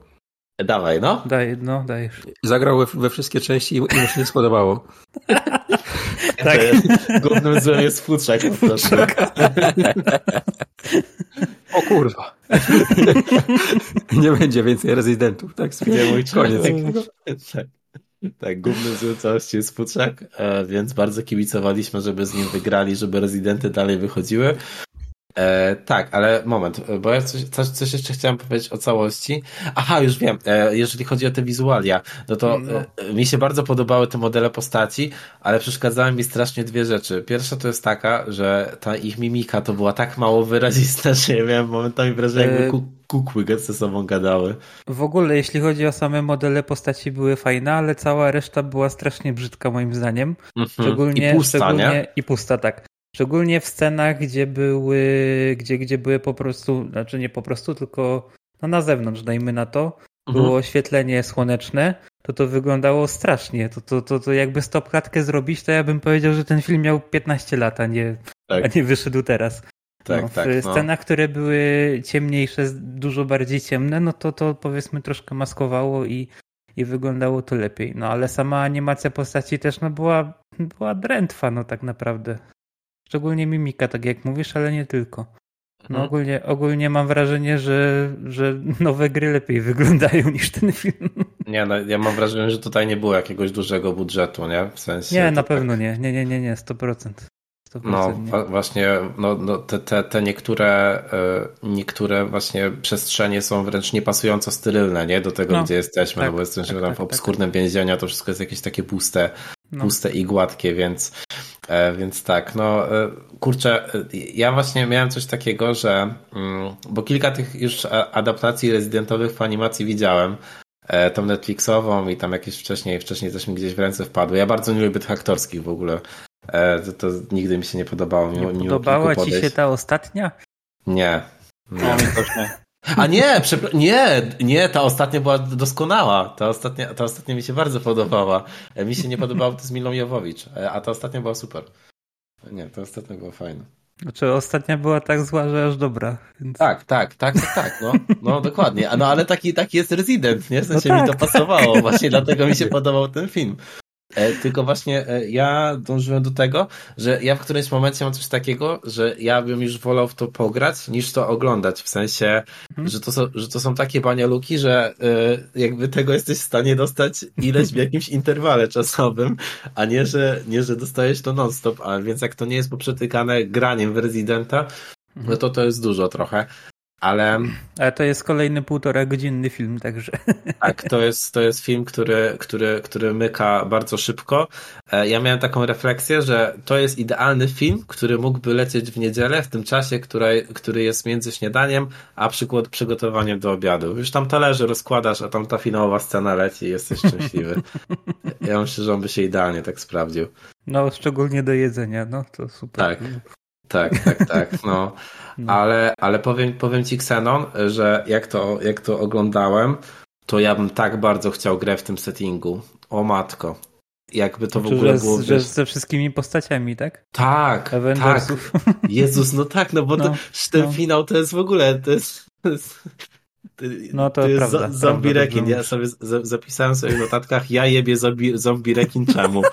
Bo, bo, bo już sobie wyobraziłem, jakbym musiał się z tym zetrzeć, zetrzeć grając i miałem takie, nie no Boże, czemu, czemu, musieli, czemu to musiał być rekin? Ale, ale nie wiem, jakoś tak jak sobie o tym myślałem, to wiesz, wyobraź sobie, że to by na przykład była gra koopowa, w której się, wiesz, zmieniają O właśnie kurwa. te strony, nie? Tak jak oni są rozdzieleni. Że to było tak dobre, Jezus ty mój. Panie to- Capcom. A nie kapką fantorów, bo to przecież jest, wiesz, no, zamknięta przestrzeń, więc znowu dostajesz jakiś taki, wiesz, odpowiednik, nie wiem, e, Raccoon City czy cokolwiek, No. no. super sprawa, naprawdę. Y, Mogliby z tego zrobić grę. Mógłby być nawet ten zombie rekin na koniec, już tam przeżyłbym to. Cudowne, cudowna rzecz. E, jak ktoś jest fanem Residenta, to ja polecam bardzo. Dobra Tak. zabawa. Tak. To jest Dobra kolejna zabawa. rzecz tak. Kolejna No. rzecz tak zła, że aż dobra, więc. No, tak, tak, tak. To Resident nie wychodzi z formy w tej kwestii fabularnej. Tutaj jest takie, takie bzdury się dzieją, że to no, przyjemne, Niko, jeżeli ktoś nikogo, lubi. nikogo nowego nie przekona na pewno ten Nie, film. nie, nie, nie, zdecydowanie. To, to ra, raczej, Hejterów, raczej hejterów tylko umocni na swojej pozycji. tak. Nie, Ale- nie, nie możemy tego futrzakowi pokazać, bo jeszcze bardziej się nie z nas śmiał. Tak. Kurczak już poszedł. No, tam... Dobra, futrzak już poszedł. E, ja tylko chciałem dodać, e, trochę off-topowo, ale jeżeli ktoś e, jeszcze nie ma, to obecnie w Humble Bundle są prawie wszystkie rezydenty w jednym bundlu. Prawda, no. No, no chyba, więc... chyba ze 130 wychodzi za ten najwyższy i, i są wszystkie łącznie z ósemką. Tak, tak. I ósemka w tym najwyższym ma również te dodatki, które Ksano recenzowałeś na odcinku, Mhm. nie? Więc, więc, więc naprawdę jest, jest super zestaw. E, aż kusi, żeby giftnąć futrzakowi i miałby już do końca nagrywania podcastu, my wybieramy tych graczy zapewnione. Jeszcze jakby na Steam Decku mógł pograć to w ogóle. O Jezus. Dobra. Dobra. Dobra. E, Okej. No nic to. E, to tyle o Rezydencie. Następny film mamy od Futriego. I tym filmem jest Sicario. E, które ja widziałem jak wychodziło, czyli już parę ładnych lat temu, ale ostatnio zrobiłem rewatch. E, no, Oryginalnie oglądałem to w dużo gorszej wersji niż ostatnio e, i muszę przyznać, że to robi dużą różnicę. Aczkolwiek odbiór filmu jest tak samo ekstremalnie pozytywny, bym powiedział. Bo jak już ktoś z nas słucha od początku, a przynajmniej od połowy, i usłyszę nazwiska, jakie teraz przeczytam, odpowiedzialne za reżyserię, e, za pracę kamery, a scenariusz, to już wie, z jakim filmem ma do czynienia. E, Mianowicie reżyserował to e, Denis Villeneuve, e, za kamerą stał Roger Dickens, a scenariusz pisał Taylor Sheridan. E, Combo jak- break. Jak ktoś, jak ktoś mi wciągnął powie takie kombo, to ja wszystko zobaczę, co oni zrobią. Bo lepszego sobie nie wyobrażam połączenia. E, I jeszcze, żeby to podkręcić, to główną rolę gra Emily Blunt, e, a w obsadzie jest też Benicio del Toro, Josh Brolin i epizodycznie Daya Kaluuya i John e, Bertal. Znany z Punishera, ten ostatni, jak ktoś może nie kojarzyć. I bajera jest taka, że wszystko dzieje się mniej więcej w naszych czasach, wtedy, kiedy film powstawał oczywiście. Są to tereny graniczne Stanów i Meksyku. E, I w dużym uproszczeniu całość opowiada o wojnie z narkotykami i handlem ludźmi e, z perspektywy em, idealistycznie postrzegającej świat agentki FBI i w tej roli właśnie Emily Blunt e, oraz panów, którzy przedstawieni są na początku jako doradcy Departamentu Obrony USA. E, I jakby mówił dalej o fabule, to rzucamy spoilerami. E, Ale jako, że ci trzej panowie są odpowiedzialni za realizację, o której wspomniałem, e, no to wiecie, że musi być bardzo mocno. E, Jest, jest, jest mocno, potwierdzam. Bo ja też widziałem kiedyś ten film. I to nie jest e, dla słabych, dla, dla osób o słabych nerwach zdecydowanie. E, Ale wszystko jest nagrane absolutnie przepięknie. Napisane jest świetnie dla myślących ludzi. E, Zagrane jest jeszcze lepiej i uzupełnione świetnym udźwiękowieniem. Nie? To, to jest zdecydowanie topka filmów ever. I jedyny zarzut, jaki tutaj mam, e, to jest taki, że zostawia mnie trochę z niedosytem, bo jest takie półotwarte zakończenie, bym powiedział. No, ale masz drugą część. Ona nie jest powiązana? E, Nie ze wszystkim i nie tak, jakbyś chciał. Okej. Dwójkę I- chyba kto inny robił w ogóle, nie? Tak, tak, tam inni ludzie pracowali przy tym. No, No. okej. Czyli dwójka nie jest już, już y, Taylora? O dwójce będę mówił za dwa tygodnie. Bo też będę ją rewatchował. Bo też dopiero na premierę widziałem i od... Klasyczny futrzak. No, co taki ciekawski jesteś? Dowiedz się na podcaście. Okej. Nawet jak nagrywasz z futrzakiem, to się to Jeżeli nie nagrywasz futrzakiem podcast, to już się dowiesz na podcaście. Tak jest. Dodałem roju nie będę. No. Em, ale tak, napisał też Sheridan, ale już inna, inna ekipa to realizuje i nie ma już Emily Blunt w dwójce. Okej. E, Jak macie jakieś pytania, to śmiało. Ja mogę ten film tylko wyfalać pod niewiosa. Ja też polecam bardzo, bo to jest naprawdę dobry film. Masz świetne takie sceny, nawet ikoniczne, nie? Tak, jak najbardziej. Przejście graniczne i też ta pierwsza scena. Tak, wejście jest domu takie, też jak, jest. jak już ktoś przeżyje pierwsze 15 minut, może oglądać dalej. To, to jest No. taka próba. Dostajesz tak w mordę centralnie. Nie, ja już dostałem tyle polecajek na ten film, że, że chyba w końcu muszę, bo No, kiedy zaczniesz też- y, 1883 oglądać, powiedz. e, dobra, to teraz przechodzimy do serii. tylko proszę was, nie oglądajcie Sicario na telefonie, kurwa. No. Mogę ci Plexa udostępnić, Mati, chcesz? No, spoko. Nie, mo- To muszę co? przejść dalej. Tak, e, ja tylko chciałem uprzedzić, że w tym odcinku nas trochę pojebało, bo seriali jest 10. E, I przy serialach właśnie jesteśmy. Weszli mi do domu z butami po prostu. Weszli, tak. E, Futrzak naj, naj, najpierw marudzi, że jest sam, potem przychodzisz, to też mówi, że źle, a więc to jest tak, wiecie. Żyjemy A na to, I to krawędzi. nie jest właśnie sam futrzak, chcieliśmy powiedzieć. Co jest. No, Tak, nie, tak, ale, ale właśnie. widziałem prawie wszystko z tej listy, także wypraszam sobie. To jest Dobra. futrzak fit, cała reszta. Ale co, otwieramy, otwieramy swoją restauracją, tak? Otwieramy misiem. Si. Tak jest. Bo w końcu y, na polski Disney Plus trafił The Bear, y, który w? Stanach był dostępny od chcę powiedzieć miesiąca, ale aż tyle to chyba nie. W każdym razie od przynajmniej dwóch tygodni myślę. Nie, będzie miesiąc chyba. Nie, to Będzie jest miesiąc? ponad miesiąc w tym momencie. Co ty mówisz? No dobra, no ale w końcu mamy go oficjalnie w Polsce. Na szczęście nikt tytułu nie przetłumaczył na niedźwiedź. Yy, I tak jak wspomnieliście, Taka okazja stracona. wraca z drugim sezonem. Yy, Ale my chyba o pierwszym nigdy nie mówiliśmy, nie? Mm, Nie. Nie. Nie, to może tylko tak jako setting yy, to wszystko dzieje się, no prawie wszystko dzieje się w dzisiejszym Chicago. Z epizodycznymi stawkami, może tak. E, I cała historia jest o tym, jak wybitnie uzdolniony młody kucharz wraca do wraca w swoje rodzinne strony i przyjmuje restaurację, którą chce zamienić w zupełnie coś innego. Może tak. Tak, warto też dodać, że on tą restaurację przejmuje po swoim zmarłym bracie, który popełnił samobójstwo, bo też, też dosyć istotne dla całości. I ciężko to nazwać restauracją.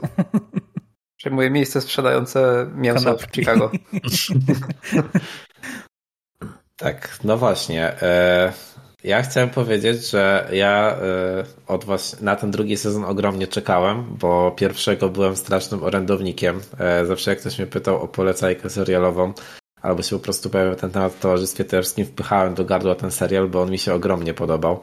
E, jego, jego intensywność to przypomniała mi wszystko, wszystko co najlepsze e, w Uncut Gems e, i, i, i tego, tego, typu, tego typu kinie.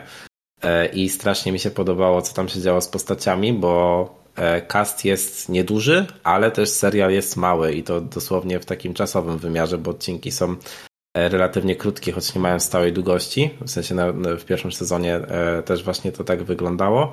A mimo tego w pierwszym sezonie e, każda z tych postaci dostawała jakąś swoją przestrzeń. E, nie tylko właśnie e, nasz, nasz, główny, nasz główny bohater i mi się to strasznie, strasznie podobało.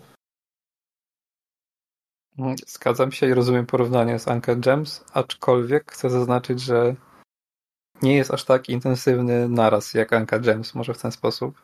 Mhm. Bo znam osoby, które Uncle Gems zdzierżyć nie mogły, a DBR im się podobał strasznie. E, Tak, no w sumie faktycznie w pierwszym sezonie jest jeden odcinek, nie? który jest faktycznie tym po prostu.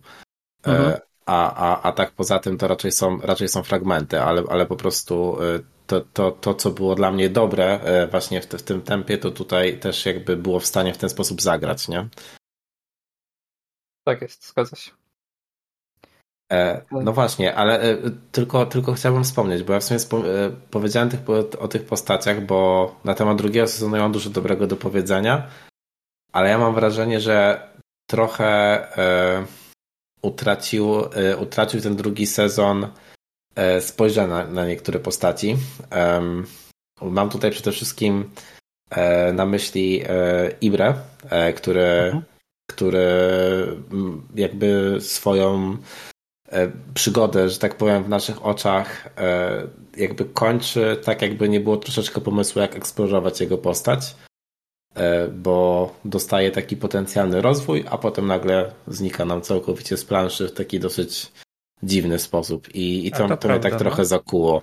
No. E, bo, bo niestety, e, ni- niestety właśnie to, to stoi w dużym kontraście do tego, jak e, dobrze e, inne postaci e, e, jakby są rozwijane dalej. Tutaj myślę, że e, takim w ogóle e, highlightem całego sezonu jest, e, jest Richard. Ja nie wiem, jakim Mhm. cudem e, Tak. z, z takiej postaci jesteś w stanie zrobić kogoś, komu kibicujesz realnie. Ja dawno No. tego nie poczułem, żebym e, darzył sympatią, e, taką sympatią jakąś postać serialową, a tutaj realnie, realnie się cieszyłem z jego gdzieś tam sukcesu i rozwoju, więc no to było niesamowite. Szczególnie, że to jest naprawdę długa droga, nie? Bardzo długa droga, Od, no. od, od zera do bohatera tak naprawdę. Mhm.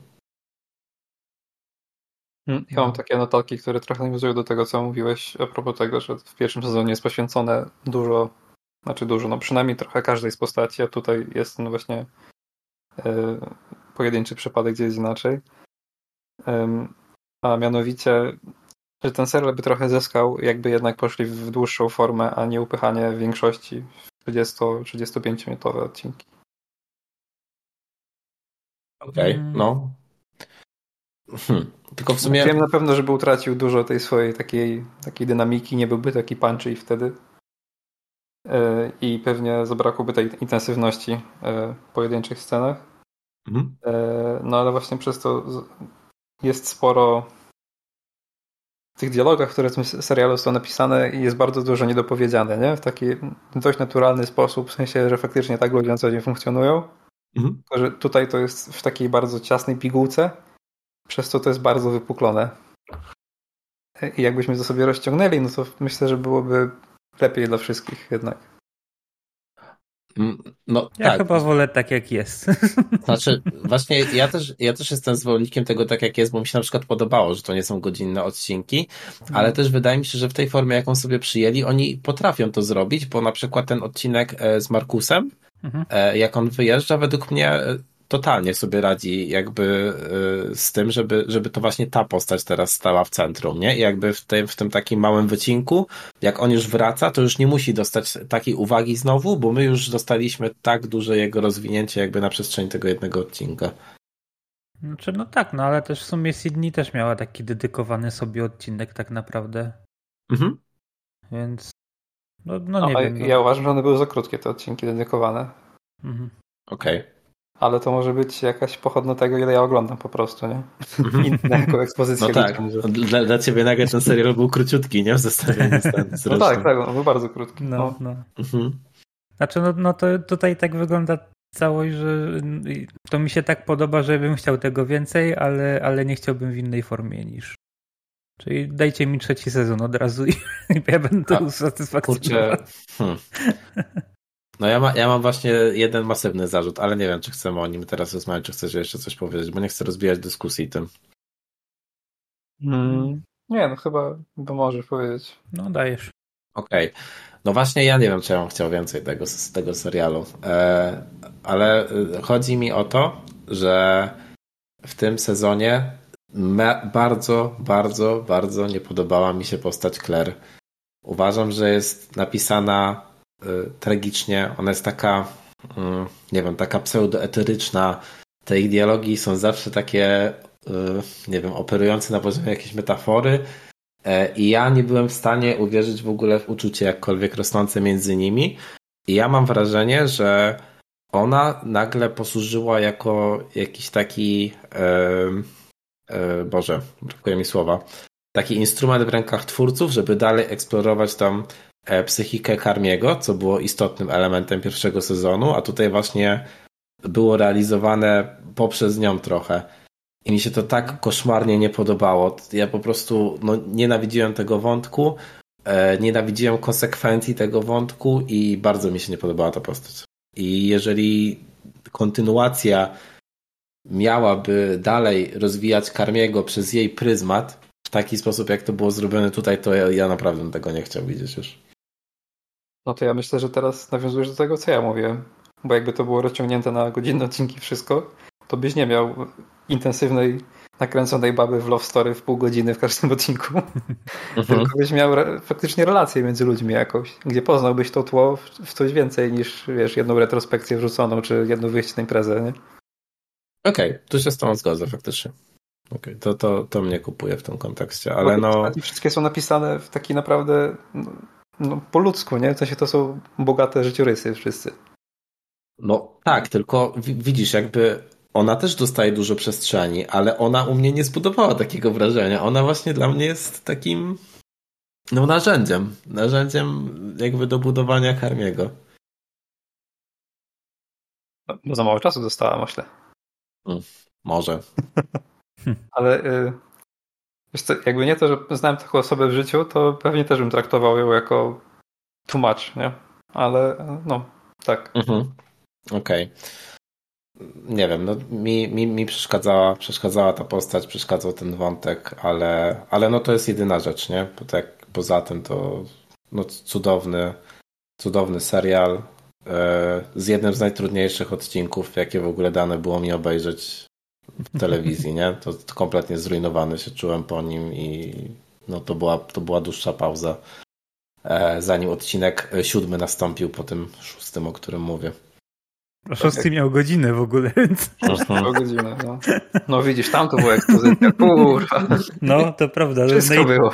najintensywniejszy odcinek był najdłuższy. Całość. O, Tak, bo, bo szó- szósty tutaj dla, dla kontekstu bezspoilerowego jest e, retrospektywną miniaturą, zamykającą się samą w sobie, która obrazuje e, kolację wigilijną e, i to, co się może dziać w rodzinie jest, jest naprawdę potężnym, potężną dawką emocjonalną. Można Myślę, by to było. dla- Mhm. Można by to było samo obejrzeć wyjęte z kontekstu. Jako Tak, taki totalnie. minifilm i też by było dobre. Tak, tak, to, to, to totalnie mógł być jakiś, wiesz, kró, krótszy metr, coś takiego, nie? No, no.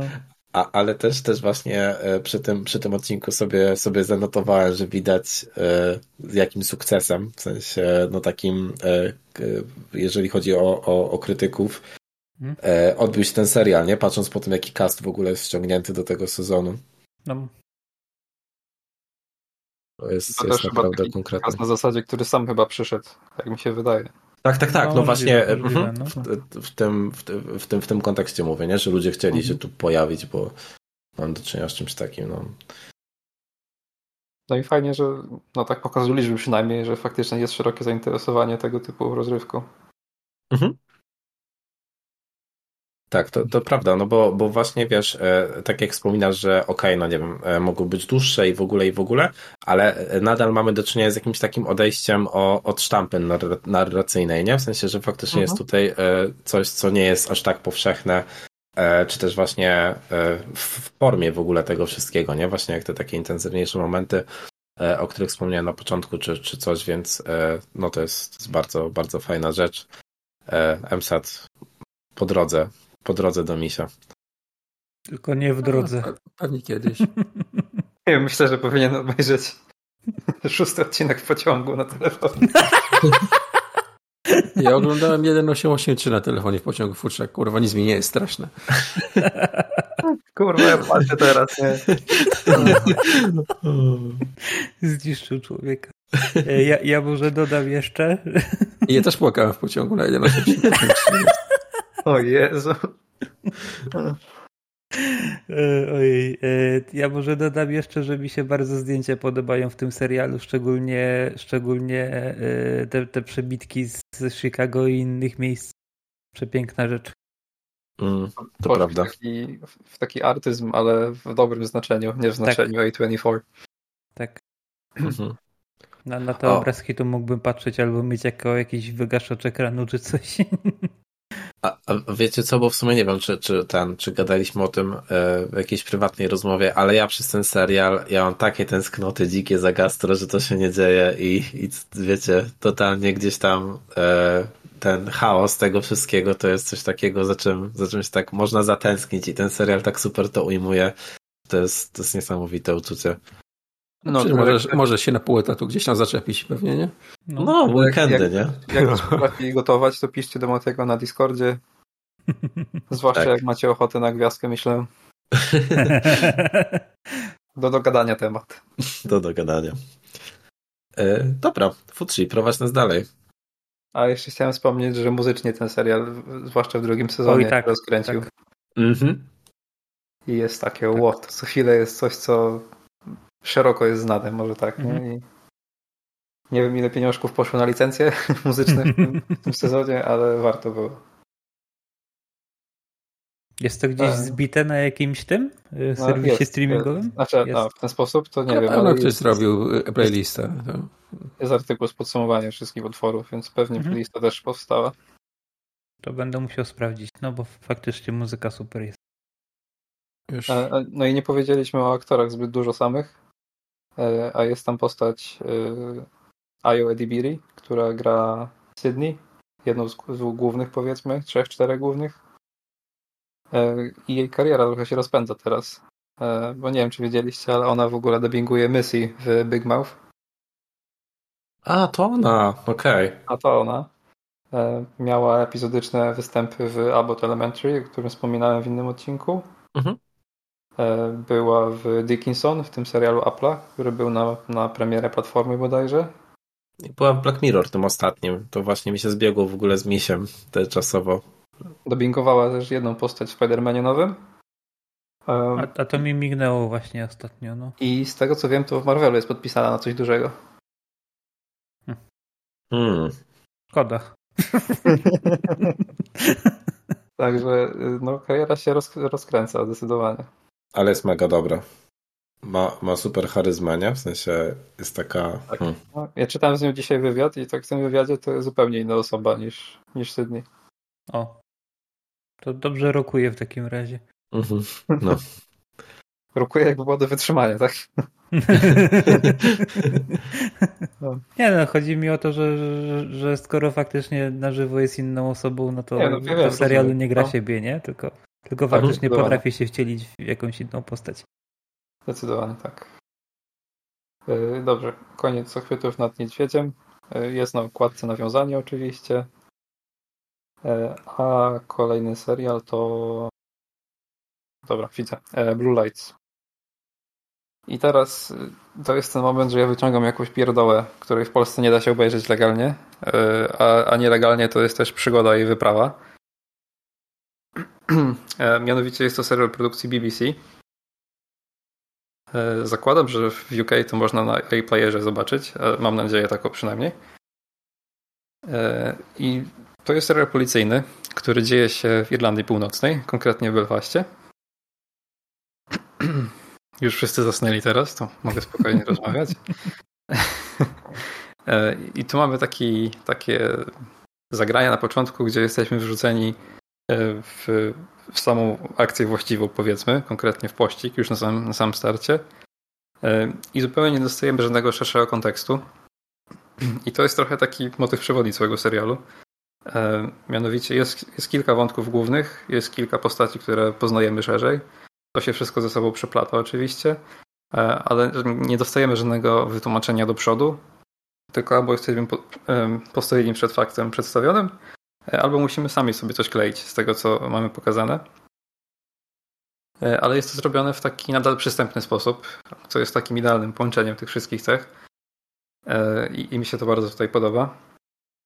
E, Serial ogólnie opowiada o e, no, konkretnej liczby już teraz nie pamiętam, o kilku e, nowych rekrutach do policji e, w Belfaście i o tym, jak wygląda ich adaptacja e, do tego policyjnego świata. No i jest też coś większego, co się dzieje cały czas w tle. To się potem wplata w główną fabułę, tak jak wspominałem, i tak dalej, i tak dalej. Co mnie w tym serialu uderzyło, to na początku e, byłem troszkę pogubiony, wyjątkowo w tym pierwszym odcinku. Potem to wszystko znika. Ale co mnie uderzyło, to jest e, to, jak to wszystko jest surowe i wydaje się przynajmniej z perspektywy tak trzeciej osoby, która o policji od środka nie wie nic, wydaje się bardzo naturalne. E, To, jak to wszystko jest napisane, jak postaci się wypowiadają, jak są zagrane, to wszystko po prostu właśnie gra.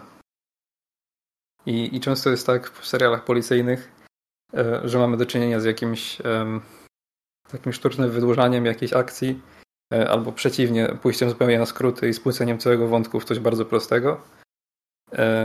I tutaj przez tą strukturę scenariusza, która jest dość zagadkowa w wielu miejscach, tego problemu w ogóle nie ma.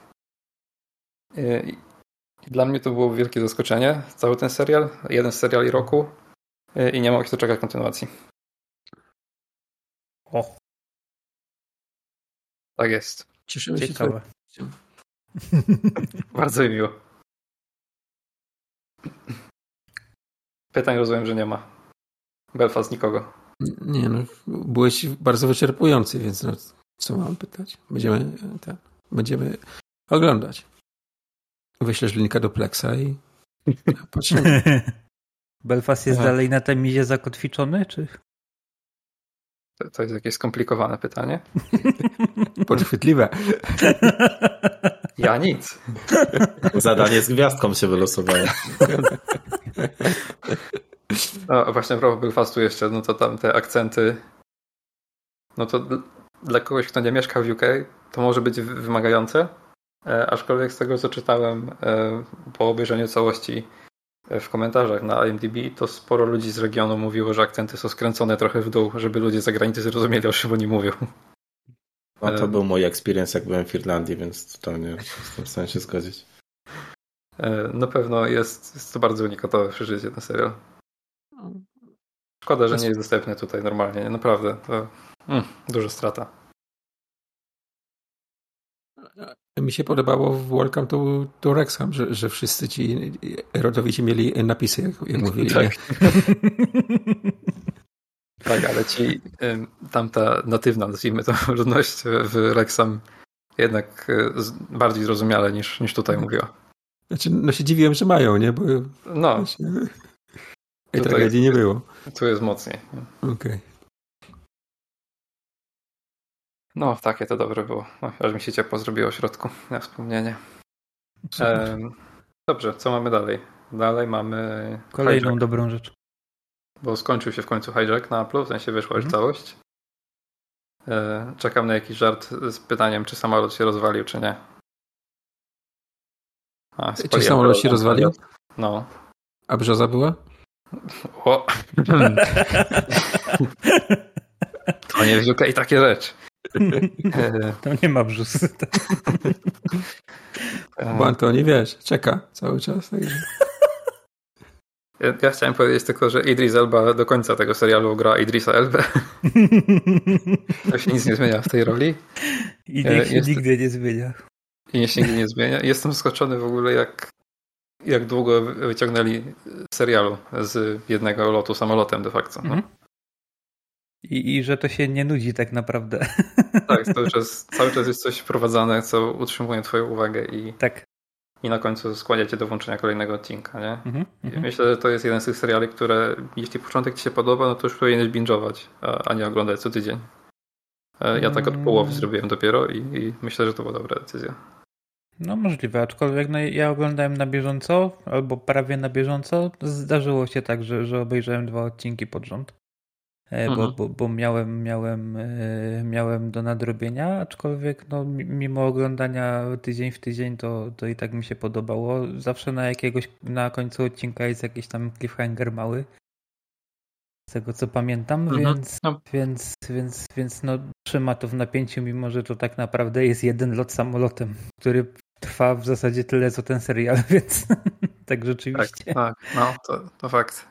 No. A, a propos tego czasu trwania całości, to em, już trochę o tym chłopaki na Discordzie pisali, jak się dyskusja na temat serialu pojawiła. E, zakończenie tego serialu mianowicie. Mhm. Em, dla Szymona powiem, że ten serial jest skończony, więc można go oglądać. E, ale jego końcówka myślę, że pozostawia sporo rzeczy, em, które mogły być zrobione akurat lepiej. W sensie jest dość mocno tak mówisz, wpięty. mówisz o tych ostatnich paru minutach, że tak Mhm, powiem? To, No, no. No mogłoby i- tego nie być, no. Albo ogólnie cały ten wątek, który prowadzi tych ostatnich e, Mhm. kilku, kilkunastu minut, Okej, e, no, no, no. mógłby być czymś dużo większym, nie? E, Żeby Mhm. albo go nie było, albo żeby był duży, bo tak to dostaliśmy takie. Dostaliśmy takie coś, co myślę, że bez znanej mordy na plakacie i głównej roli byłoby już średnio odbierane. Mhm. Właśnie przez to zagranie na końcu. No możliwe. Możliwe. Ale jako, że pan detektyw inspektor Luther był, no to wszystko się wszystko grało, nie? Wszystko się. Tak, tak. E, ogólnie bardzo mi się podobało, y, ile takich dość mało przynajmniej oczywistych dla mnie zwrotów akcji miał ten serial, bo, bo, bo jednak No, to prawda. no, Jak myślisz, że wiesz, co się wydarzy, to, tak. to czasem zazwyczaj w sumie nie wiesz, co się wydarzy. No. No, no, no. I to jest miła niespodzianka tutaj, to Mhm. prawda. O zdjęciach ciężko się wypowiadać, no bo no, Bo samolot, nie? 7 godzin w samolocie, chłopie, nie wiecie, jaki jest temat. No. E, Są fajne zdjęcia z powietrza i to nie wygląda jakby było CGI, a pewnie coś tego typu jest tam grane, nie? No Z na pewno, raczej wątpię, żeby, żeby to filmowali, bo... A, a zupełnie naturalnie to wygląda. Mhm, mhm. No tam na samym końcu może troszeczkę widać, Tak, ale no, to tak, już tak. Ale to jest ostatnia scena dosłownie, nie? No, no, no. no.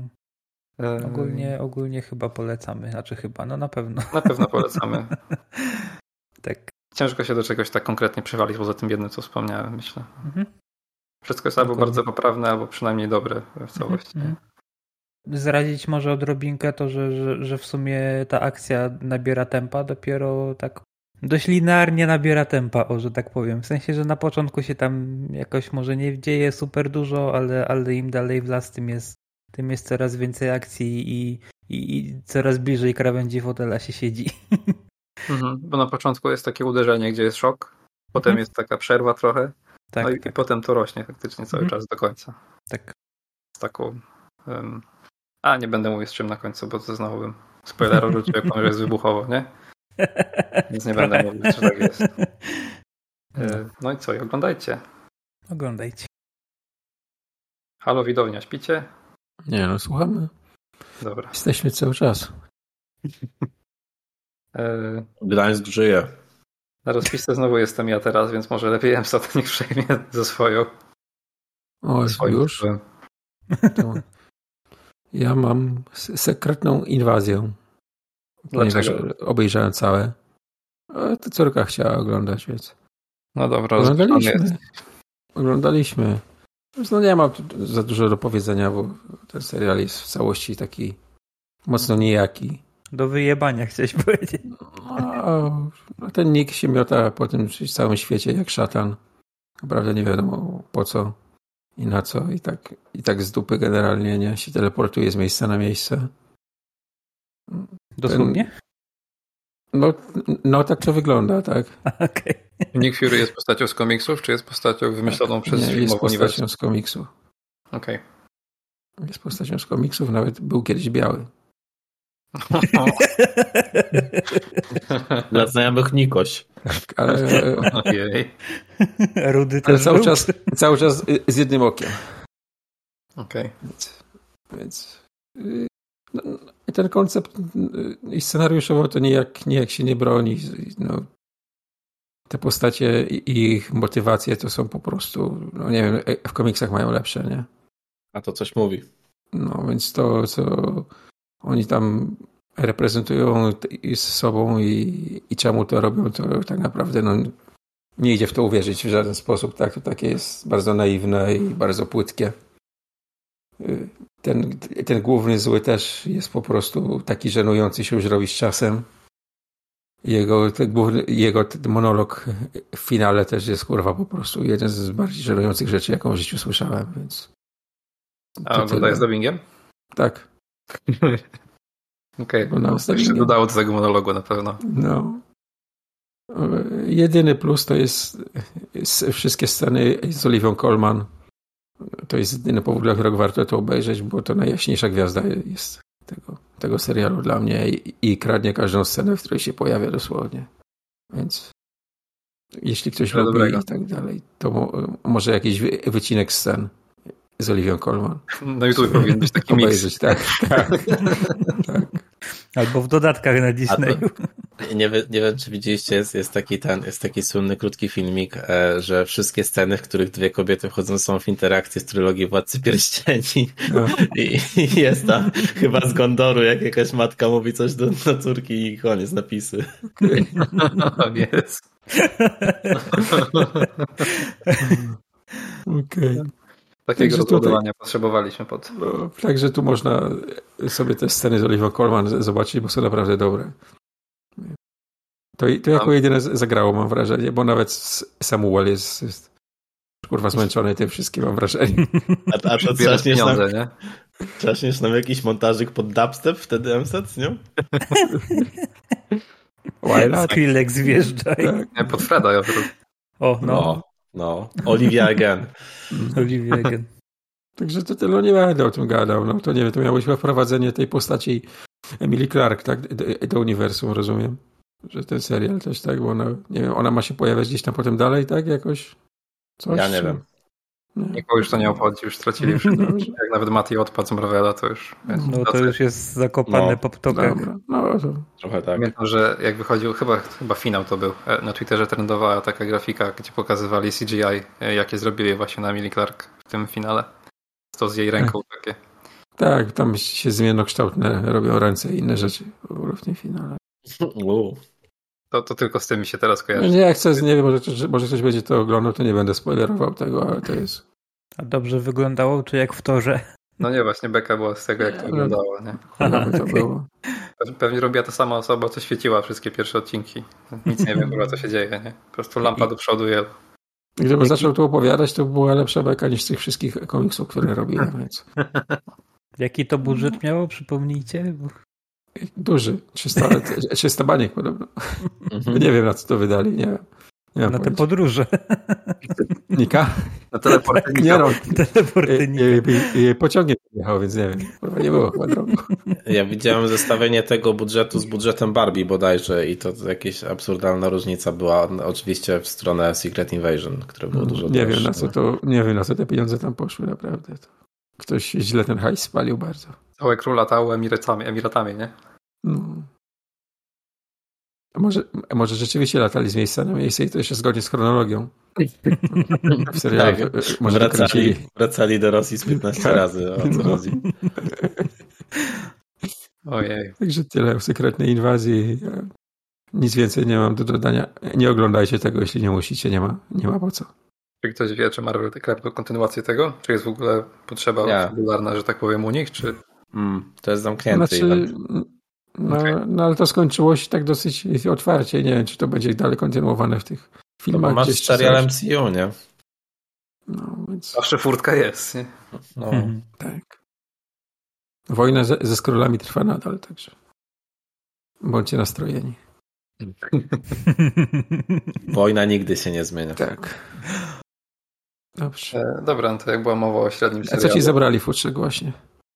E, teraz, teraz, A, Ale segway, no ty. oje Boże. Chyba E, prowadzącego zmieniamy. Kolejnym serialem jest brytyjski The Take. E, I w Take'u główną rolę gra tutaj werble. Nikt werbli nie zrobi pewnie. Hardy. Fanfary były, a nie... Fanfary z werbla. Werble w domu były. Gra Tom Hardy. E, I Tom Hardy jest jedynym dobrym, co się przytrafiło temu serialowi, myślę. O, E, tak mnie z Oliwią, widzisz? E, Jest to adaptacja powieści. Zakładam, że o tym samym tytule, ale szczerze mówiąc się nie zagłębiałem za bardzo. Całość się dzieje w, w takim przydziale czasowym rok 8.4 do 9.2, 9.4, coś takiego. E, To są cztery odcinki, to jest zamknięty serial. E, W pierwszym odcinku jest rok 84, potem przeskakujemy w drugim do 88 bodajże, potem wczesne lata 90 w tych dwóch ostatnich. I jak już słyszycie coś takiego, e, to znaczy jak ja słyszę coś takiego, to już od razu zakładam, że musi być to napisane zajebiście, bo inaczej wyjdzie bardzo miernie. Bo jak ktoś chce st- streścić bardzo dużą ilość materiału w takiej pigułce, żeby była idealna do telewizji, to to się nigdy prawie nie udaje. No i właśnie z tym mam tutaj do czynienia, nie? Bo zaczyna się od tego, że chłop wychodzi z więzienia i razem ze swoim przydupasem e, chce wrócić do świata gangsterki, e, tylko nie robi tego w taki sposób e, po bożemu powiedzmy, tylko właśnie po gangsterskiemu, nie? że się wpierdala na pałę wszędzie. E, Szybko się dowiadujemy, że główny bohater jest socjopatą, e, takim podkręconym do 11. Em, Jak ktoś kojarzy, to rok przed tym serialem e, Tom Hardy pracował przy filmie Bronson. Coś to wam mówi, czy nie? Nie. Nie Mm. mówi, pamiętam. A pamiętasz, jakiego psychola tam grał? Znaczy, dokładnie nie, ale coś tam mi świta. Okej, to on tam, tam, on tam grał gościa, który spędził 30 Tak, lat kojarzę. w. Um, już brakło mi polskiego słowa. Solitary confinement. Um, Izolatka? izolatka, właśnie, tak. Że siedział w izolatce przez te 30 lat. E, No i sobie możecie wyobrazić, to 30 lat robi na psychikę e, gościa, który w więzieniu siedzi. W izolatce. Jeszcze gorzej. No i tu jest podobny poziom spierdolenia, nie? W sensie to, to jest osoba, która powinna siedzieć w szpitalu psychiatrycznym, e, szpitalu psychiatrycznym, a nie, e, nie być na wolności. Zwłaszcza ze swoimi wyrokami. E, I tak jak na początku myślałem, bo ten serial w ogóle e, poleci mi Bajak na Discordzie, więc teraz jesteś wyautowany Bajak, że główno poleciłeś. Em, myślałem, to pół żartem było, nie obrażajmy się. Na początku myślałem, że to będzie serial o gangsterce londyńskiej, więc byłem na to pozytywnie nastrojony. E, Ale to szybko się okazuje, że to nie jest tyle ten świat gangsterki na pierwszym planie, e, co patologia tego głównego bohatera i niektórych dookoła jego. E, No i to się właściwie tak nakręca z odcinka na odcinek coraz bardziej, nie? Taka wielka spirala spierdolenia. Koleś, który wiecznie jest albo naćpany, albo napity, albo nie wiem, nabuzowany jeszcze w jakiś inny sposób. No i ewidentnie pani odpowiedzialna za tę książkę napisała dużo materiału, a no mieli niecałe 4 godziny, żeby to pokazać, tak zdecydowali. No i tak jak wspomniałem, to wszystko jest bardzo intensywnie rzucone w krótki okres czasu i to zupełnie nie gra z tą formą. Mamy taki po prostu przeskok z jednego odpału do drugiego odpału. W ogóle nie ma żadnej postaci, z którą można by sympatyzować, co jest dużym problemem. No bo ciężko w ogóle chcieć oglądać dalej, nie? Jak nie masz w ogóle komu kibicować, nikt cię nie interesuje nawet.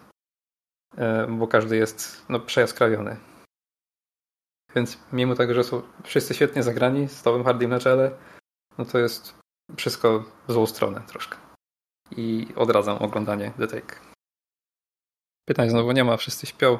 Nie, nie, ja nie śpię, wiesz co, bo ja chciałem ci powiedzieć, że dla mnie to nie brzmi tak źle, to co powiedziałeś o tym serialu. No to no, no twoja odpowiedzialność, nie? Ale ja ci polecałem dużo lepszych rzeczy niż to. No, no wiem, wiem, że dużo polecałeś, w sensie, to, to, tak wiesz, to, list, lista z tych polecajek to byłaby nieskończona, ale nie wiem, no. No i ja to wszystko mówię jako wielki fan Toma Hardiego, nie? W sensie, no kolega okay, w okay, okay. filmie i kilku, który uwielbiam też, więc... Mhm, uh -huh. jasne. Może jesteś Team Bajak po prostu. Tak, może tak.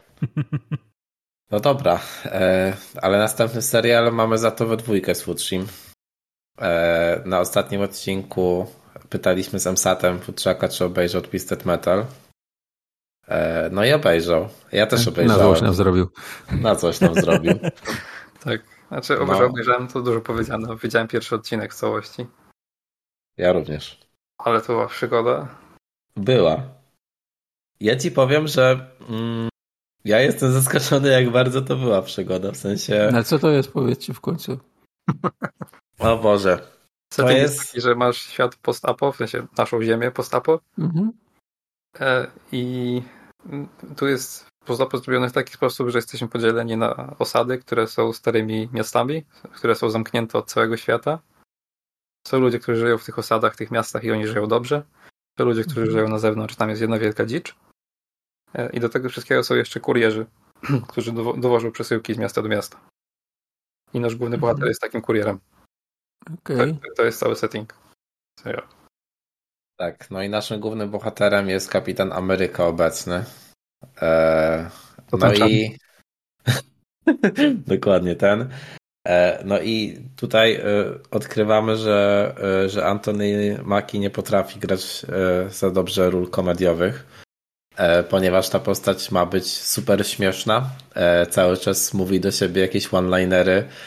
E, no i ogółem jest taka, wiecie, trochę, trochę taka dziwna, cały, tak? Cały scenariusz to jest jeden wielki one-liner, nie? No, no to dosłownie tam w sumie, w sumie w dialogach się nie, nie dzieje wiele więcej poza może jedną sceną.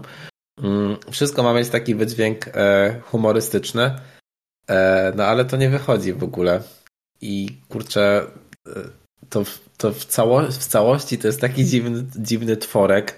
To, to jest jedno z najgorszych CGI, jakie w ogóle widziałem ostatnimi czasy, to co tam się wyprawia. To jest naprawdę, naprawdę wow. Ale warto wspomnieć, e, bo omawialiśmy e, ten zwiastun pokrótce przy e, omawianiu E3, nie E3, że nie było samochodów, tylko był suitów a tutaj są samochody od samego początku. E, natomiast tak czy siak, to, że akurat ta gra jest zaadaptowana do serialu, nie pozostaje e, dla mnie dziwnym faktem. No bo ta gra sama w sobie nie stawia żadnego settingu, tak? To wszystko sobie dobudowali twórcy, twórcy, twórcy tego serialu. Mhm. No i jest to taki... absolwentami studiów niedzielnych, nie? I to jest mhm. pierwsze, co robili w życiu. Tak, tak, tak, tak, dosłownie. No tak, strasznie, strasznie dziwne tempo ma w ogóle ten, ten serial. E, no nie wiem, bardzo, bardzo dziwne doświadczenie to było. E, ale najgorsze jest to, że ten odcinek się kończy tak, że właśnie już mówiłem chłopakom, że aż byłem ciekaw, co w sumie będzie w drugim, w sensie jak się zacznie ten drugi. E, ale no chyba sobie tego nie zrobię, bo, no bo szkoda, szkoda tracić na to czasu. Jak, jak właśnie problem jest taki, że w środku gdzieś odcinka ten serial zwalnia i w ogóle pozwala tym bohaterom mówić więcej. Mhm. I jak już to się dzieje, no to jest po prostu, o nie, O nie, nie, nie, nie. Masakracja, no dosłownie. Więc no zdecy- zdecydowanie nie. I tak jak Matej wspomina, że faktycznie samochody się tu pojawiają, wbrew temu, co, co sugerował trailer, no to równie dobrze zamiast samochodów to mogły być rowery albo kucyki pony, nie? To nie ma... tak, tak. To, to nie są samochody, tak, no, tak, tak jak rozumiemy samochody. Dlaczego to jest wzięte z, z tą grą? Nie mam żadnego pojęcia. E, Nikt tej gry nie pamięta, to raz. Nie ma to z tą grą nic wspólnego po pierwszym odcinku, to dwa. No, no, no nie wiem, nie wiem. Nic No, nie oprócz- I tania licencja była. No, No do, Chcieli dosłownie. serial na podstawie gry zrobić. Ale co, co ciekawe, w ogóle nie wyświetla się nigdzie logo PlayStation.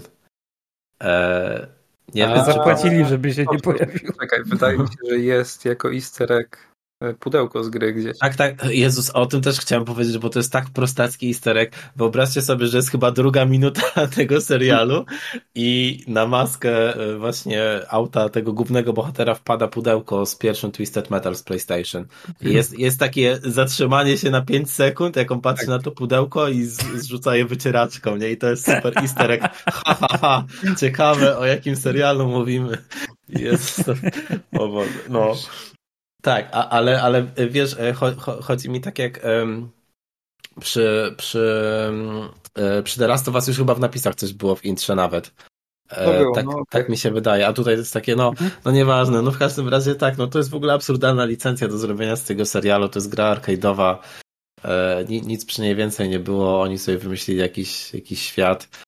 E, wszystko jest praktycznie na green screenie, tam w ogóle, o Jezus, o Jezus. No. Najlepsze CGI chyba jest, jak robią jego odjazdy z daleka. Że kamera robi taki pan bardzo wysoko i on sobie zapierdala tym samochodem, nie? To jest tak, jakbyście puścili resoraka na płaską planszę. To taki Tak. jest efekt. A, ale też strasznie mi się podobał efekt, y, bo ta, ten jego samochód ma wysuwany karabinek z góry, albo może to był samochód tamtej, e, tamtej dwójki, no nieważne. Któryś samochód miał wysuwany karabinek z góry i na dachu był przeciwnik, tak? W sensie człowiek. I nawet ten karabinek był zrobiony w CGI i tam pa, pa, pali, p- płomienie z siebie wystrzelił e, w tego, w tego typa i go palił, czy tam strzelał do niego, coś takiego. I to też było CGI i to wyglądało tak koszmarnie. O Jezu. O. No, nie ruszajcie tego, nie? Nie, nie, nie. Okej, no będzie 6 września na HBO Max w Polsce i cały sezon od razu będzie. O, zajebiście. Ojej. Tak, w takim razie zapraszamy na naszego Discorda i zrobimy sobie watch party całego sezonu, maraton. A to mogłoby być śmieszne w sumie. No, Jak myślę, że tylko oglądać, to róbcie to nielegalnie, proszę. Okej. No, nie polecamy, ale e, za to MSAT ma serial, który myślę, że poleca. Jak słyszałem, Tak, pojawiające znaczy- się jakieś wrażenia. Fanfary Nowy Jork. Tak, znaczy to jest, chodzi o, o Marvelous Mrs. Maisel. E, Futrzak już opowiadał o tym serialu e, jakiś czas temu, także ja nie będę się powtarzał i, i mówił od tego. Chciałem tylko powiedzieć, że to jest bardzo, bardzo, bardzo dobry serial, który trzeba e, zobaczyć. I nie, nie ma się co zrażać na początku, bo rzeczywiście to jest serial, który z sezonu na sezon jest coraz lepszy. E, e, Głównie przy, dla mnie przez głębie postaci i ich zmiany, ewolucję, jaką przychodzą w trakcie historii, to jak je poznajemy z różnych stron i w różnych sytuacjach, to jest dla mnie po prostu top topów. To jak te postacie są świetnie napisane. Tło jest naprawdę fajne, na co Fuczek zwracał uwagę, też jest bardzo dopracowane, ale dla mnie głównie właśnie postacie. Postaciami ten, ten serial stoi. I jak kończyłem, było mi było mi i tak, i tak pusto. Jak wiecie, jest po dobrym serialu czy filmie, jak się obejrzy, że, że już się skończyło, nie? Wielka szkoda, że to definitywny koniec na razie jest. Mhm. No, no, no, ale no, dostaliśmy też zamkniętą historię w tych pięciu sezonach, nie? Więc ja nie mam, nie mam jakiegoś żalu, że, że jakoś tam się skończyło głupio, bo to zakończenie i ten piąty sezon był naprawdę takim pełnym zakończeniem, tak? Można powiedzieć, nie? Był, zgadza się. No, więc, więc bardzo, bardzo polecam i topka seriali naprawdę. za postaciami tęsknię, naprawdę. To kurczę. Chciałbym ich więcej oglądać, a tak powiem. Tyle ode mnie, jeśli chodzi o wspaniałą panią Maisel. Jeśli ktoś chce więcej szczegółów, o czym jest i czego dotyczy, to odsyłam do jednego z wcześniejszych odcinków. I ciach. I ciach. A kolejne na liście jest uh, Winning Time, The Rise of the Lakers Dynasty. A właściwie powrotu tego serialu pojawił się pierwszy odcinek drugiego sezonu na HBO ostatnio. Tak, to e, Pierwszy oglądaliśmy z Msatem jak wychodził, bodajże. Mhm. No, no, i ten też, tak. też zamierzamy, myślę, na bieżąco być. Tak, tak, ja chcę być, też być na bieżąco. E, I to jest jeden z takich seriali, który bardzo mocno też stara się ukazać konkretny czas w historii.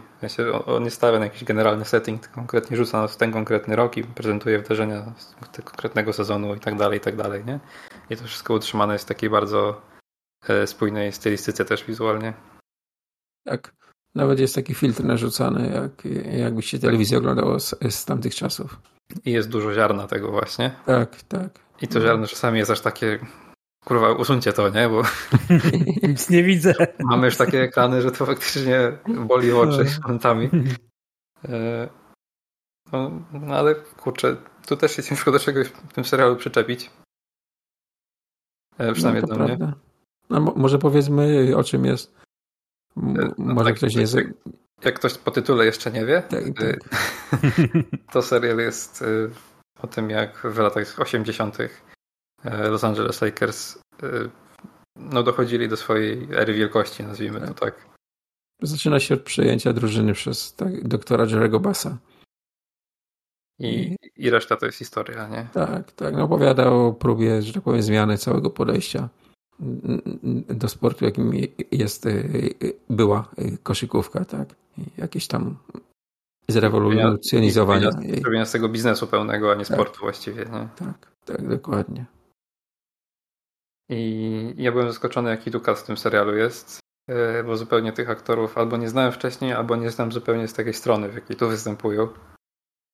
Mm-hmm. Tu przykładem jest pewnie John C. Reilly, który gra właśnie doktora Bassa. A, tak. No to jest koleś, który wcześniej jej, no nie wiem, czy on ma jakąś taką rolę, że oje to wszyscy znają. Znaczy, ja, ja go kojarzyłem, ale, nie, tak, no. ale, ci nie, ale, ale, nie, ale nie, nie powiedziałbym ci skąd. No właśnie, Czyli tak? jakieś tam drugoplanowe role pewnie gdzieś mhm. grał i gdzieś tam się przewijał, no bo jak, że tak powiem, twarz znałem, nie? Mhm. Ale, no ja, ja tak samo. No. Ale y, dowodzi tutaj. Też. Tak, tak. I, I, nawet nie wygląda jak on w, te, w tej roli. Mhm. E, też mi się bardzo dobrze udało. E, w ogóle to takie zatarcie trochę granicy jest między postaciami na ekranie, a postaciami realnymi. E, zwłaszcza dla kogoś młodszego, który tych postaci no, nie widział w tej epoce, no bo nie, no nie żył wtedy jeszcze, nie? Albo nie był na mhm. tyle, e, tyle dorosły, żeby to oglądać. E, także jak teraz kiedykolwiek usłyszę w życiu Magic Johnson, to będę widział tego aktora, a, a nie prawdziwego Magica, nie? Mhm. No, pewnie tak. To samo z Karimem Abdulem Jobarem, e, który jak ostatnio widzieliśmy był w Polsce na jakimś kongresie spierdolenia, tak? jak to przeczytaliśmy, no to ja miałem, w, ja miałem w głowie tego aktora przecież od razu. Nie? I, no i to jest taki trochę, no nie wiem, testament do tego, jak dobrze są zagrane te postacie. Mhm. No, też, też e, polecam bardzo i też fajnie pokazuje właśnie tą zmianę tego y, y, tej drużyny, tego sportu i sposób myślenia tego doktora Jerego Bassa, jego pomysłu na robienie biznesu, tak, który bardzo, że tak powiem, niecodzienny w, w tamtych czasach. I, bardzo niecodzienny. Tak. Także też mocna polecajka. Myślę, I nie, trzeba, nie, nie, trzeba lubić koszykówki, żeby to właśnie oglądać. Tak, właśnie miałem mówić też, no. Ani się znać na koszykówce.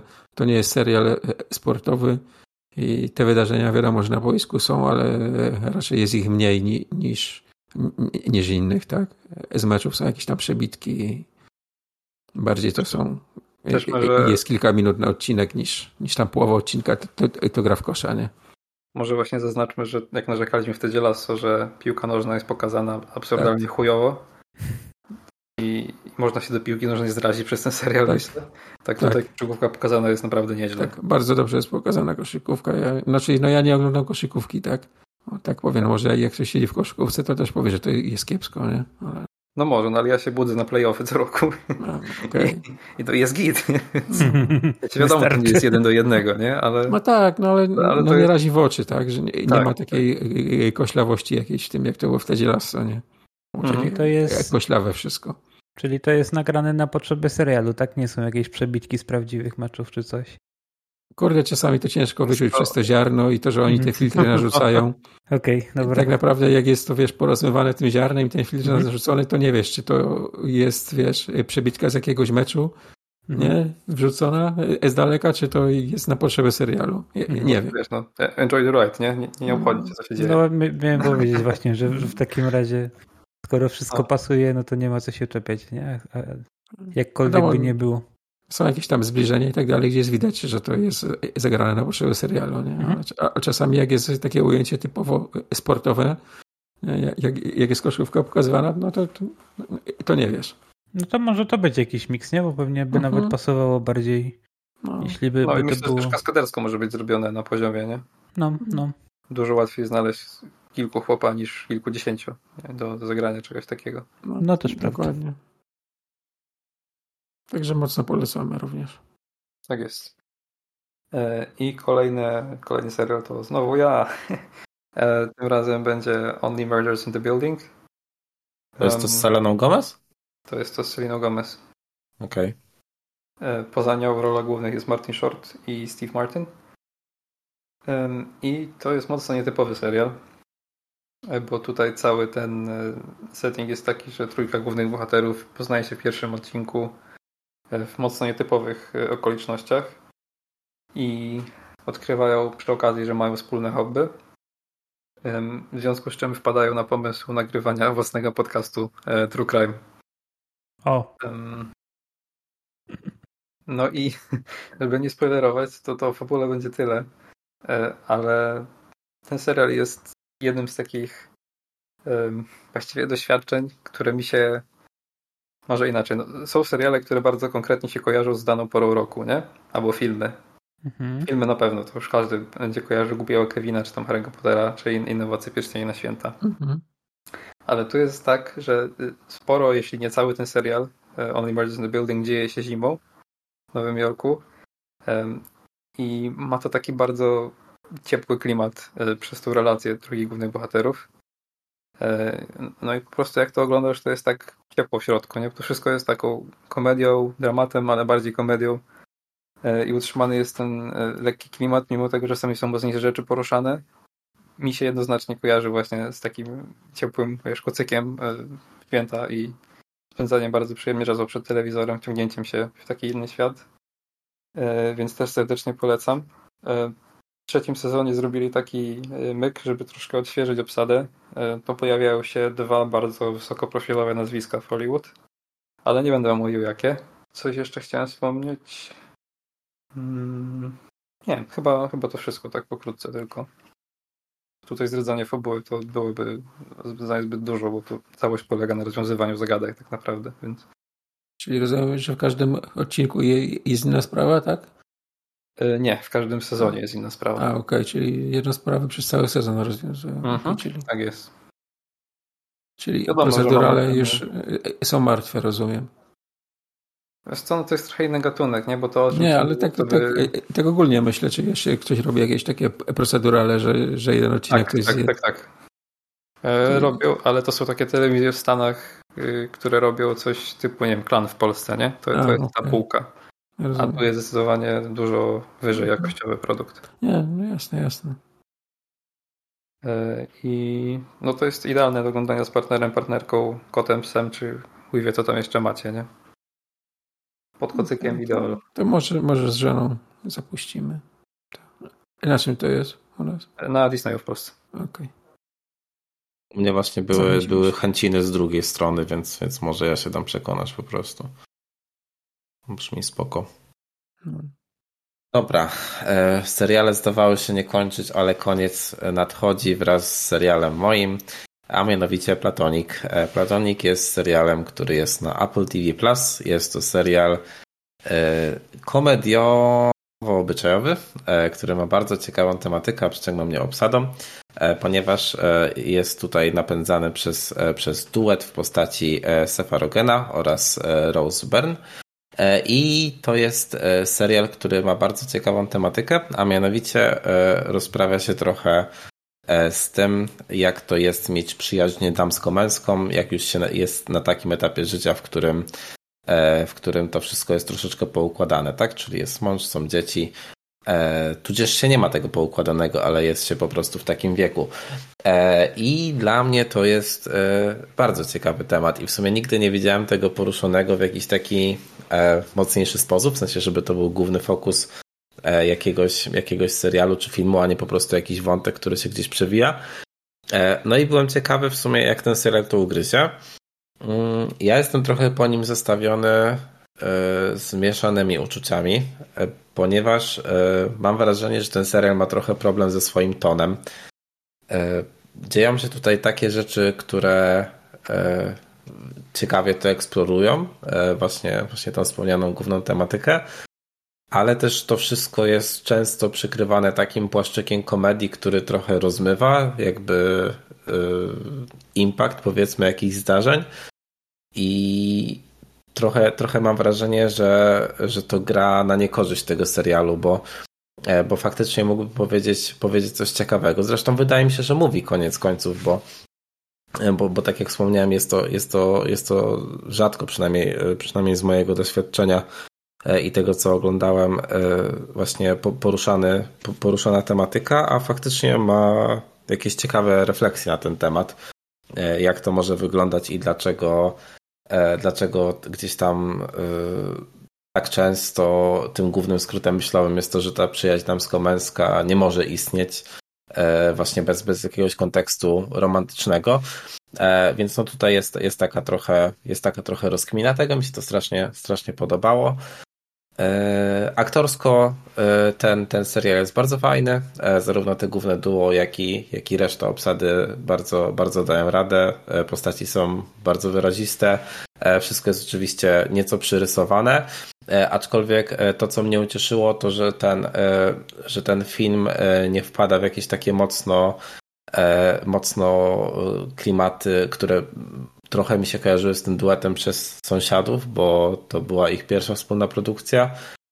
No tam właśnie sequel, sequel tych sąsiadów już mi się strasznie nie podobał. W sensie, no może bez przesady, ale pamiętam, że zostawił u mnie złe wrażenie, bo, bo już właśnie ten humor był taki przegięty w taką nieśmiesznie, nieśmiesznie mm, na siłę taką, nie wiem, młodzieżową stronę, nie wiem jak to określić, to, to było dosyć... O, to dosyć... najlepsze jak dziady robią młodzieżówkę. Tak, tak, no, no właśnie, nie, to, to właśnie był trochę vibe dziadów robiących młodzieżówkę, więc tam mi to strasznie nie grało, bałem się tego to, trochę tutaj i troszkę tego jest, y, ale, ale nie jest to jakkolwiek przeszkadzające w odbiorze tego serialu. E, no i właśnie to też była taka myśl, e, która mi krążyła, jak odpowiadaliśmy na samym początku odcinka e, o tym Apple TV+, że owszem, ten serial nie był idealny, ale jakby po obejrzeniu go jestem zadowolony, że mogłem go obejrzeć właśnie i że, i że miałem dostęp do, do tej platformy, bo to bo faktycznie zostało mnie w ogóle z jakimiś moimi przemyśleniami jeszcze, więc no polecam. Polecam jak najbardziej, warto, warto sprawdzić, jeżeli się e, na sefarogena alergii nie ma, bo wiem, że wiem, że bywa problematyczne dla niektórych w odbiorze. E, więc no. Dla, mnie trochę brzmi, jakbyś mi próbował Shrinking 2 sprzedać. E, Shrinking 2? Mhm. Nie, nie, nie, nie, nie, absolutnie, absolutnie, absolutnie, absolutnie, nie, nie, nie jest tak. Mm, to dla mnie to bardzo, bardzo różne seriale, wiesz? W sensie nie, nie, nie, nie zestawiłbym ich ze sobą. Ten, ten ma zupełnie, zupełnie inny, e, inny, inny charakter i tematykę. Warto sprawdzić. Okej, okay, dobrze. E, dekada seriali za nami, a przed nami MSAT i czytanie książek. I teraz ja i czytanie książek, tak jak się odgrażałem na ostatnim odcinku, że będę czytał Silos. Tak też zrobiłem i dotrzymałem słowa. Przeczytałem dwa tomy, jestem na początku trzeciego, więc niebawem będę wszystko wiedział. Nie tak jak w tym serialu. Także co, no, akcja jest chyba podobna, jest sam setting podobny w serialu, czyli na świecie stało się coś złego i mamy ludzi zamkniętych w silosie, którzy tam żyją. No i coś więcej mówić, to tak jak w przypadku serialu, żeby pod spoilery podchodziło, no bo na tym cały koncept polega na odkrywaniu różnych tajemnic. Czemu tak jest, skąd się to wzięło, jak do tego doszło, tak? No to cały, jest cały koncept książek. Nie wiem, czy w serialu też tak jest, tak? Też jest na tym serial zasadzony? E, tam nikt nie wie, skąd się to wzięło. I no to tak, tak, tak. No tak. Czasem, nie? no tak, no, no to wiadomo, no, bohaterowie nie, nie wiedzą, widz czy czytelnik też nie wie, no ale mhm. się, się dowiadujesz, rozumiem, jakiś tam urywków z czasem pewnie, tak? No... Poprzez akcję, która... W pierwszym sezonie możemy powiedzieć, że może tak, może nie. No. Okej. Okay. To musicie mi potem powiedzieć, gdzie się skończyła pierwsza. Miałem was zapytać przed nagraniem w sumie, gdzie się, na czym się skończył pierwszy sezon. Okej, okay, no to... No, pamiętaj, że tam było mieszanie pierwszej książki z fragmentami drugiej, nie? W pierwszym okay. sezonie. Więc... No, to, no ja jestem po pierwszej i po drugiej, więc nic mnie nie, nie zaspoilerujesz. więc, okay.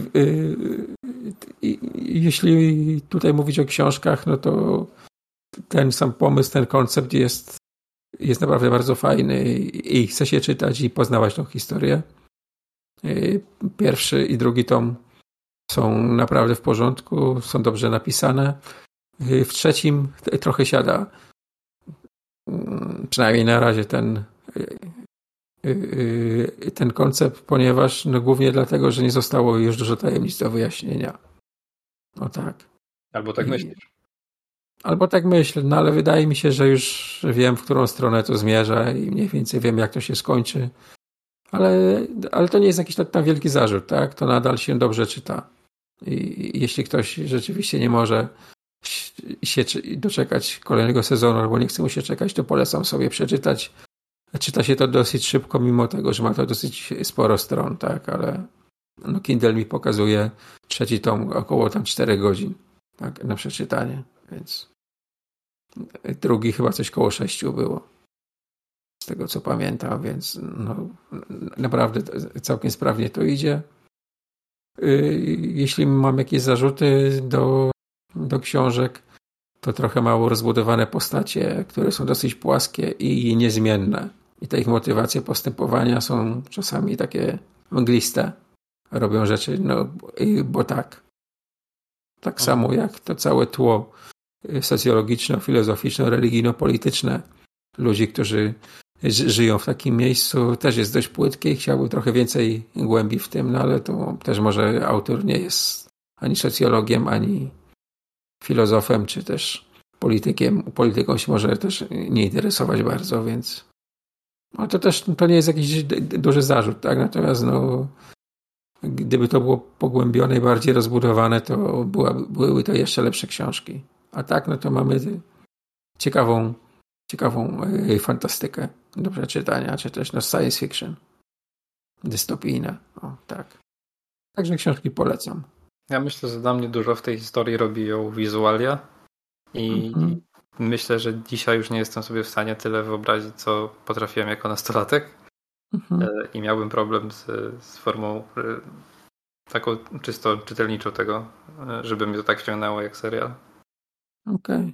Ja serialu nie, nie widziałem, więc no nie, mam, nie, nie mam porównania, nie?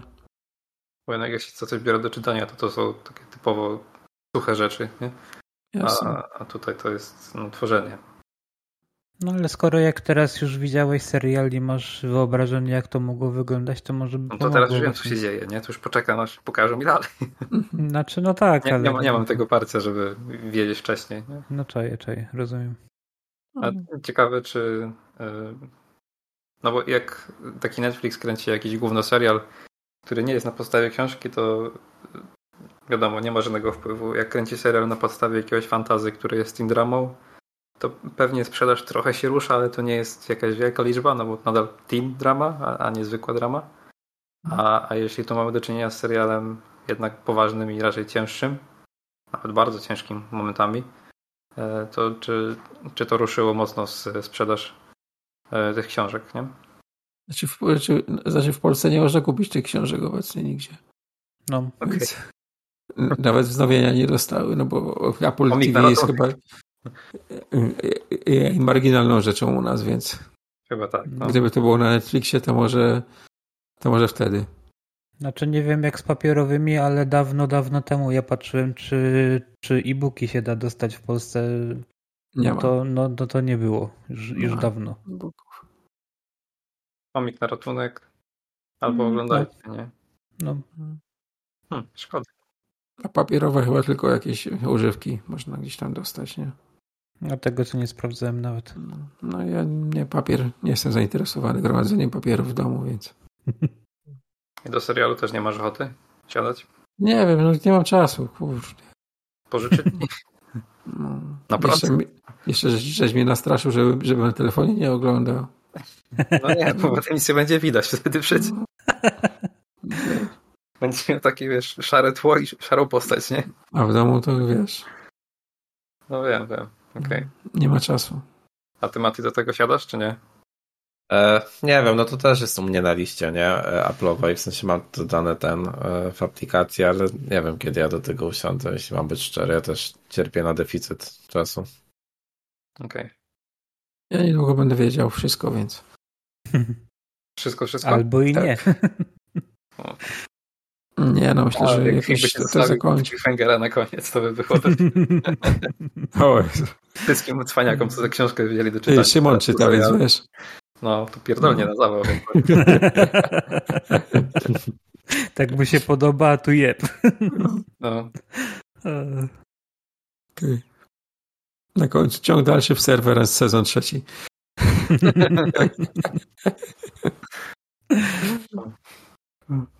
To co, dobijamy do brzegu powoli naszą łódką niestrudzonych bobrów. E, wiecie co, właśnie sobie zdałem sprawę, że nie zaprosiłem e, słuchaczy na naszego Discorda, co jak zawsze ma, miałoby świetną efektywność, więc zrobię to dopiero na koniec odcinka. E, także serdecznie zapraszam na naszego Discorda. E, będziemy oglądać razem Twisted Metal e, i potem dyskutować o nim. i Więc- ekskluzywne streamy z Baldura z czterema brzuchomówcami. Dokładnie. E, tylko, tylko tam. E, no i co? Dzięki panowie za nagranie. Również dziękuję. Dzięki. Dzięki. Trzymajcie się. Pa. Pa, pa. Dobranoc. Dobranoc.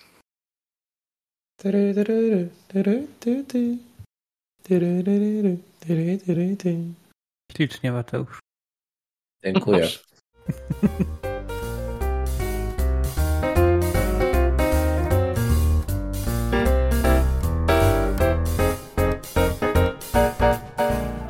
No idealnie, idealnie, że jest od razu nagrywanie, bo mam historię, dlaczego się spóźniłem.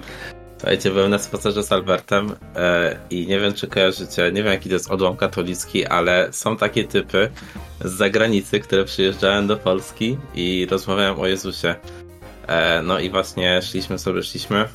No i ja tam normalnie zapierdalam z tym psem już do domu, a oni mnie zatrzymują i mówią, przepraszam, a czy wierzy pan w Jezusa?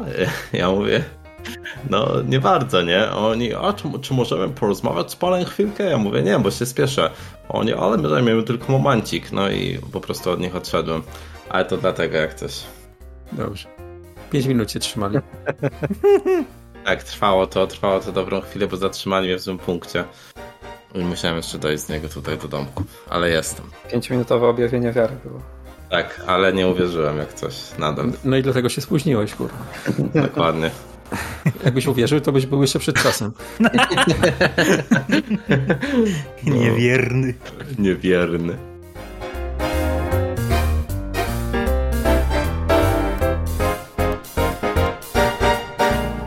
Mm, A, właśnie, może to na deku bym sobie kupił zamiast na PlayStation. Moment. Ja mam sugestię. Mati, zrób to jak prawdziwy pecetowiec. E, No. Zagraj, zagraj godzinę 50. Tak. Graj sobie save'a na pendrive'a. Refunduj. Załóż nie. nowe konto. Kup znowu. Graj sobie save'a z pendrive'a. Tak ile trzeba.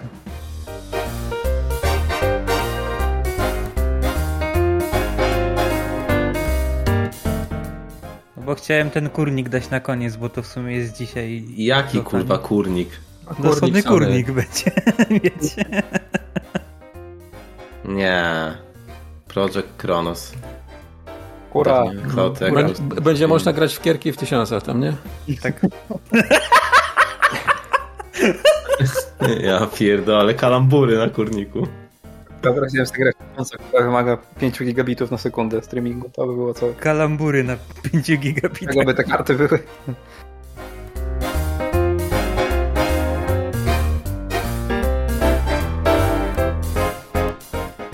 Mój pin nie działa do deka, co się stało? Zajebali ci. Bo może, może ten. Ej, Było Martyna nie ci instalować zmieniła, tych simów. Bo chce Simsy. Ja pierdolę, o co chodzi? Czemu nie działa? Woń do niej. No. A, dobra, tam byłeś. Albo z klatki wypuść, co tam Nie, nie, dzisiaj nie jest. ma. A. Dzisiaj po prostu już całkiem z domu ją wyrzuciłem. Chodzi po Gdańsku, w kółka robi. Gada z tym typem od Jezusa, tak? Rozumiem. Tak, Mówię, że Jezusa nie ma, on w drugą stronę, nie? Martyna zamiana, no i się zaczęło.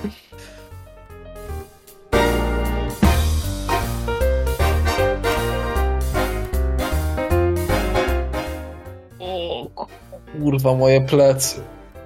O, Kurwa, co Musimy- emeryci. Jezus. Musimy Ale- sobie kupić krzesło ergonomiczne, Mati, do tych nagrań. Ja No, mam, ja mam polecam. Jest mój Markus, mój Markus już mówi, nie, za dużo No. siedzisz. Jezu, Markus, co się nadaje, nie wiem, do trzymania talerza najwyżej. Ja też nigdy z Ej, też, Markusa. ej, też na Markusie siedzę. Najlepsze krzesło za 400 zł, które teraz kosztuje chyba z 700. No, Naprawdę? 700 chyba kosztuje, no. Co ty gadasz, że ja mogę s- s- sprzedać to z tym? O Jezu, powiedziałeś już na Elik się wystawia?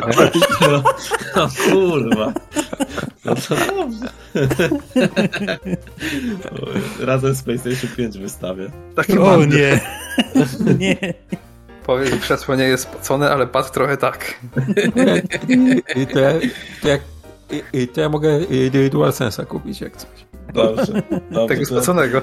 no. Tak, ze zniżką. O Jezu, teraz mają jasno-szarą wersję, Matko Święta. M- Markusa? Tak. Jezu, przecież ja to siedzisko mam takie wypierdziane, że ja nie, nie chcę wiedzieć, jakby to jasno-szare wyglądało, nie? O, brązowe by było. Ja pierdolę, no i spoko. E, Ej, ale w sumie, jakby mieć to jasno-szare, nie? I wypierdzieć tam twarz Jezusa, to by dopiero był dziki resell na tym. To jest biznes. Jezu. O Boże, idę spać. Panowie, Dobranoc. Pierwsza w nocy Dobranoc. dobija. Dobra.